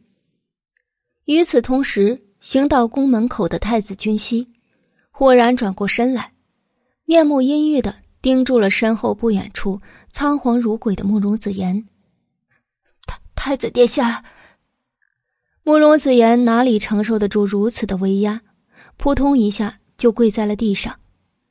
他此刻已然是惊惧之极，没了半分的主见，但他心里也知道，只有太子放过他。他才能真的活命。想活命？君熙冷冷一笑，慕容子言呆呆的点了点头，但君熙的笑却是越发的不屑与轻蔑。可是本太子实在不知你这种废物，还有什么可以活下去的必要。他语言一顿，魔魅的目光轻轻的朝宫门的方向扫了一眼。仿佛任何肮脏污秽的东西都难逃他的目光一般，令他本就阴鸷的神色恍然间平添了几分戏谑。好啊，慕容子言，你若想活命，从此刻开始，给本太子徒步走着回太子府。天亮之前你能活着回去，本太子便不与你计较今晚之事。言罢，太子君熙转身上了自己的车驾，在众多护卫的簇拥下，转眼消失在空荡的宫门前。夜色如墨，四周城楼上灯火点点，也有巡逻的侍卫出没。慕容子言身着单薄的宫装，孤零零的站在凄冷的夜色下，竟是半天才反应过君熙的话：只要他活着走回太子府，就饶他性命。这么简单。太子府与皇宫相距并不远，只有两条街而已。难道太子殿下并无心要他的性命？慕容子言完全乱了方寸，更猜不透上位者的用心。他只能抱着双臂，撒腿就往太子府跑，却殊不知此时此刻的他已然成为砧板上的肉。被一双双算计似的目光紧紧的盯住，而太子君熙在发现那些目光的时候，就没想过这个蠢女人可以活着回太子府。小美人儿，这是去哪儿呀？真是个水灵灵的美人儿，不如今晚跟哥哥走吧。几声充满淫邪调戏的声音忽然响起。正在路上快步疾行的慕容子言，猝不及防的就被几个猥琐的流氓围了起来。他本就失措的面容，唰的一下再次白了，退身就想逃，但后路立刻又被人堵上了。你们，你们是什么人？慕容子言此刻真的害怕了，他柔弱的腰肢瑟瑟的就发起了抖，他要逃。他绝不能被这些人欺负了。嘿嘿，小美人儿，自是有人花了大价钱，让哥几个陪你玩玩。其中一个为首的痞子竟毫不遮掩的把他们的目的说了出来。一想到这天底下还有这等好事儿，不仅给钱，还给玩这么水嫩的娘们儿，这可比怡红院那些下贱的小娼妇美多了。在这群痞子的哄堂大笑中，慕容子言面无人色的挣扎着就要逃走，却被前后五六个痞子毫无怜惜的就扯住他的四肢。一只只脏兮兮的手掌已经迫不及待的在他美丽的身体上游走起来。不，放开我！慕容子言惊恐的尖叫，那是一种灭顶般的绝望。谁来救救他？父亲，母亲，大姐，我错了。痞子们淫邪着大笑着，就将无助的慕容子言强拉入一条没人的巷子，各种肮脏猥琐的声音和女人不似人声的尖叫，开始在那黑漆漆的后巷此起彼伏，恍如地狱。外面偶有一些不明所以的百姓路过，不过对于这些横行霸道、痞子的恶性，很多人都表示撇了撇嘴。事不关己，谁敢出头？唯有一直隐在暗处的一名女子，看情势差不多了，撇嘴一声冷笑，就朝着皇宫的方向回去复命了。夜色下刚巧看清，此女正是宁妃身侧的女官。传话的护卫在车厢外直接以内力逼线成音，将消息传入百里玉华的耳中。他闻声一笑，望了一眼怀中假寐的慕容九九，道：“有两个消息，你要先听哪个？”慕容九九睁开清丽的明眸，好笑道：“不会是一个好消息，一个坏消息吧？如果这样，我喜欢先听坏消息。”这样好消息才会显得更顺耳一些。区区两个消息也有这么多说道。百里玉华含笑的琉璃凤眸中闪过一丝宠溺。其实都不算坏消息，就在刚才，太子弃了你二妹，此刻想必已经自食其果，沦入地狱了吧？慕容久久在他横卧的膝上，懒懒的换了个更舒服的位置。仿佛只是听了一个无关紧要的答案。那下一个呢？百里玉华却似乎很喜欢他这种时而狡黠、时而薄凉的样子，继续道：“慕容瑞意回京了，明显是狼心不死。他得罪过你，是生是死，此刻全在你一句话。”慕容九九闻言，在他膝上嫣然一笑。不能伤他性命，我可是在老头子面前发过誓的。就取他一双腿可好？不过在取他双腿之前，他得配合着我演场戏。说着，慕容九九忽然两眼放光，起身就附在百里玉华的耳侧，细语了几句。百里玉华表情一愣，随即恨恨的捏住了女人巧笑的下颚，道。果真是最毒妇人心，这话原不大信，此刻方知果真如此。这算恶毒吗？慕容九九却笑得不以为然。每个人生下来都要为自己所做的事情负责。慕容睿意在射箭杀别人的时候，就该想到，有朝一日也会有人射杀他。慕容子言在设局害人的时候，也该想到。终有一日，他也会陷入旁人的局中，万劫不复。也如我，这样坏心眼的去害人，终有一日怕是……百里玉华却恼了，修长的臂膀直接揽过他柔软的腰肢，气恼道：“胡说些什么？有本郡王在，旁人伤不了你。”慕容九九一笑，车外传来一阵阵轰鸣声。慕容九九顺势抬起头来，问道：“什么声音？”今晚南城有灯会，许是那边在放烟花吧。素手撩起侧面的车帘，果然见城南那边影影绰绰，花影漫天。远远的，似乎还能看到湖上一盏盏的河灯正随波而流。想去看看吗？百里华从侧面拥住慕容九九，自是看出他的心思。慕容九九嘻嘻一笑：“反正回去也没什么可做的。再说之前跟你说的好戏，不还得布置一番吗？”也是，阿轩，去南城。本集播讲完毕，感谢您的收听。第。一百四十一集，也对，阿轩去南城。是。马车很快在街上绕了一圈，朝着城南的方向而去。越往南走，街上的人流越多。起初人流还可以让一让车马，但行到最后，满大街都成了花灯和人，马车根本就没法前行。柱子。要不要驱散一下人群呢？阿轩有些为难的问。百里玉华正要下令，却听慕容九九却先一步回答：“不必了，阿轩，你绕着后面的巷子走。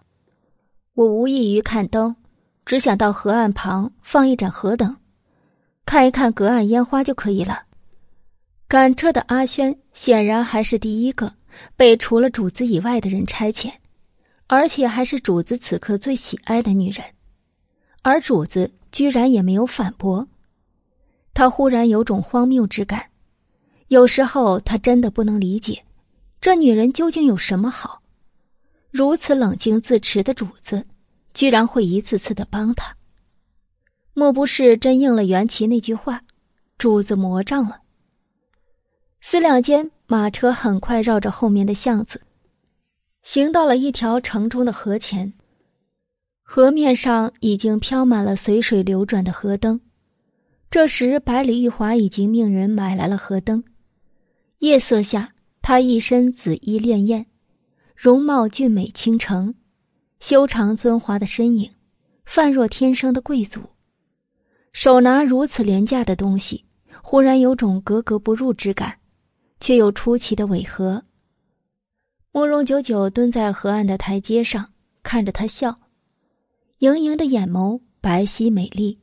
如暖玉般的脸庞，墨发如云，精致的点翠映着遍地的河灯，亦是美的让人移不开眼，好似月下的河灯仙子。你看着我做甚？百里玉华被他看得有些懊恼，慕容九九傲娇的一扬下巴：“你好看，我便看你，难不成你希望我盯着别家的男人看不够？”不过，就算有那么一日，也是气我的那一日。再胡说，本郡王可就不与你放河灯了。百里玉华当即板起了脸，慕容九九俏皮的一吐舌头。河岸边上凉风习习，连带着人的心情也好起来。他伸出手道：“拿河灯来，听说上面要写上自己的愿望，河神才会看到，才会灵验的。”百里玉华蹲身，将河灯递给了慕容九九，但却是不以为然。你竟信这个？在他的眼里，慕容九九从来就不是一个笃信迷信的人，相反，他是个非常理智，理智到可以冷眼看待自己的得失。这种女人居然会信河滩小贩儿编出来的谎言，我也不信这个。却听慕容九九含笑摇了摇头。不过既然来都来了，不过贪个新鲜，我可是这辈子第一次放河灯呢。玉华，你呢？我也是第一次。百里玉华忽然有点哭笑不得之感。这时他见慕容九九已经拿起纸笔要写愿望了，他的愿望会是什么呢？百里玉华不禁凑近了，想看一看。而慕容九九也并没有避讳他的靠近，在雪白的字条上一笔一画，工工整整的写下一行字：“唯愿一生一世一双人。”何意？百里华看了他一眼，慕容九九已经将字条小心的放入河灯，然后点燃，绚烂的莲花河灯瞬间随水而去了。与众多的河灯在河中聚首，越飘越远。这时，慕容九九才抬眸，巧笑嫣然的道：“不知玉华可听过一个故事？什么样的故事？”百里玉华饶有兴趣的歪了歪头。慕容九九悠悠的道：“相传世间男女生下来的时候，其实只是一半。”他们须得在有生之年，在茫茫人海中寻找那个与自己心之所期的另一半。找到了，自是成就一段不世之好；若是错了，那便要承受世故剜心之痛。哦，百里玉华一愣，似乎一时并没有听出这故事中的真意。世故剜心之痛，你个贱人，我打死你，打死你！哼，别打了，别打了，夫君，求你别打了，妾身，妾身再也不敢了。这时，不远处忽然传来一阵聒噪的叫骂和惨叫，打断了二人难得宁静的气氛。百里玉华当即变了脸：“怎么回事？”其实不用问也知道，因为他们已经看到一名凶悍的男子正手持鞭子，狠狠的抽打着地上的女人。直打的那女人遍体鳞伤。与此同时，那男子的身后还护着一名眉宇妖娆、更为年轻漂亮的女子。那女子望着挨打的女人，目光颇为的幸灾乐祸。造孽哟！不过才新婚四年，当年人家兰花可是不顾名声的嫁给你。这几年若不是兰花打理照外，你以为你有今日？如今还领回了好几个狐妹子，滚！少管老子的家事，不然连你一块打！娘，娘！这时，两个哭得满面鼻涕的孩子扑进那被打的女人的怀里，但那凶狠的男人却依旧不肯罢手，竟连两个孩子也一块打。那女人只能拼命的。将两个孩子护在怀里，单薄的背梁不住的抖颤，发出一种悲凉的哀哭。看，这就是世骨剜心之痛。慕容九九淡淡一语，百里玉华则皱了皱眉。过了良久，他忽然冷不丁的道：“阿轩，去杀了那个男人，还有他身后的妾室。”再送那女人千两白银，此后他便不必再尸骨剜心了。是，阿轩绝对是他身边最好的刽子手，上前几乎手起刀落，就将那施暴的男子当场砍死。那妾室仓皇一声尖叫，转身欲逃，却也没能逃得过厄运，横尸当场。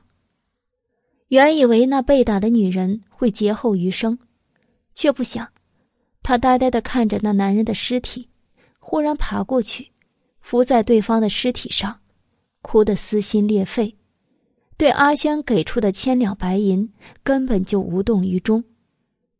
慕容九九挑了挑眉道：“这才是真正的尸骨剜心。”百里玉华的眉峰却皱得更深了。好了，回去吧，好戏大概要开演了。慕容九九暗自勾唇一笑，徐徐的夜风吹开了他额前的碎发，清凉之余，似乎令他感到一种源自骨子里的冷酷。似乎等这一日已经等了很久了呢。本集播讲完毕，感谢您的收听。第一百四十二集。刚过亥时，京城晚上的市集还没有结束，长街上依旧四处张灯结彩，亮着买卖，但一些大户人家的门前几乎已经冷肃下来。但今日相府的门前却异常的热闹起来。自从慕容子言到太子府为妾后，慕容正几乎被气得卧病在床，但此刻。早早睡下的他，却是被顺天府的差人强行敲开了门。相爷，相爷，大事不好了！管事的王福披着一件单衣，提着灯笼，着急忙慌之下，鞋都跑丢了一只，只得一边提着鞋，一边敲门喊着。今夜慕容正宿在沈姨娘的房中，闻声亮了灯，才从屋内传出声音。何事？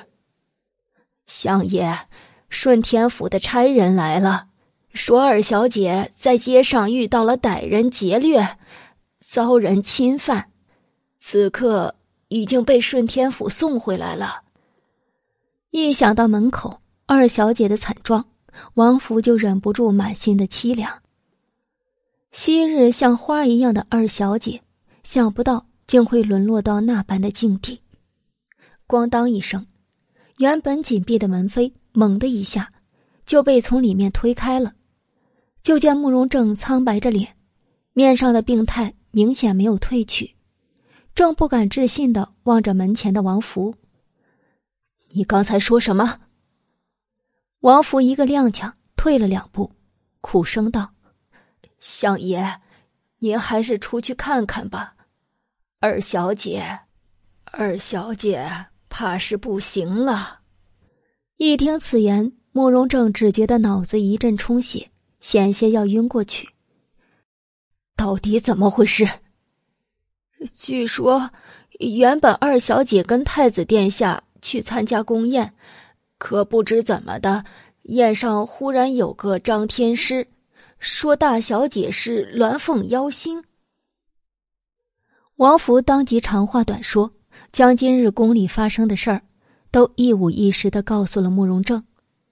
而慕容正越往下听，面色就越是发白。那张天寿是什么人呢？他偶有打过几次交道。知道那就是顶着天师之名的奸猾之徒。今晚宫宴上发生的事儿，明显是慕容子言伙同太子在给慕容九九做局，但结果越往前走，越是能闻到一股若有若无的血腥味儿。慕容正几乎已经想到了此刻院中前厅的景象，胸口的心就仿佛要疼成一团。苏轼再怎么恶毒。子言再怎么不自量力胡闹，可终究都是他的妻儿。尤其是慕容子言，血浓于水。此刻有人告诉他，他的女儿今晚被太子丢下，当街被几个流氓拖入黑巷，生生的糟蹋了，叫他如何能够承受呢？相爷怎么不走了？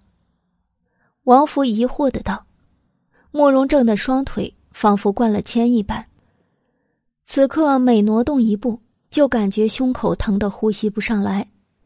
可终究，他还是走到了前厅的院中。因为有顺天府的差人在，院中几乎是灯火通明，而慕容子言就被安放在一张担架上，身上盖着一块白布，披头散发，身上已经不着寸缕。身下滴滴答答的鲜血，一路从相府的正门滴到了前院。可想这白布下的情况是何等的狼藉。卑职见过相爷，半个时辰前顺天府接到报案，可惜还是去晚了。对令千金今晚的遭遇，我等实在……为首的差人上前微微见了一礼。其实对于今晚的事儿。他们也是吹嘘不已。昔日他们这些大老粗见都见不着名门千金，今晚居然会在那等肮脏的后巷被。不过明眼人大抵都是能看出来的，分明是这相府的二小姐得罪了什么人。不过这些话，他们当差的也不好说。紫妍丫头，那边慕容正根本充耳不闻。看着自己的宝贝女儿，终于忍不住浑身剧颤，老泪纵横。而担架上的慕容子言，明显还没有死透。他圆睁着一双眼眸，死死的盯着近在咫尺的父亲，张口想说什么，可一张嘴，满口流出的却是一片污浊、掺着血丝的液体，最终睁着一双眼，就彻底断了气息。相爷，大小姐回来了。相府的门子这时匆匆来报，而他才刚报完，就听门口一阵车辙停顿之声，然后有婢女提着精美的宫灯开路，一排排远远的看去，恍如瑶池的仙女下凡，云裳浮动，婀娜多姿。片刻才见正主，也就是如今京中风头正劲。陛下亲封的长乐郡主，一袭华衫玉影，正缓步而来。仿佛被他的贵气所逼，在场的差人皆不自觉的低了低头。按道相府也算是书香名门，一个尊华至此，不输皇族；一个却零落成泥，遭人践踏至此。父亲，发生何事了？慕容九九当然知道发生了什么。因为这案是他命人报的。说起来，自己还算帮相府收敛了几分颜面，至少没让慕容子言暴尸街头。善恶尽头终有报，宁妃娘娘此招虽狠，难道就不是慕容子言自招的吗？父亲，节哀吧。如今，你可满意了？谁知伏在地上老泪纵横的慕容正，豁然的抬起头来，目光如狼一般，狠狠的瞪住了眼前这个光鲜美丽、不可方物的女儿。或许在旁人的眼里，慕容九九此刻的美丽是尊华的，但在他的眼里，更多的却是慈慕、厌恶。他自己都不知道为什么，一步一步，居然会走到今天这般的境地。你害了你母亲，如今又害了你妹妹，你还想怎么样？慕容正几乎是吼着说道。慕容九九则收敛了脸上的几分装模作样，面无表情的望着他，悠悠的道：“父亲忘了吗？夫人是因为陷害我不成，错杀大房堂妹而获罪的。至于害二妹的凶手，与我就更无关了。”倒是听说，在事发之时，有人在附近看到过宁妃娘娘的女官呢。贱人，我杀了你！慕容九九悠悠的话还未及说完，就听寂静的相府大院里，猛然爆出一声歇斯底里的怒喝，然后只听“嗖”的一声，一支暗箭已经直刺慕容九九的头颅，“叮”的一声，但是下一刻。那致命的暗箭已经被同样隐藏在院中的暗卫一箭打落。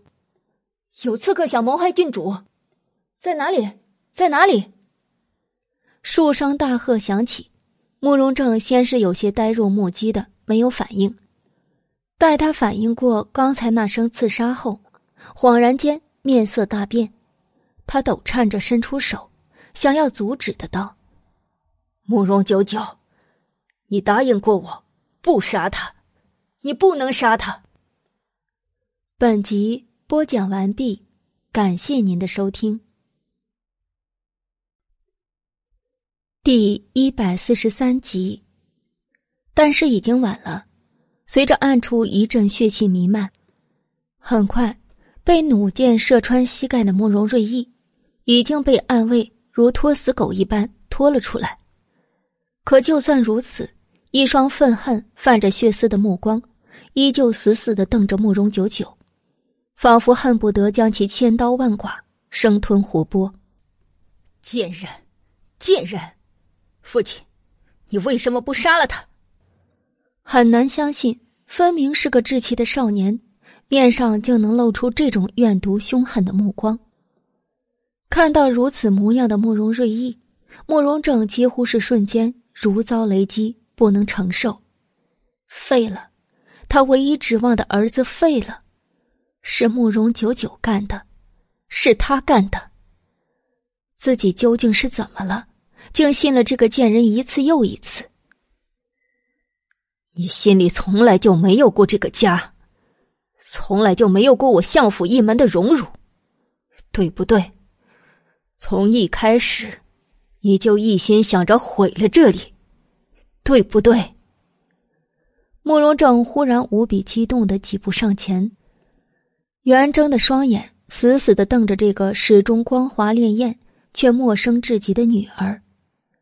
慕容九九抬眸，轻轻的笑了笑，居然被父亲看出来了。你说什么？慕容正仿佛如梦方醒，却又失魂落魄。女儿只能说。今日的结局，绝非是我单方面一手造成。女儿只是自保而已。当然，您让我发誓不杀慕容瑞意，女儿始终放在心上，不敢违逆。只是我的人下手重了那么一点点，废了他一双腿而已。够了，你给我滚，滚！我慕容正没有你这种逆女。从此以后。咱们恩断义绝。慕容正忽然双眸充血，狠狠一语：“既然父亲一定要将夫人病重，二妹奸污，一敌被废的罪名都安在女儿的身上，那女儿甘愿承受。宁儿、阿秀，收拾东西，我们暂且离开相府几日，省得父亲看到我不顺心。”是郡主。宁儿跟阿秀在身后早就急不可耐了，领着人便到将子院里，将小姐的一些私人物品，还有御赐之物一打包都带出来了。这时院内早就得了信儿，大房二房也接连出来了。可是当他们听到慕容正要跟慕容九九恩断义绝时，面上只有漠然。最后老夫人也被搀扶着过来。目光幽冷森然的打量着他们主仆。告辞。尽管已经水火不容到这个境地，但慕容九九仿佛依旧能把所有的礼仪做到最好。他款款而来，优雅的离去。而从始至终，顺天府前来的差人们都成为局外人，愣愣的看着相府大院内的这场闹剧，但他们始终觉得。相府就算流年不利，接连遭祸，但也不至于全部都怪在一个嫡女的头上吧？毕竟苏氏的案子可是他们顺天府过的手，孰是孰非都一清二楚。至于慕容子言，明显此事跟太子殿下有脱不开的关系，但太子殿下之张狂，谁敢招惹？也就这二小姐，说句不好听的。自甘下贱的做了太子的妾，与虎谋皮，由此结局也不算意外。还有这个慕容瑞意，分明是他放案件伤人在先，而且伤的还是长乐郡主。不过他们外人也不好说什么。相府外，百里玉华的马车果然就等在那里。慕容九九一撩车帘，心情不错的露齿一笑。恭喜本小姐吧，从此以后无依无靠，另起锅灶了。所以现在借尊家的马车一用，送我回府如何？回府？你回哪个府？不如今后住进我公主府如何？这个结果，百里玉华早有所料。相府内部的矛盾演变到今天这一步，已经到了极致。如今这搅乱了一池祸水的小丫头，竟就当真如此无牵无挂，携着小包款款而出了。慕容九九当即暗瞪了这厮一眼：“欺负本小姐没有府邸是吧？别忘了，册封郡主的时候，陛下可是赐下郡主府的。我从兰塔寺回来，就已经让人收拾出来了。”百里玉华闻言，方才恍然大悟。但随即笑眯眯的道：“合着你是算计好的？不过如此说来，我那公主府住着也没什么劲气，不如搬去跟你一块另起锅灶吧。”说起来，公主府上上下下，似乎也就他一个正经的主子，守着那偌大的庄园，实在无趣的很。那郡主府定比不上公主府气派，但只要一想。日日能与这小女子同床共枕，晨昏相见也不错。慕容九九却咧嘴：“这是要未婚同居的节奏吗？”玉华，你可会觉得我是个冷清冷性的女子？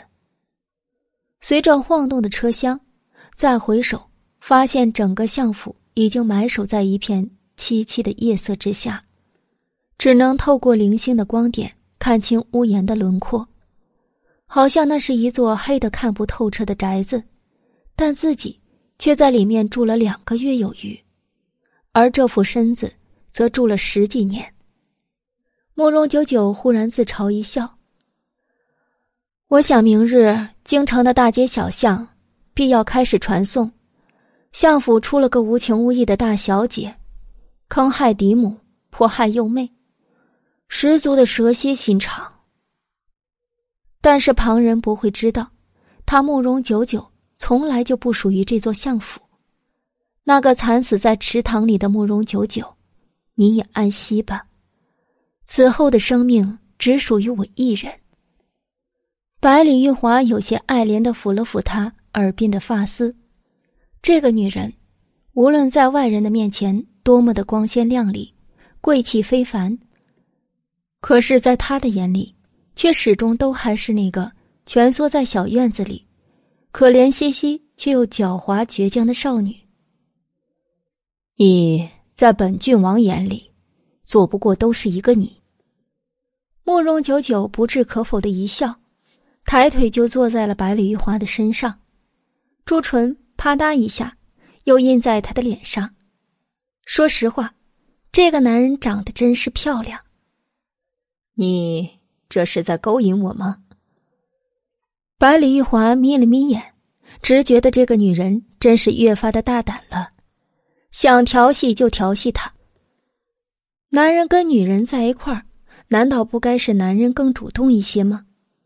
尽管他从不讨厌他的不知廉耻，慕容九九却已自顾自的伏在他的肩上，道：“玉华，其实我是毁了的。你毁什么？我毁了当初你要我的时候，我为什么没给你？什么成年不成年的，做不过都是迟早的事儿。”慕容九九闷闷的道。本集播讲完毕，感谢您的收听。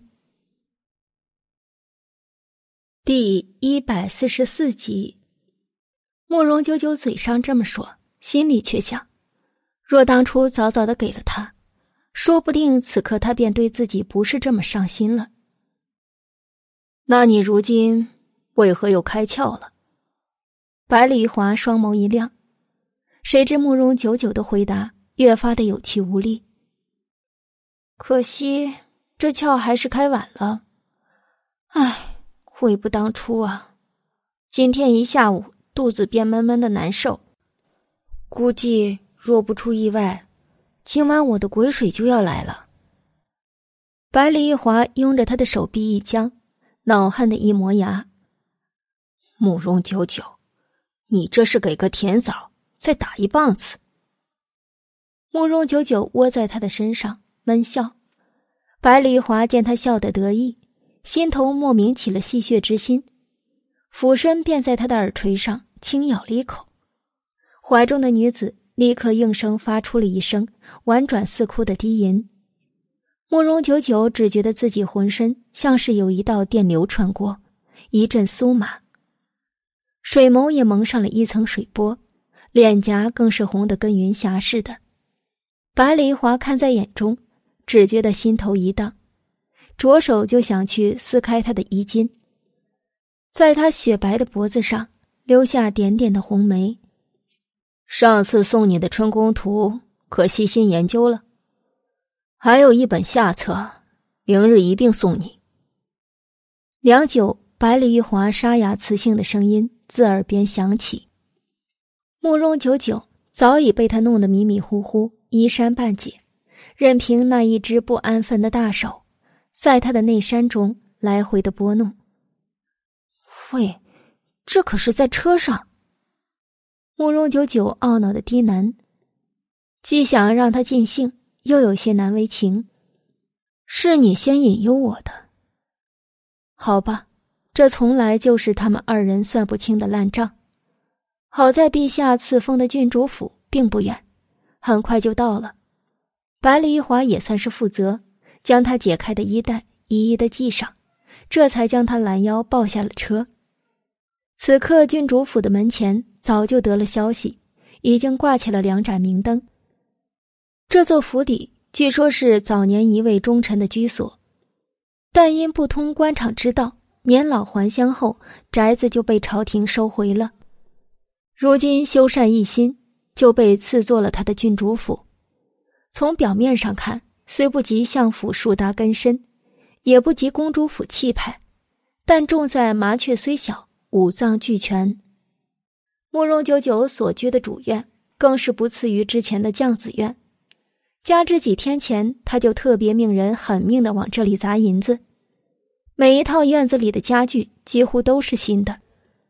虽然修缮还没有彻底的完成，但暂时入住却是应该没有问题。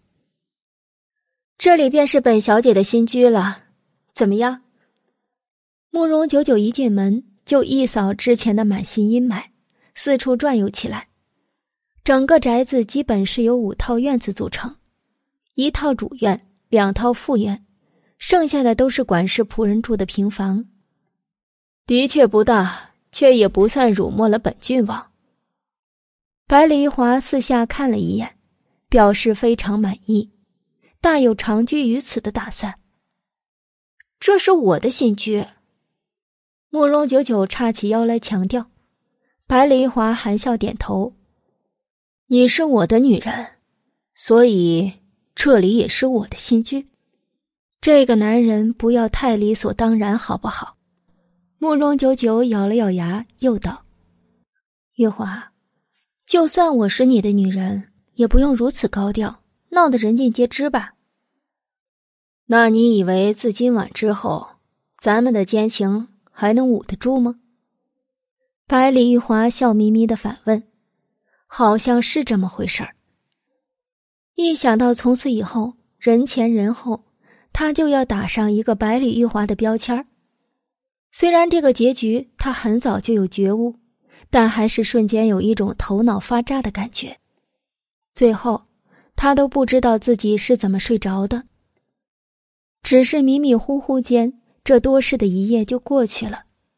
待第二日清晨一睁开眼，就看到某男正着一件轻薄的单衣，胸口露出大片如玉的肌肤，倚靠在雕花床栏上，黑玉般的长发。丝丝的垂下，如诗似画的容颜，专注的望着手中的书折，偶尔还会拿起旁上的笔墨，在书折上圈画几下。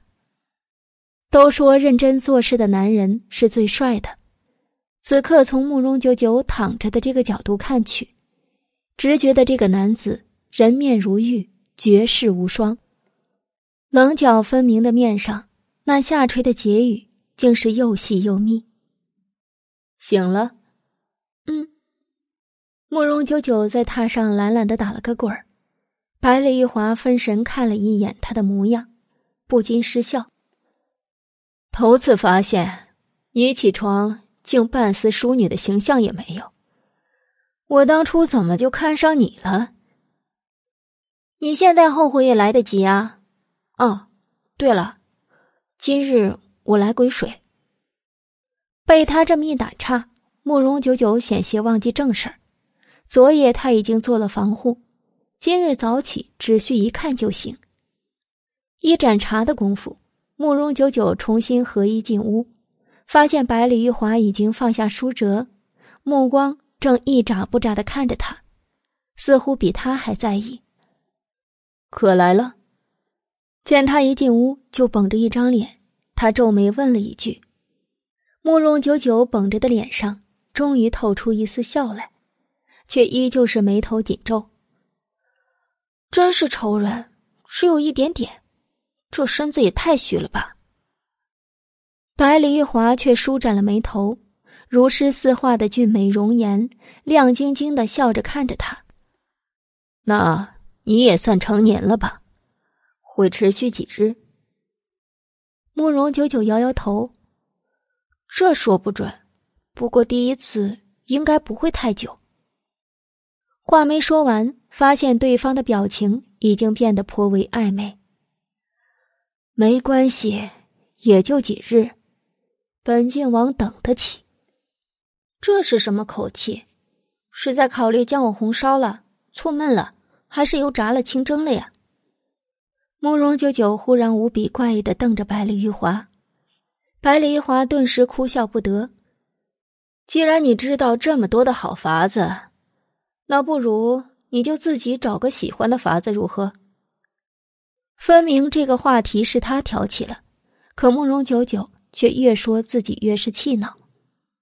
这时，屋外响起了宁儿的声音：“郡主，三日前定下的花匠和木匠已经来了，您说过要亲自设计院子，可要见见？”要的，要的。慕容九九忙不迭的应了一声，却听白梨华头也没抬到：“我劝你还是别折腾了。昨夜你刚遭了刺客，重伤在身，如何起身操持院落呀？”慕容九九丈二和尚摸不着头脑：“谁重伤在身了？”“你呀。”白梨华非常肯定的点头。慕容九九正欲反驳。门外忽然再次传来一个声音：“阿九，阿九，听说昨夜慕容瑞一放暗箭伤了你，险些生命垂危，你那死鬼老爹还往你身上泼脏水，你一怒之下跟相府断绝了关系。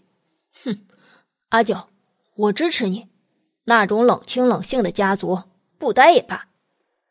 哎，车郡王，你不能进，郡主还没起身呢，你们起开。”阿九此刻命悬一线了，他就我一个知心朋友，我不能不管他。苏雨彻叫嚣着，眼看就要闯进门了。本集播讲完毕，感谢您的收听。第一百四十五集，门里，慕容九九听得那“知心朋友”四个字时，心里着实热乎了一把。你想被拆穿吗？这时，百里玉华阴恻恻的声音响起：“重伤，性命垂危。”慕容九九一个机灵，瞬间明白了百里玉华的用意。他是在将事情扩大化，好让他站在舆论的有利一面。那么他现在不及细想，慕容九九跑到妆台前，直接让脸上抹了一把白粉，然后直接躺在床上。盖着被子，挺尸去了。而几乎也在下一刻，门“咣”的一声推开了。车郡王，你让他进来吧。谁知一个悠悠的男音响起，似乎还含着几分刚睡醒的慵懒之气，带着淡淡的鼻音。苏雨彻正要进门的身子一僵，抬眸就见百里玉华正披着外衫，自顾自的打理着腰带。从屏风后走了出来。你怎么在这里？苏雨彻一下瞪圆了眼，白梨华刻意的暧昧一笑，慢条斯理的道：“她是本郡王的女人，你说本郡王为何在此啊？倒是你，乱闯别人的闺房，可不是什么好习惯，得改。”苏雨彻却是瞬间气急，咬牙切齿的道。百里玉华，你这是要毁了阿九的闺玉！百里玉华不以为然的摇头。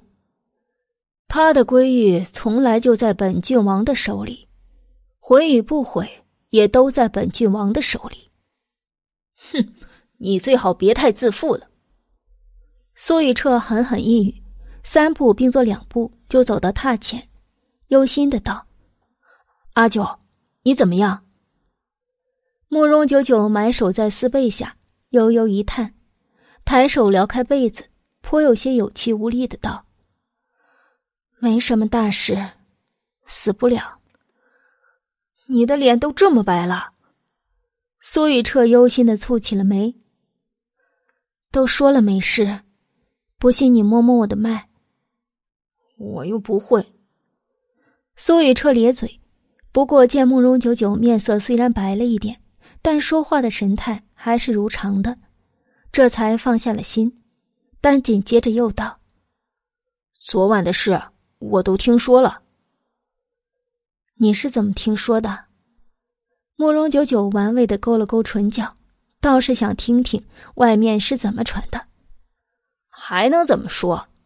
昨晚慕容子言明显设局害你，他出了那种事，有脑子的人都能猜到。跟太子脱不了干系，你父亲却一股脑的都往你身上泼，天底下还没见过这么偏心的父亲。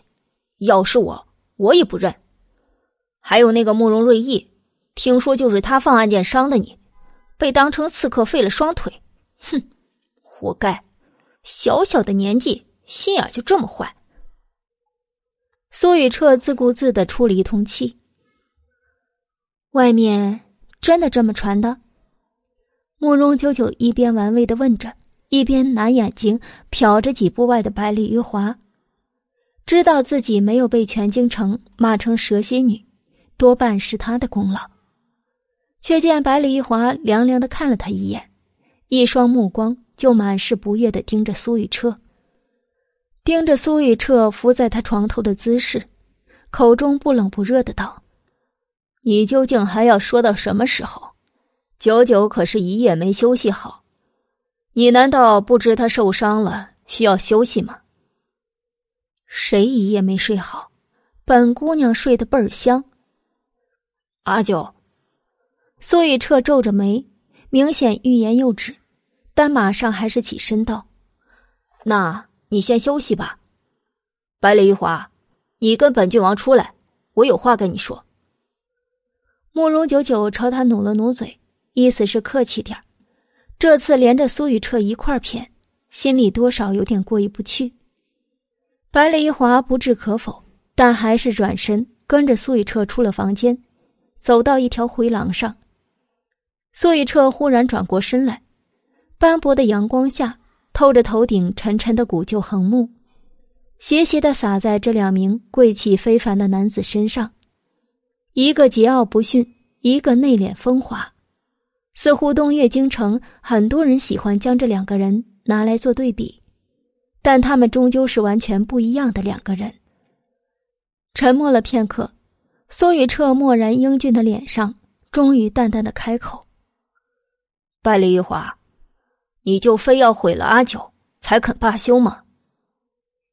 百里玉华如诗似画的容颜轻轻动了一下，琉璃凤眸尊华玉质，笑起来。溢美的芳华展露。我如何毁他了？苏雨彻冷笑：“哼，那你娶她吗？”自然。百里一华回答的理所当然，但他琉璃似的凤眸微微的眯了起来，似乎要探究苏雨彻话中的真正意思。却见苏雨彻继续冷笑：“哼，娶她做你的什么？通房、贵妾、侧妃？”亦或者你的正妻，这是我与他之间的事情。苏雨彻，以后没事的话就不要再来了。谁知百里玉华淡淡一语，已经下了逐客令。苏雨彻顿时气急：“你把阿九当成你的笼中鸟了吗？这也是我与他之间的事。”你，苏雨彻。你是想自己走出去呢，还是我让人把你直接扔出去？正欲离开的百里玉华忽然回眸，但他的琉璃眸中却是杀伐般的冷色。哼，你管本郡王怎么走？这是阿九的院子。看着这厮完全以男主人的身份自居，苏雨彻就没来由的气不打一处来。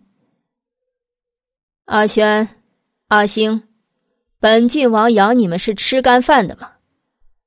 百里玉华冷笑着拂袖而去了，而与此同时，苏雨彻眼前一花，身体前后已经多出了数道身影。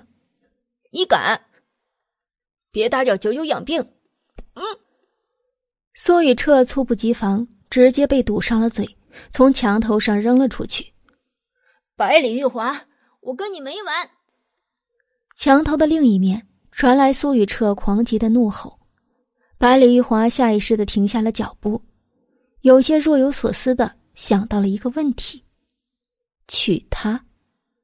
如今似乎所有的人都知道了他与慕容九九的关系，的确也该是时候给他一个名正言顺的名分了。侧妃之位如何？以他如今的身份，勉强也是可以担得的。慕容九九躺在屋里。当然不会知道外面的情况，只是他躺了没多久，宁儿就匆匆忙忙的来报：“郡主有圣旨来了，不过陛下怜郡主重伤在身，不必接旨，已经让玉郡王代接了。”慕容九九一愣：“陛下都知道此事了？”宁儿煞有其事的点头：“是啊，昨晚慕容瑞意伤了您，导致您性命垂危。”险些撒手人寰，还被相爷赶出了家门。陛下圣旨中赐下了好几株百年的雪参，还有好多奴婢也叫不上名字的宝药，说是给郡主补身子，切望您能安稳。性命垂危，撒手人寰。慕容九九乍然听得这些字眼，嘴角直抽，问道：“宁儿，你觉得我像是性命垂危？”随时准备撒手人寰的样子吗？宁儿由衷的摇头，不像。但是外面的人都这么说，全京城的人都在为郡主您的遭遇而不值呢。本集播讲完毕，感谢您的收听。第一百四十六集，都在说，好吧，假的也能说成真的了。如今真的也变成了假的，不过若非要说他重伤，他昨夜还真见了血，他来鬼水了吗？既然重伤，那就要好生的安心养病。百里一华不知何时进了屋，手里还端着一碗红糖水，颇有伺候月子的架势。好吧，我有病，我有大病。但是院子里的工程不能停，宁儿，上次我跟你说过的，告诉花匠，我要在院子里种满蔷薇，还有，告诉木匠，我还要扎一个秋千，扎的好看点儿。在慕容久久精神百倍、喋喋不休的吩咐中，宁儿捂着嘴偷笑着跑了。这个死丫头，对了，苏雨彻呢？慕容九九看了看门外，问了一句，却见百里玉华一张俊脸，忽然顿了一下，干巴巴的道：“被我扔出去了。”慕容九九一惊：“你为什么要扔他？这是他的院子，好不好？”百里玉华忽然似笑非笑的眯了眯眼，仿佛某种优雅的兽类在宣示自己的所有权一般，懒懒的、淡淡的道。看着碍眼，就扔出去了。怎么，你有意见？看着他那双危险的招子，慕容九九不自觉的咽了咽口水。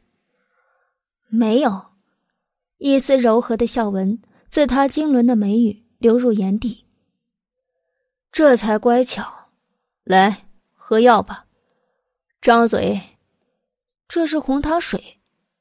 错。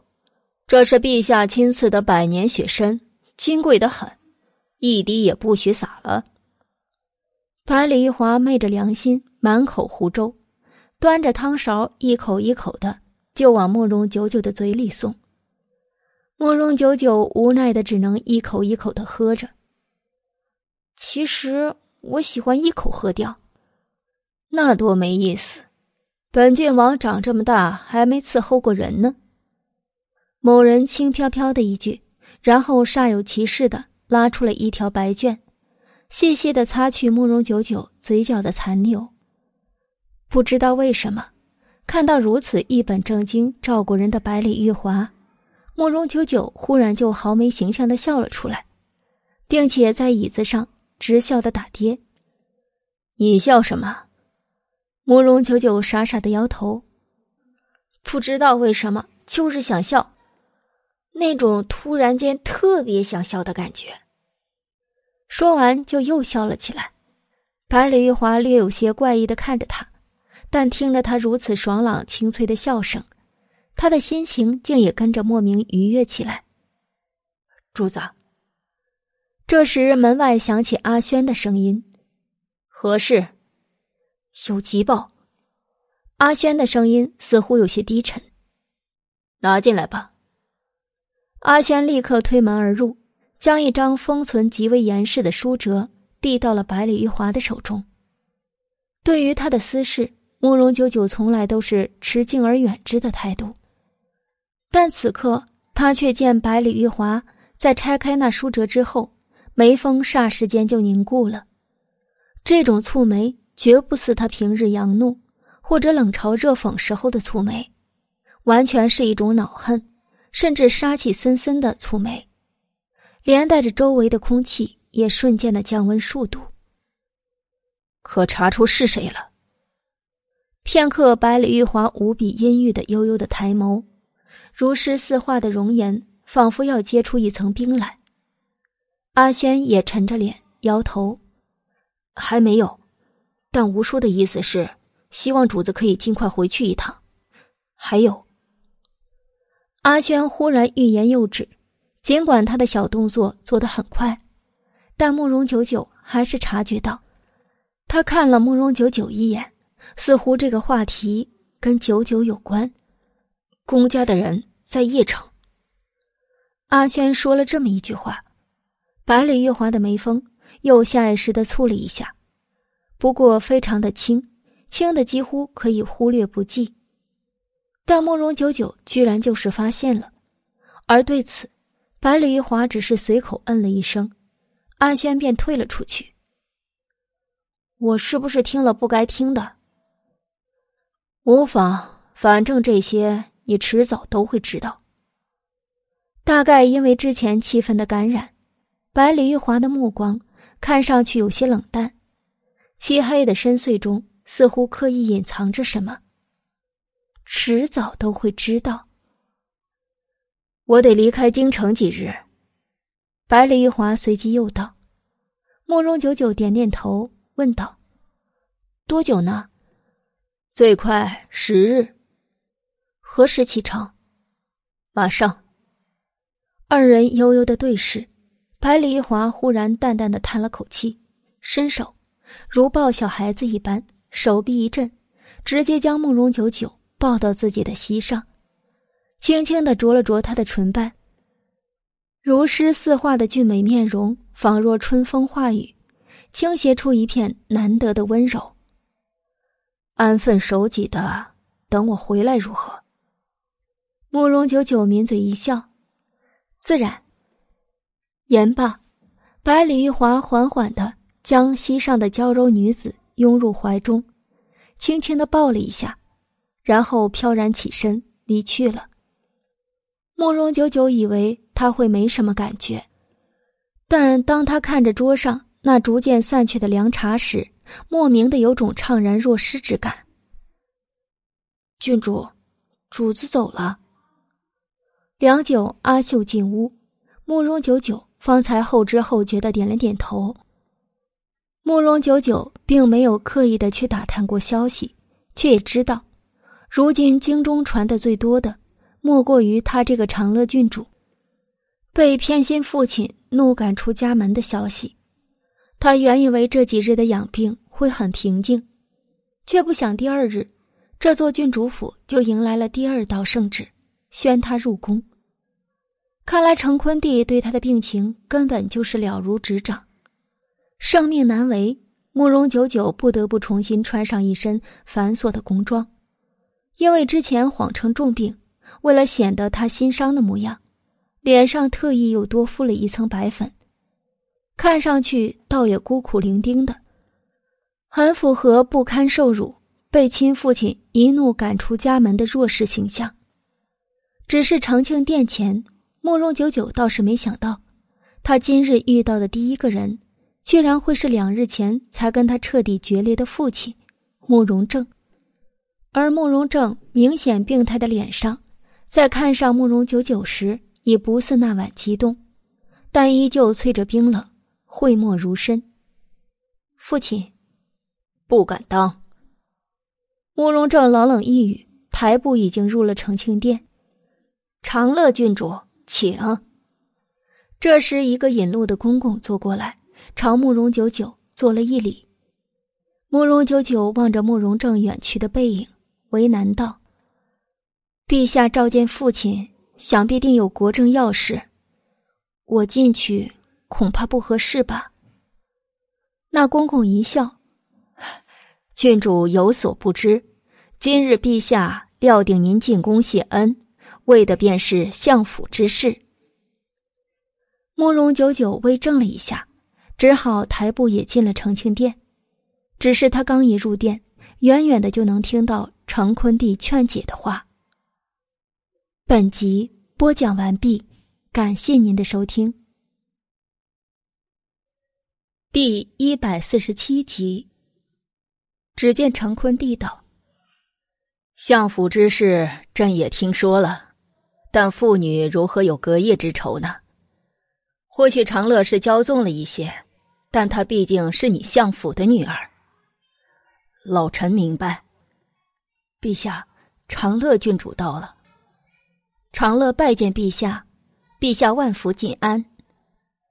起身吧。”程坤帝百忙中摆了摆手。忽然沉声说道：“长乐，还不快快向你父亲叩首道歉！纵你父亲那日怒极胡言，但你也不能如此骄纵。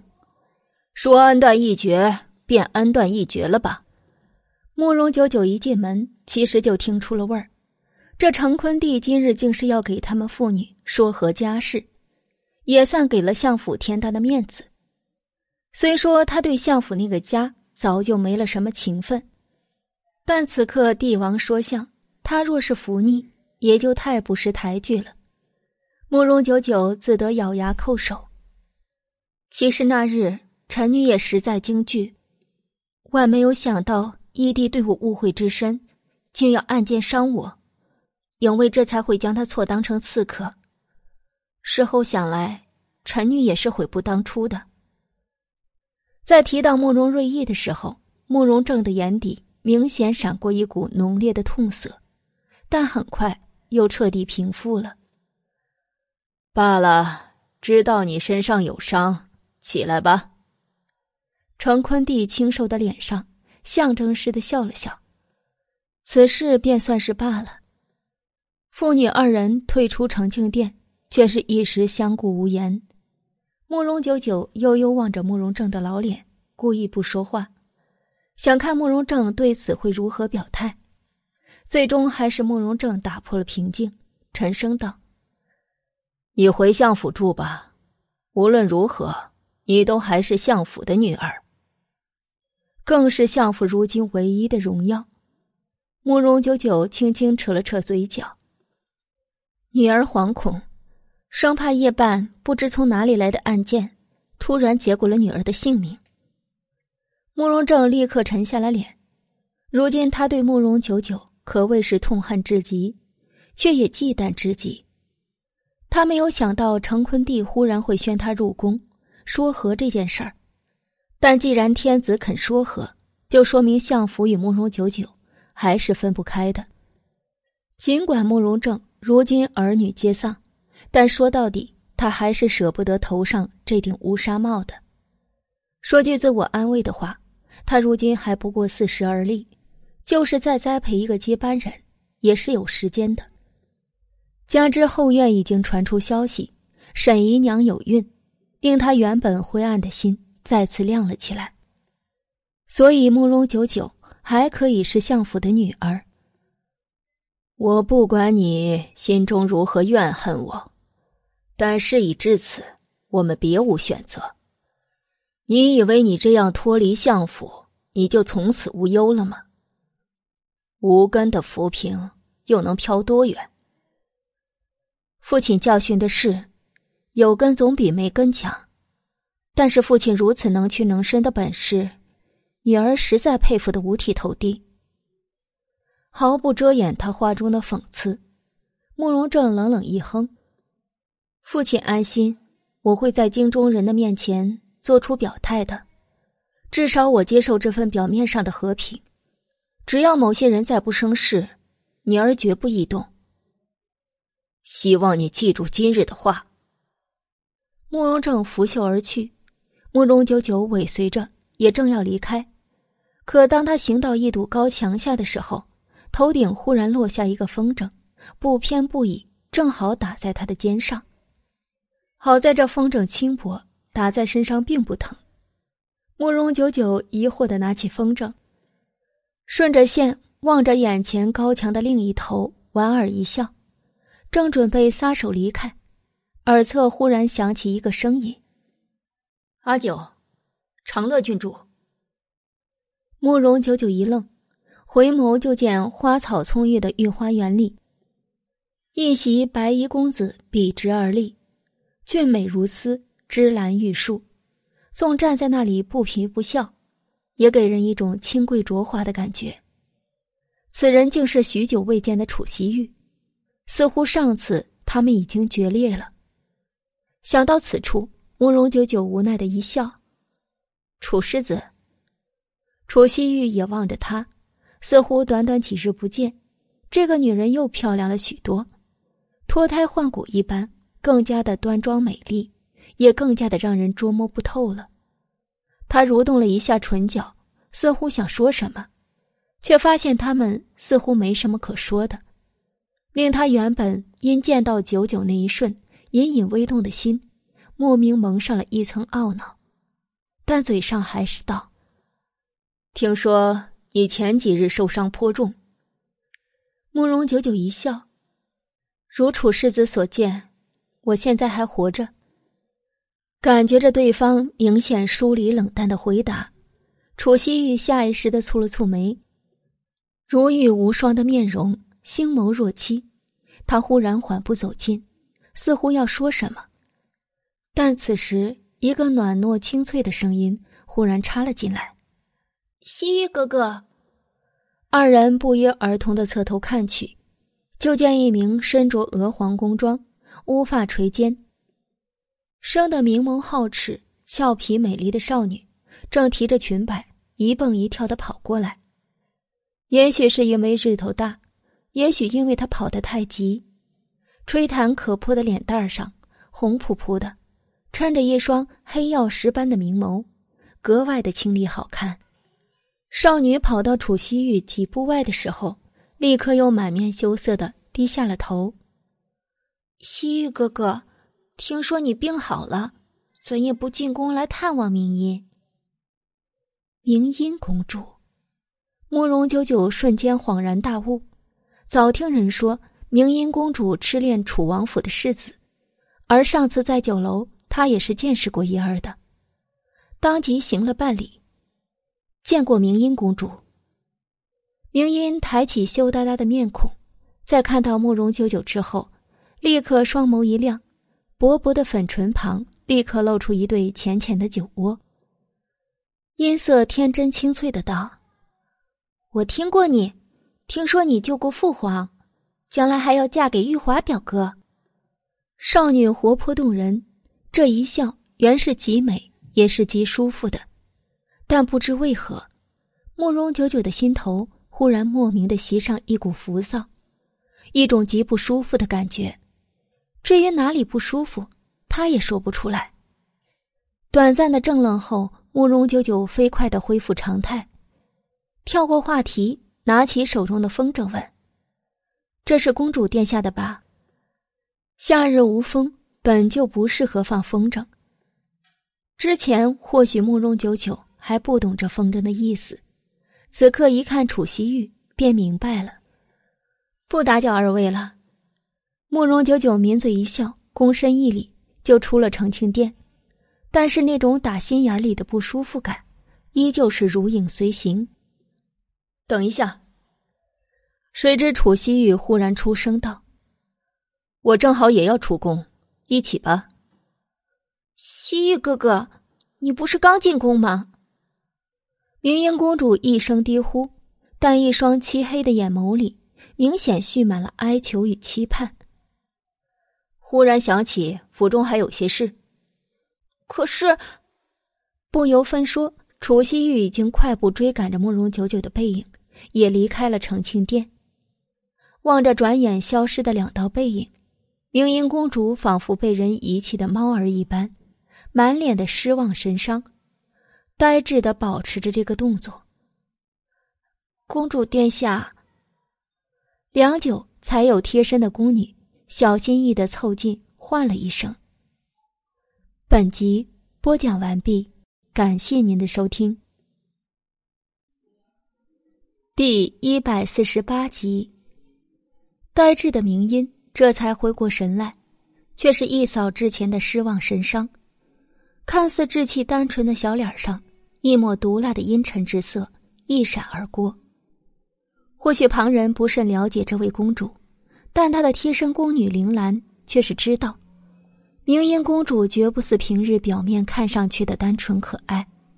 甚至有些邪门但至于哪里邪门铃兰说不上来，也不敢说，只得小心翼翼的开解道：“公主殿下，或许楚世子当真是有事呢。”明英公主明显对铃兰的话充耳不闻，冷淡的脸上慢慢浮现出一抹诡异森然的笑。真讨厌，原是想在西域哥哥的面前。永远笑得那么开心，可是为什么一看到那个女人，就有种想把它撕碎的感觉呢？这种感觉跟刚才的事无关，完全是一种本能的厌恶。咯吱咯吱几声碎裂的声响，明英握在手中的纸风筝已经被他无意识的撕成一块一块的窟窿，而口中说出来的话，更是如牙缝里挤出来似的。莫名的令人毛骨悚然。阿九，你就非要与我形同陌路吗？身后，楚西玉追上慕容九九的脚步，终于忍不住道：“慕容九九颇有些莫名其妙的转过身来，好笑道：‘如何是我与楚世子形同陌路了？分明是楚世子瞧不上我这等不入流的女子。’”我为上次的话道歉，我的确误会了你，也说了一些不该说的话，今日全部收回。楚西玉语速飞快的道。慕容九九一愣，然后呢？然后，楚西玉其实自己也不确定自己为什么要追上来说这些话，只是凭着一时的冲动，想把话说明白。那日，他虽然情绪有些不稳，但他绝对没有任何的歧义，更不想与慕容九九闹到绝交的境地。只是为什么他不想绝交，他自己也没有细思，只是凭着一瞬间的心思，把话就说出来了。至于然后，然后我们就冰释前嫌，继续做朋友吧。慕容九九洒然一笑。其实，虽然那日我情绪也有些不稳，但事后对你从未有过半分的恼恨。既然楚世子也这么想，那我们就冰释前嫌吧。我可没那么小心眼儿。楚西玉闻言一笑，仿佛心里堆积多日的郁结，霎时间神奇的一消而散，笑起来的样子也轻松快活多了。不然他总会想起。那日慕容九九似薄凉似冷嘲热讽的各种眼神，令他心上极不舒服。那我们就此说定了。慕容九九要出宫，他见楚西玉也有出宫的意思，不禁撇嘴道：“喂，咱们话都说开了，你还不回去哄哄你的明音公主？小姑娘似乎对你用情颇深，这么把人家晾着，会天打雷劈的。”说到明音，楚西玉的眼底迅速闪过一丝莫测。他望着近在咫尺的慕容九九，声音似乎还带着几分隐晦的警示，悠悠的道：“阿九，有些事你不懂。这座皇宫很深很大，有些事也不似表面看着简单，尤其是明音，日后你万不可与他深交。”说到最后。楚西玉的声音骤然变得几分严肃，仿佛有一些悬于唇边的话，不说出来远比说出来更让人警惕。慕容九九一愣，尤其是明音，这话让他很自然想到刚才见到明英公主第一眼时的那种不舒服。难道这其中有什么联系吗？好，我知道了。出宫后，为了表态，慕容九九必须回相府一趟。小姐，咱们就这么轻易的回去了？宁儿撅着嘴，有些不悦。慕容九九懒懒的靠在车壁上，似是疲倦的用一方帕子盖住了脸，苦笑道：“天子说相，这得多大的面子呀？我能不给吗？”也是。说话间，马车已经停在了相府的门前。营门的是管事的王福，一见慕容久久下车，一路便陪着笑脸，说起了相府之事。慕容子言的葬礼是怎么办的？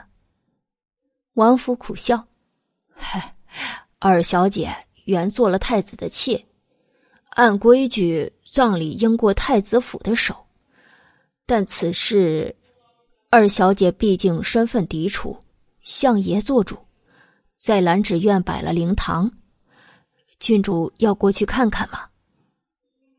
也罢，既然回都回来了。”有些事总是要做的，带我过去吧。慕容九九悠悠一语，提起华丽的裙摆，已经跨过了脚下一道又一道的门槛。前后随行伺候的婢女婆子，都恭敬的垂着头，一种无形的气势早已透过她的一言一行倾泻而出，仿佛她是天生的贵女，无论走到哪里都是这样光华万千。清艳夺目。王府也弓着身，此刻抬眸望着不远处兰芷苑新挂起的白帆，心里也不禁一阵阵吹嘘感叹：世事果然无常。大概平调的人都走得差不多了。当慕容九九步入灵堂的时候，发现肃静得很。血色的白帆下，一道漆黑的棺木静静的放着。隐隐能看到慕容子言经过打理，依旧苍白死气的面容。夫人最近如何？象征性的上完香，慕容九九随口问了一句苏轼的情况。王福的面上闪过几分哀愁，说道：“夫人的病一直不曾好转，原本二小姐跟公子的事儿都没有告诉他，但不知怎的。”大概母女连心，自二小姐出事，夫人的病也日日加重了，怕是也就这两日了。慕容九九点了点头，情绪上没有丝毫的波动。离开兰芷院，王福的意思是希望慕容九九可以住回绛子院，可行到绛子院门口，慕容九九没来由的就生出一股陌生感。这才离开两夜而已，只好苦笑着推说道：“郡主府有些东西需要收拾，不如收拾好，明日再搬过来吧。”王福虽有些为难，但也只好点头。这时，远远的就见园子里的花红柳绿间，有几个女子在喝茶纳凉，样子颇为的悠闲。那是谁？王府赶忙答道。哦，是沈姨娘。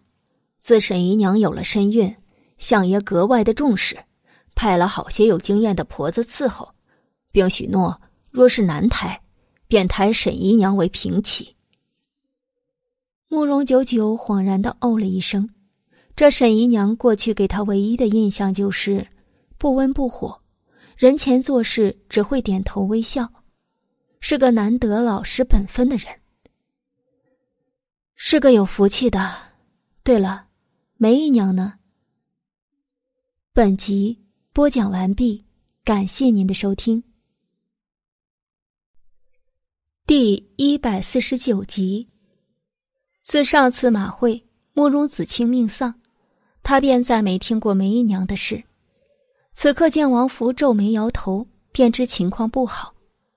毕竟慕容子清可是沈姨娘的唯一指望。如今等同要了他的命。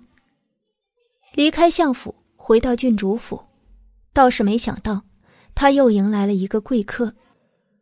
明艳的阳光下，花千叶红衣滚滚而来，飞扬风流的身姿，生来多情的桃花眸，与不可一世的英俊外表，让这个人无论走到哪里都是那么抢眼。厉害呀！才不过短短几日，就鸟枪换炮。当日的慕容大小姐成了如今的长乐郡主。他一边摇着折扇，一边左摇右摆的往里走，姿态十足，像个风流的公子哥，却也是那种万花丛中过，片叶不沾身的，分分秒的引诱着怀春的少女，也分分秒秒的警示着世人。此男有妖气。慕容九九此刻正坐在自己会客的正厅，笑道：“花公子无事不登三宝殿呀？阿九美人好生无情，没事就不能来恭贺你的乔迁之喜吗？”花千叶装模作样，颇为受伤的道：“花公子，咱还是正常交流吧，我不是你的菜。”也罢。花千叶总算释放完骚气，一合折扇，恢复正常，拉了一张椅子坐了过来，问道：“上次给你的那瓶血液，可看出端倪了？”慕容九九点头，看是看出来了点儿。你那宝玉瓶保质期有限，我必须再要一瓶新鲜的，做一个实验才能确定。花千叶眯着桃花眼。万分感慨道：“哎呀，不说缘分不行，咱俩还真是心有灵犀一点通。我刚又取了一瓶血，正打算继续研究呢。”慕容九九一笑，心道：“这天底下也就你花千叶敢这么放成坤弟的血。”接过他递过来的暖玉瓶，慕容九九又命阿秀到他的卧房取来一只锦盒。从盒中取出一团已经风干的药草，说道：“这是成年的驱心草，无毒，但是却唯独对一种东西有特别的反应，一旦沾上就会化作剧毒。”花天叶瞧着新鲜，问道：“什么东西？”一会儿再说。慕容九九卖了个关子，主要那种东西太过神秘复杂。目前他也只是猜测，还需证实。当即，他自制的小镊子将一小团驱心草放入暖玉瓶里，静待了一会儿，然后又拿出一根试毒用的银针。花千叶也目不转睛的看着。这时，二人间的气氛莫名变得紧张了几分。片刻，慕容九九才将银针放入了暖玉瓶里，顿了顿，待拿出来的时候。那银针已经变得一片漆黑，果然化毒了。慕容九九惊诧一语，花千叶当然知道，这血本身无毒，而这驱心草也是无毒之物，但放一块儿居然就……难道当真这血中的神秘成分在作怪？那你现在可以说说这血中究竟有什么了吧？花千叶沉声一语，这个问题着实也纠缠了他好些日子，想不到终究还是被慕容九九给解开了。就见慕容九九面无表情的将瓶子放下，将盒子盖上，罗列了一下语言，良久才道：“花千叶，你可听过弄邪之术？”弄邪？花千叶一疑，明显没听过。其实慕容九九也只是听过没见过，那还是前世老一辈的人提起。爷爷的笔记里也有过记录，而刚才那个法子也是记录中的一部分。确切的说，弄邪之术已经超出了医术的范围，并不是我们医者可以驾驭的东西。慕容九九默然一语，所以说这次你算是碰上硬茬子了。花千叶呆愣了一下，半天才望着慕容九九追问道：“那，你既然听过，你可知道一些解除之法？”解除之法有啊，什么？换血。慕容九九淡淡一语，却不以为然。且说这个时代不准许，但成坤殿那身子骨也是不准许的。荒谬。花千叶果然也接受不了，他有些烦躁的来回踱了几步，但很快又平静下来，似是想到了别的。我今日来还有一事。令师入京了，慕容九九抬眸悠悠一语，花千叶点头。此番我师傅入京帮东岳皇帝治病，只是其一，最重要的原因还是要收一个徒弟。而且这个徒弟还要医术高超，那这事儿就奇了。自古收徒皆选璞玉，阿九美人这么聪明，难道就猜不透这其中的玄机？咱们都是聪明人，就有话直说吧。我师父今夜入京，今夜便收徒。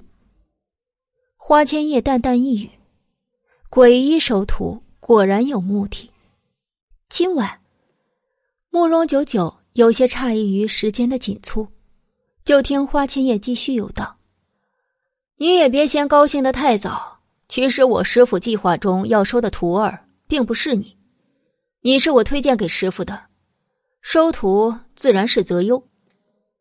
所以师傅会给你们摆下一个比试，谁输谁赢还未可知。那人与你的年纪相当，天赋医术更丝毫不输于你，所以阿九美人此番还未有定论。慕容九九闻言一惊。他惊的当然不是此时的变数，而是他的对手，年纪相当，那么最多也就十五岁，十五岁就能得花千叶这么高的评价，那就真的是个天才级的人物，将来的前程还了得。至于他，也只有他自己知道，顶着十五岁的皮囊，壳里却是一副快奔三的灵魂，阅历方面必然在一个孩子之上。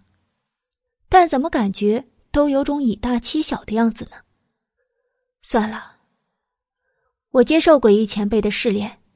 好，花千叶一挥折扇，重新变回了风流无比的模样，当着多情的桃花眸，伸手就从怀中取出一粒药丸来，叮嘱道：“睡前服下，明天天亮自见分晓。”说完。花千叶就告辞离开了，怀揣着也不知怎样的心情。吃过晚饭后，慕容九九就服下了花千叶给的药丸，迷迷糊糊的睡了过去。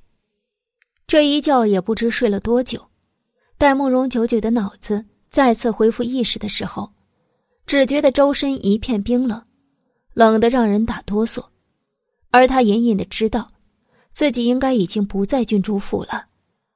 然后他试着在冰冷的黑暗中挪了挪身子，手掌立刻摸到了什么东西，凉凉的，触觉上非常奇怪。本集播讲完毕，感谢您的收听。第一百五十集，等一下，慕容九九下一刻竟然发现，他现在的姿势竟是趴着。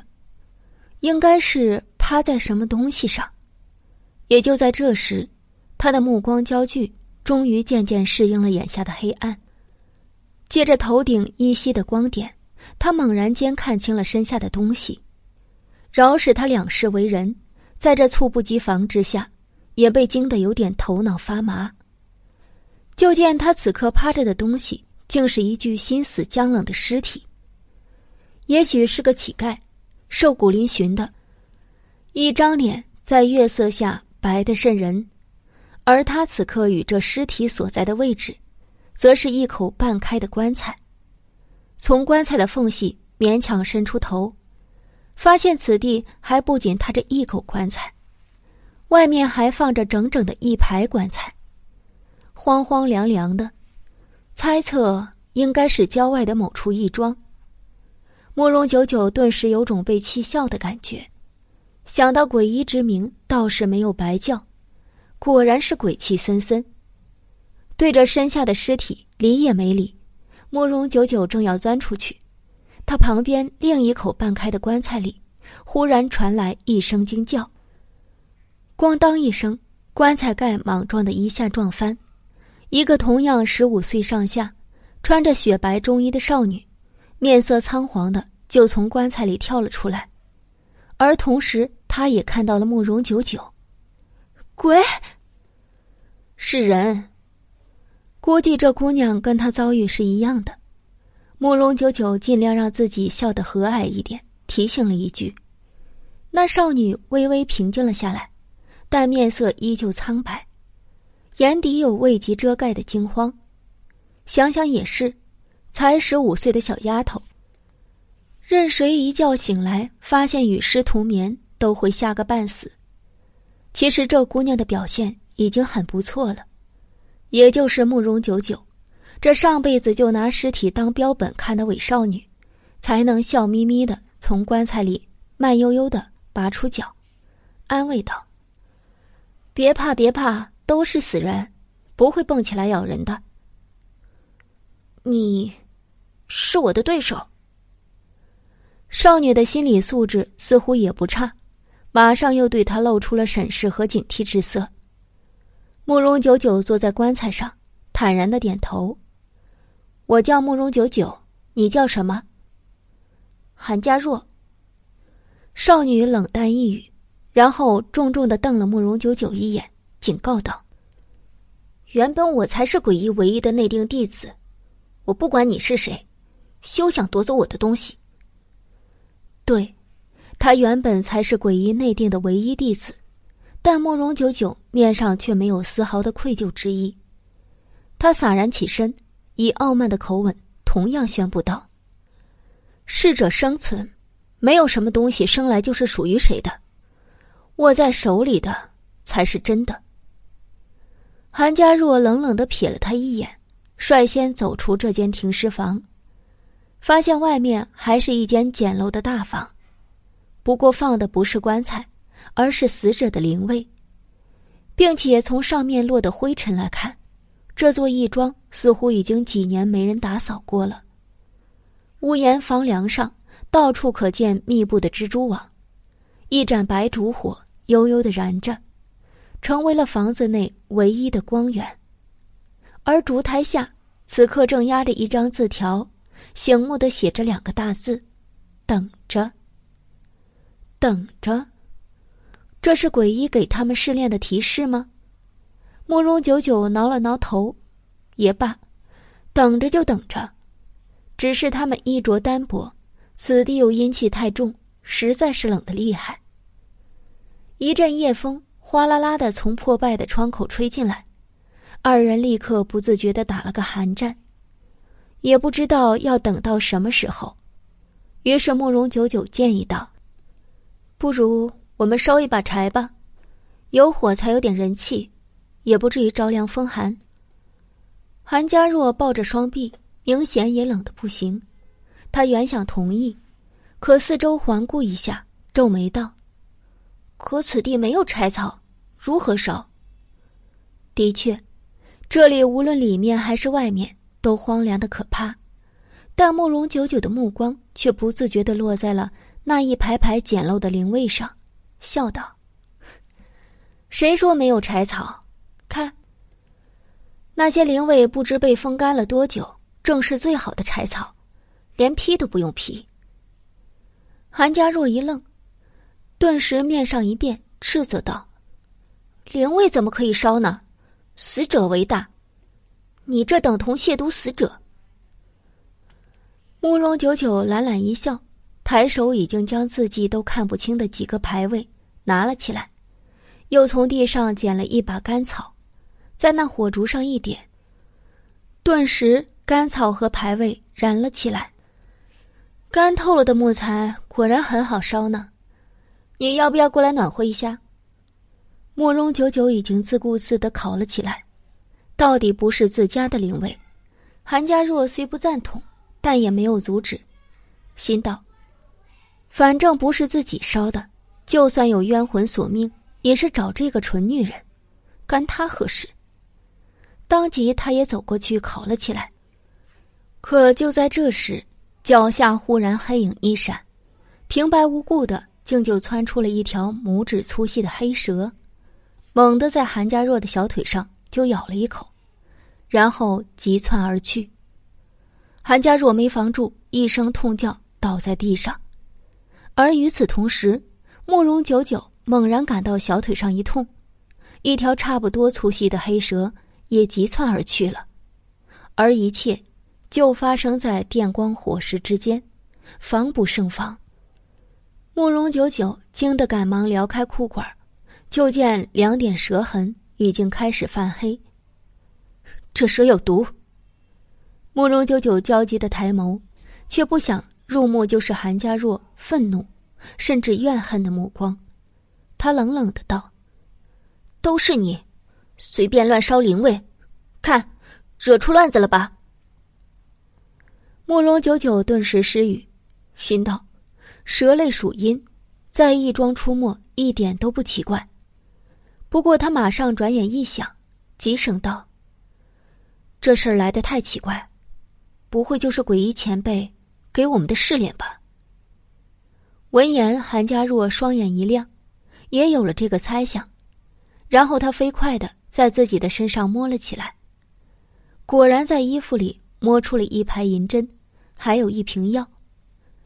见此，慕容九九也摸了起来，很快也在自己的衣服里。找到了一排银针跟一瓶药，而药瓶子上明显标注了三个字：“解毒丹。”这么巧，算了，也不细想了。